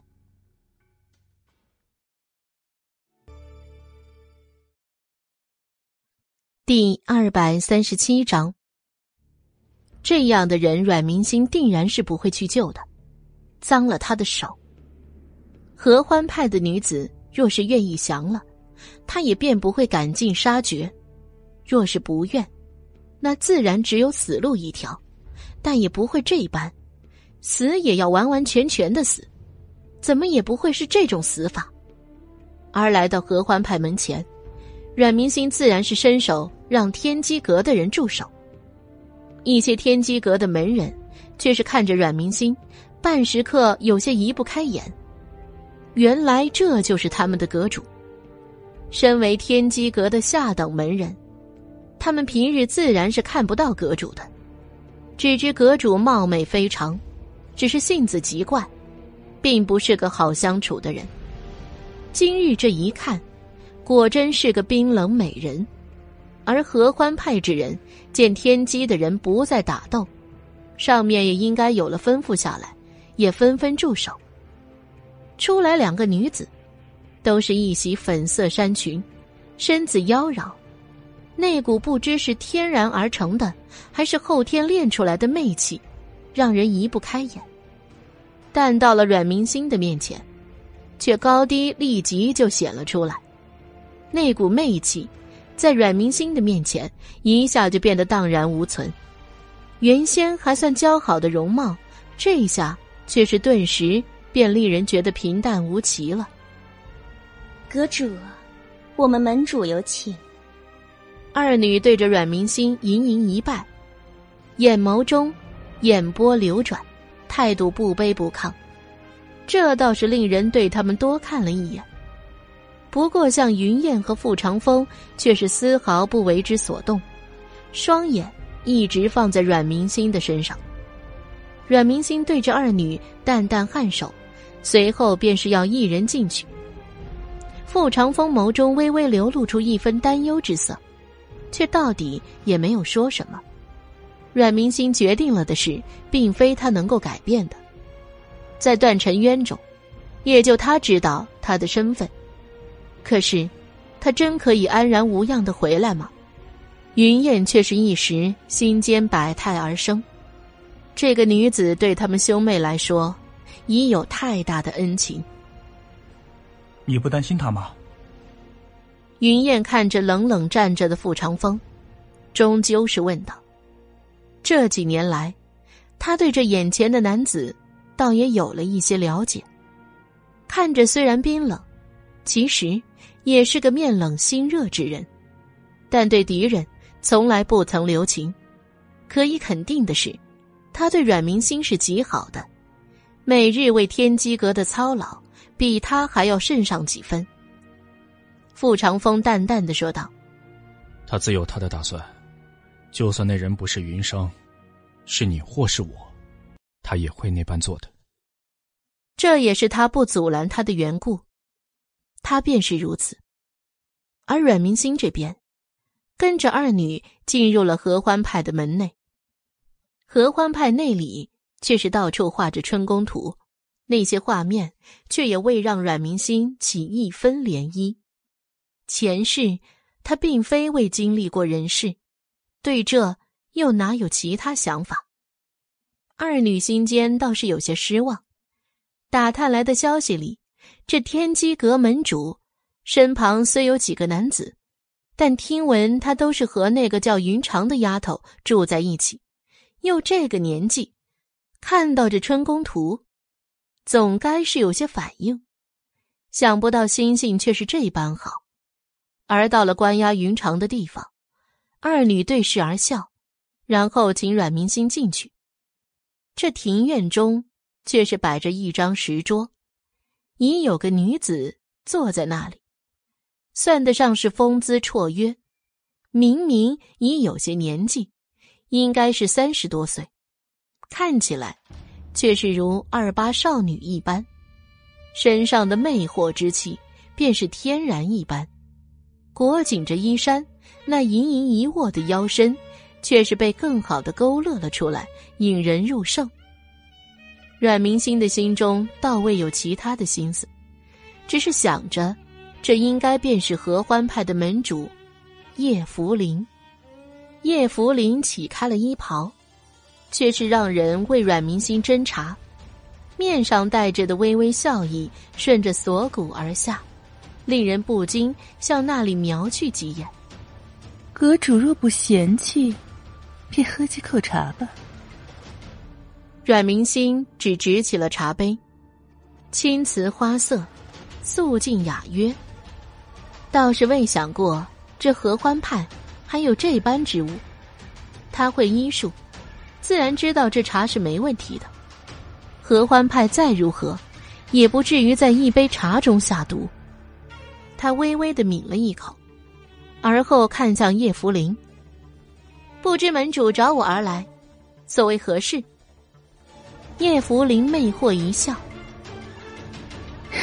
我倒是想说叙旧，曾是和阁主有缘见过一面的。这才是他方才看到阮明星第一眼时微微惊诧。几年前，他在一家客栈看到退房的二人，男俊女美，倒是令他也不由得多看了几眼。特别是那女子的脱尘之气，人都说穿一身白衫才会若仙子一般，而那女子只是一身青衫，却让人看的都沉了眼。他当时便觉得，以这女子的花容月貌，在段尘渊这样的地方，定是会遭人觊觎的。再说了，这样的美貌，应该在段尘渊也是可以引起一番轰动的。他当时尚不是合欢派的门主，只是想劝这女子加入进来，起码能得合欢派庇护，也不会遭人玷污了去。但那时他有急事在身，只能离开。再后来，却是未有任何这女子的蛛丝马迹。他以为这女子已经被哪位给金屋藏娇了，或是香消玉殒了，却是不曾想到，这人竟然是天机阁的阁主。自天机阁这番势力出来之后，日渐突起，他们都是派了人想要拉拢。毕竟其中可是有几位据说极为厉害的人，天机阁能够一路从一个不出名的帮派到如今的赫然大物，便就有那几个人的功劳。只是天机阁却是一直未曾同意过，而且出面之人都是那个冷淡的男子，要么便是清淡的男子，从未见过阁主出面。在整片断尘渊之中。天机阁阁主的真面目却是未有多少人看过。有人说阁主是个男子，俊美冰冷，不近人情；也有人说阁主是个女子，相貌奇丑，顾不出来见人。倒也有一小部分人说阁主有天人之姿，倒一直未有人见到。这个说法也就被自动归类为天机阁之人的自吹自擂。他倒是未想过，当初的女子，却就是天机阁的阁主。一个女子，想要撑起一个帮派，并让他成为巨头，这可不是件容易的事。就是他合欢派，虽代代都是女掌门人，但是当初创立帮派的艰辛，也只有帮派的老祖宗知道。不过，便是他现在作为帮主。而合欢派，已然是断尘渊中的势力巨头，想要在这断尘渊中根深蒂固，难度一样不小。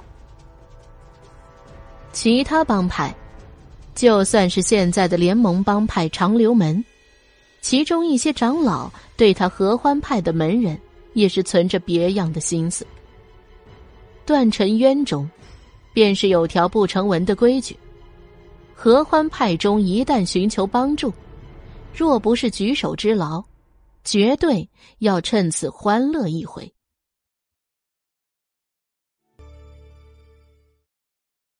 第二百三十八章。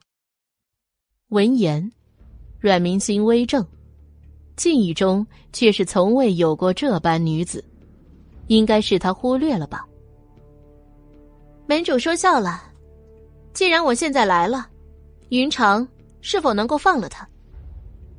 他开门见山的说道：“倒是懒得再扯那些杂七杂八的。云长的身家性命才是最重要的。”叶福林拍了拍掌，却是有人将云长带了出来。方才是我忘了，如今各处守约而来，我这人倒的确是该放的。云长见了阮明星奔了过来。却是双眼蒙住了一层水雾。明玉姐姐，阮明星让他闭眼，他可不想惹人哭哭啼啼的，那不是他想要的。云长却是心中起了自责之意，若不是他，明月姐姐怎么会过来？原本听到合欢派的这些人要让明月姐姐来换他的时候，他便是盼着明月姐姐不要来的。谁知道，明月姐姐到底是来了。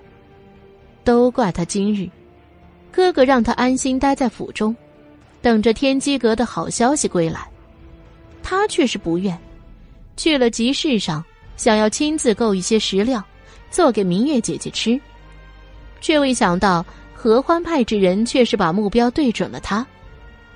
他饶是会些武功，但是在那些人的夹攻之下，却也是吃力的很。很快。他便被合欢派的人给拿下了。若是他不嫌烦，让天机阁的人跟着，倒也不会出这般事了。送他离开。阮明心淡淡的说道：“他现在自是走不了了，这叶福林也不会那般容易就让他离开。”叶福林见他没有要耍赖的心思，再者主角都来了，其他的配角。倒是可有可无了，让他走吧。先前带阮明星来的人却是给云长引路，云长不愿走。我要留下陪明月姐姐。若是他走了，明月姐姐岂不是一个人在这孤军奋战了？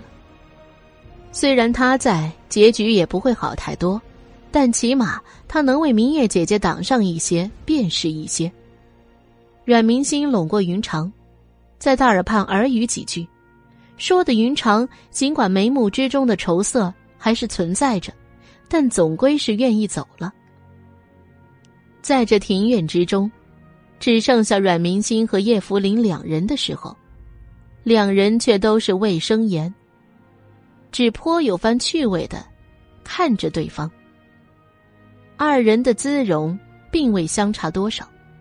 却是各有各的风光，令人难以移得开眼。总之就是各有千秋。叶福林终究是红唇染了一抹笑意。我对阁主可是心生敬佩的，在断尘渊这般之地，阁主将天机阁主持到现在这般的庞然大物，可不是容易的。阮明星对叶福林。也自是怀着差不多的心思。门主何必如此说呢？门主不也是将合欢派主持到了现在的大拿之境？叶福林把玩着青瓷杯，可这不还是要被阁主除去吗？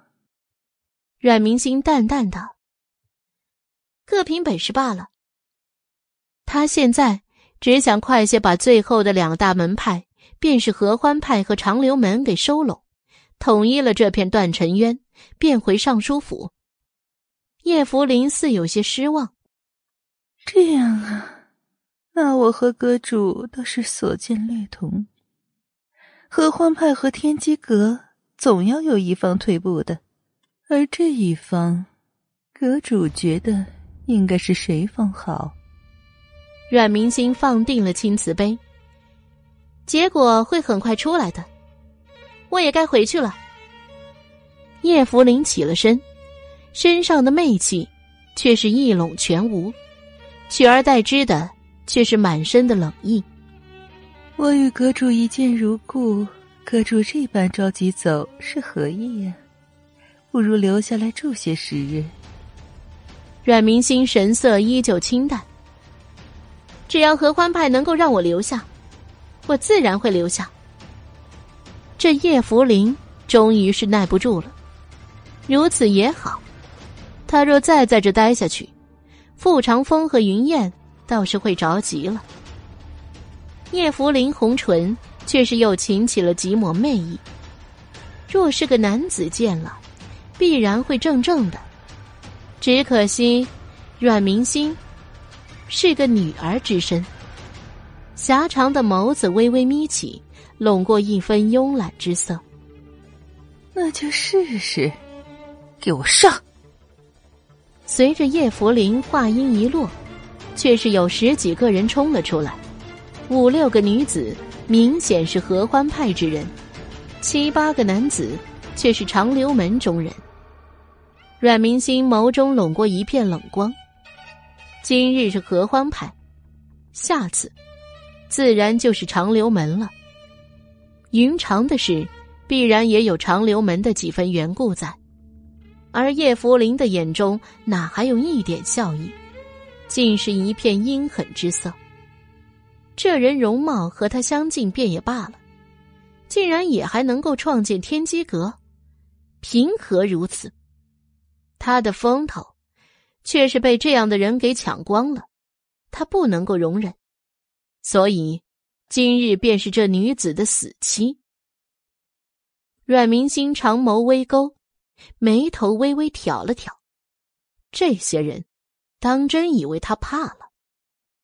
女子身形直立，看着若束手就擒一般，其实却是在让人接近之时，身影快步之于其中。身法之快，却是所有人都没有看清的。就是叶福林以为自己就要赢定的时候，不过片刻，十多人却都是倒在了地上。叶福林唇角垂了几分，就是那张美艳娇容也不由得有些扭曲。他本先不知这天机阁的阁主是男是女，只听医术了得。并未传过其武功如何。为了以防万一，他留下的人可都是合欢派中的精英，而长留门更懂得，若是现在不助合欢派一把，下一个就该轮到他们了，也是尽心尽力的派了人过来。而眼前却如何是这般模样？他在见了这阁主是女子之后，心中的胜算可是更甚。哪知道这女子竟是武功也这样厉害。既然撕破了脸，阮明心对这些人自也再无一分笑意，面孔泛上一片寒光。现在不知门主还想不想要留我在合欢派常住了？美人心毒，他倒也是领教了。这合欢派门主生的倒是美。云长还未长开，和其一比，也是逊色了太多。若是这女子能够光明正大的让合欢派和天机阁来一次斗争，他对她倒还是有几分惜惜之情。只可惜，现在见识了叶福林下作的手段之后，对他却是如何再也生不起一分的好感。他虽和人虚与委蛇过，却从未让天机阁先和一个帮派联手吃掉另一个帮派，再反过来对付这个帮派。他要统一这段尘渊，要心狠手辣，但是从不使卑鄙手段。这也是天机阁在段尘渊之中名声尚算佳之故。叶福林的媚气，却是更加入骨。突的娇容增了一分笑意，这阮明星武功高强，的确是出乎他意料。可他当初为此倒一向的习惯，却是留了一手。倒不想如今正好可用。阮明星的心中却是顿的有些沉了，只是也说不上来究竟是为何。却看到叶福林一步步的后退，挥手之后。却是二人押着一个女子过来，赫然便是早就离开了的云长。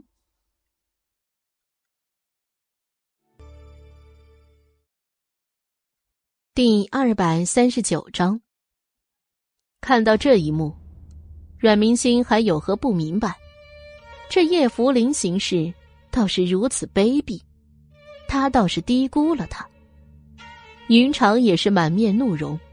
看到阮明星周旁倒下了人，心中倒是微微的安了些。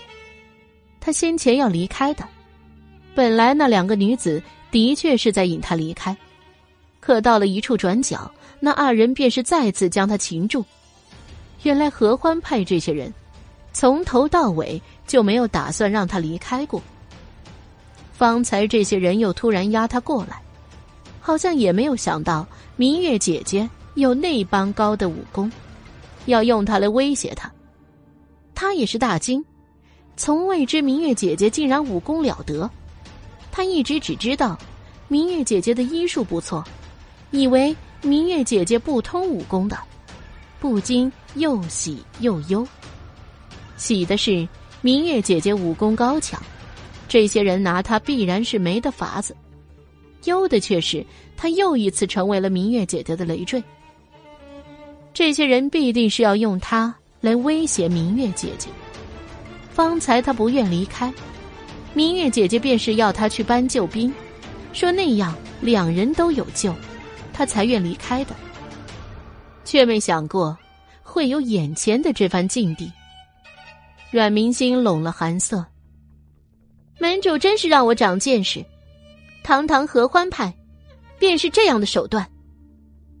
叶福林倒是不以为意，在这段尘渊，想要成就一番大事业，脸面放弃的时候，他也不会有半分的犹豫。阁主何必废话？只是这丫头的命，就看阁主想不想要了。如果阁主想要这丫头，就跟过来；不然，叶福林伸手用匕首在云长白皙的颈上微微一试，不过轻轻而过，雪白的颈上却是立即多了一条红痕。阮明星冷声说道：“住手！”女子跟在了叶福林等人的身后，他倒不会有也抓上一个合欢派的女子，然后来威胁叶福林。若是真能够威胁到叶福林，那才真的是他在痴人说梦。能使出这种手段的人，不仅是对敌人心狠手辣，对自己的人也不会心慈手软。叶福林却是带着云长来到了合欢派的后衙处，看了一眼底下，自是深不见底。光是看一眼，心性小的人怕是早已吓得缩了回去。叶福林却是饶有趣味的挑了挑双眉，绝色的姿容被山风吹乱的青丝半遮半掩之下，却更有了一番风情。底下作为这丫头的埋葬之地。阁主觉得如何？阮明星的语气依旧淡淡的，只是偶抬了目，双目中冷光大掠，让人也是瞳孔微微一缩。若是门主觉得此地风水好，我也不介意让门主为云长陪葬。叶福林不以为然，唇角的笑意又甚了些许。有这么个美人陪着一起死。倒是我的荣幸，却是带着云长一步一步的退到最边缘。云长的玉额早已冒出了细细的汗珠。说对死亡一点也不怕吗？那自是不可能的。他也怕死呀，只是他现在这条性命便是明月姐姐给的，只要他死了，凭明月姐姐的武功，定然是可以回去的。到时候。再为他报仇。云长定了定，心中一下便有了计量。至于哥哥，他在天机阁会继续得到重用，他只盼哥哥能够一世喜乐。阮明星的心中却是开始计量着，要开始如何生法，才能够把云长救过来。哪里想得？云长给叶福林一双柔夷狠狠的咬上了一口，也许是全身气力都拼在了这一口上，叶福林的柔夷却是被咬得鲜血淋漓。叶福林吃痛，自然是松了手，云长却是趁着这一下跳了下去。冷风在他耳边撕扯，他什么都听不清楚，只是觉得自己的身子在不断的坠落，这样。也好，只是突然，云长便觉得自己的身子不再往下掉了，一下子却是被什么抛了上去，上面却是传来熟悉的哥哥的声音。云长却不觉得任何轻松，因为他被明月姐姐抛了上来，等于是借了明月姐姐的力道，但明月姐姐却是坠下了崖。云裳，他呢？云燕见着云长摔过来。顿时将他接住，扫了一圈，未曾看到阮明星，却是心中掠过一片焦急之色。云长本就柔弱，虽刚被阮明星借力抛力给弄了上来，中间一直坠下去，也是碰到崖边的尖锐物，全身都被划破，却是晕了过去。云燕只得抱着云长，傅长风却是长剑已经跨到了叶福林的颈边，毫不留情的压了下去，出了一圈血丝，这才微微收拢了力道。说，叶福林看过去。却只见男子双目中的冰冷无情，知道这男子是真的不会放过他，他今天是逃不脱了。只是，他看了眼深不见底的后崖，这至少还有个天机阁的阁主给他陪葬，不是吗？后崖可是极深的，底下又有野兽，那阮明星落了下去，不仅没有一线生机，而且。怕是尸身无存，他不由得大笑道：“哈哈哈哈你们阁主呀，能不就在那下面吗？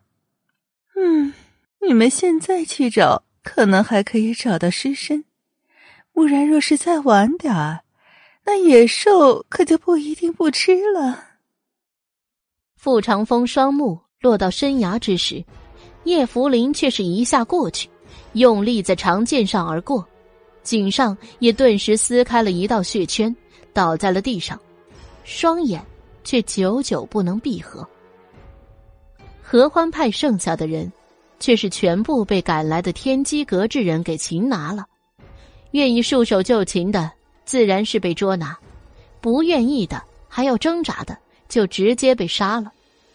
而傅长风和请完大夫回来的云燕。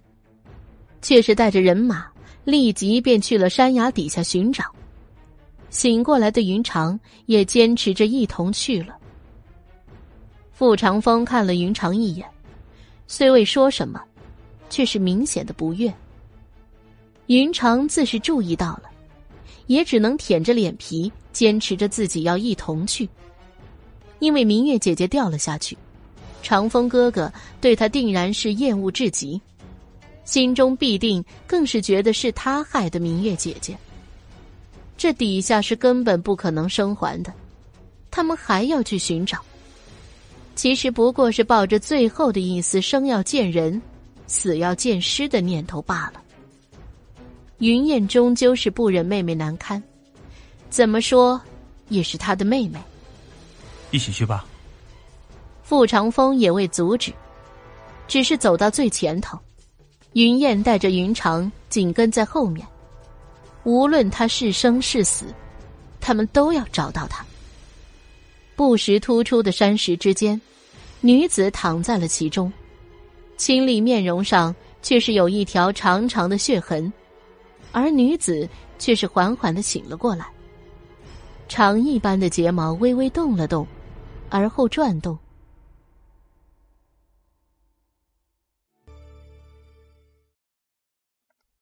第二百四十章，那个女子却就是阮明星。她揉着脑袋，扫了眼四周，却发现自己完全不识得路，而且身子上也不时传来一阵疼痛，却是一路坠落下来，刮伤所致。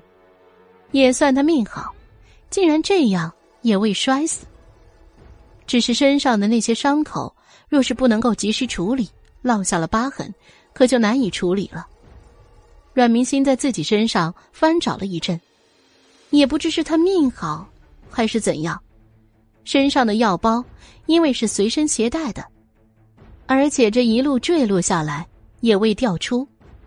他在忍着疼痛去找了药草，涂在了身上，夹着药包一同覆盖着，倒是感觉伤口上传来一片清凉。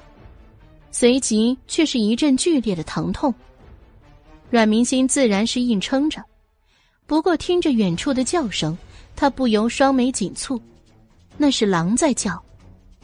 狼是群居动物，定然是狼群。他虽然坠落是大难不死，那可不代表他遇到狼群还能那般幸运。狼群见到了人，注意的自然是那一堆可以吃的血肉。到时候必定是要将他撕扯而亡，而他别说现在身上疼痛未断，便是他身体无损之时，他一个人也不可能对抗得了狼群啊！想要以人的肉体来对抗那群看见生肉便不管不顾冲过来的狼群，他是找死不想活了才会如此。幸好四处阮明心找了一下，这天无绝人之路，还真被他找到了一处山洞。山洞里面并无光亮，因而阮明星走起路来也是一路摸索着前进。不知为何，他总觉得这里面曾经有人进来过，因为底下便是有深一脚浅一脚的脚印，而再进里面。却竟是微微的透出了些许亮光。按理说应该不会有光，山洞最里边也应该是一片暗沉的。这里面的光是从何而来？阮明星一路支撑着前往，中间伤口又破了几次，他却也只能咬牙忍着。如果找到那片光，可能是一线生机。阮明星再往里而去，这一下。却是双目微眯，地上竟然有一个火折子，只是未点燃的，应该是谁随意丢弃在这里。这上面蒙了一层厚厚的灰尘，应该是有些年份了。所幸这里是山洞，山石也不少，虽大多潮湿，而干燥的倒也有。阮明星拿山石互相撞击，激出了火花，点燃了火折子。有了火折子，再走向前，阮明星倒也好走多了。不过马上，他也就后悔了，因为这地上竟然是遍布着人的骨头，还有一些早就腐烂的骨架子，散发着一股令人作呕的味道。他倒宁愿不看，实在是有些恶心。而再走了一会儿，阮明心却是愣在原地，看着面前一幕。双眼满是惊愕。你们先回去吧。三人找了一日，却是没找到阮明星的半分踪影。傅长风看着云燕和云长面容上的疲累之色，不由得说道：“云燕未停下脚步，只掏出干粮给了另两人。你呢？”傅长风咬了口干粮，继续找他。他一定要找到他。行进路上怎么能只有他一个人呢？他相信他一定没死，只是在哪个角落而已。只是心中的理性告诉他，从那么高的山崖上掉下来，就算还能够生还，怕也是遍体鳞伤了。而现在还未找到他，他身上的伤不能得到及时救治的话，怕就算是从山崖落下来没死，活生生的流血。也会血尽人亡的。云燕定定的说道：“我也要一起。”他又救了云长一命，不管是之前的约定，还是这一次又一次的救命之恩，他都必须前去。他未想过阮明心看到云长坠落下去，会跟着一同坠崖，把云长甩了上来，自己却再也上不来了。如若他现在就这样走了。那他云燕倒真是个白眼狼，这点休说其他人，便是他自己，都会摒弃自己。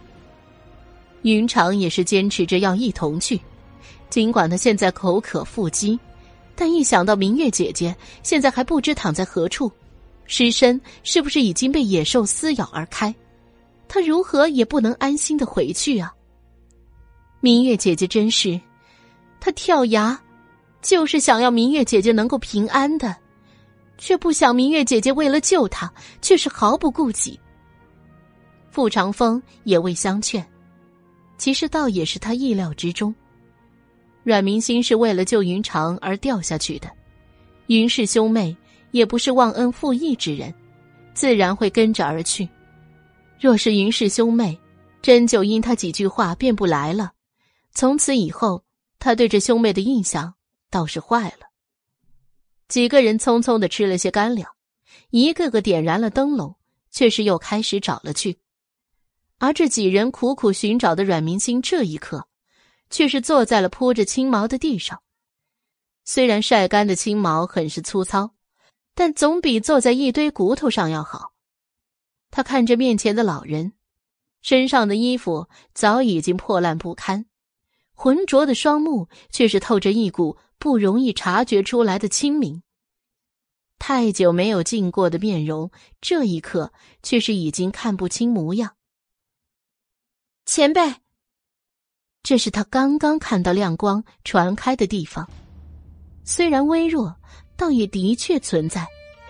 而一进来，却是发现这其中有一个水牢，而水牢里还困着一个老人。看见人来了，老人本来没有抬起头，只是瘫在那儿。倒被他当成了一个死人。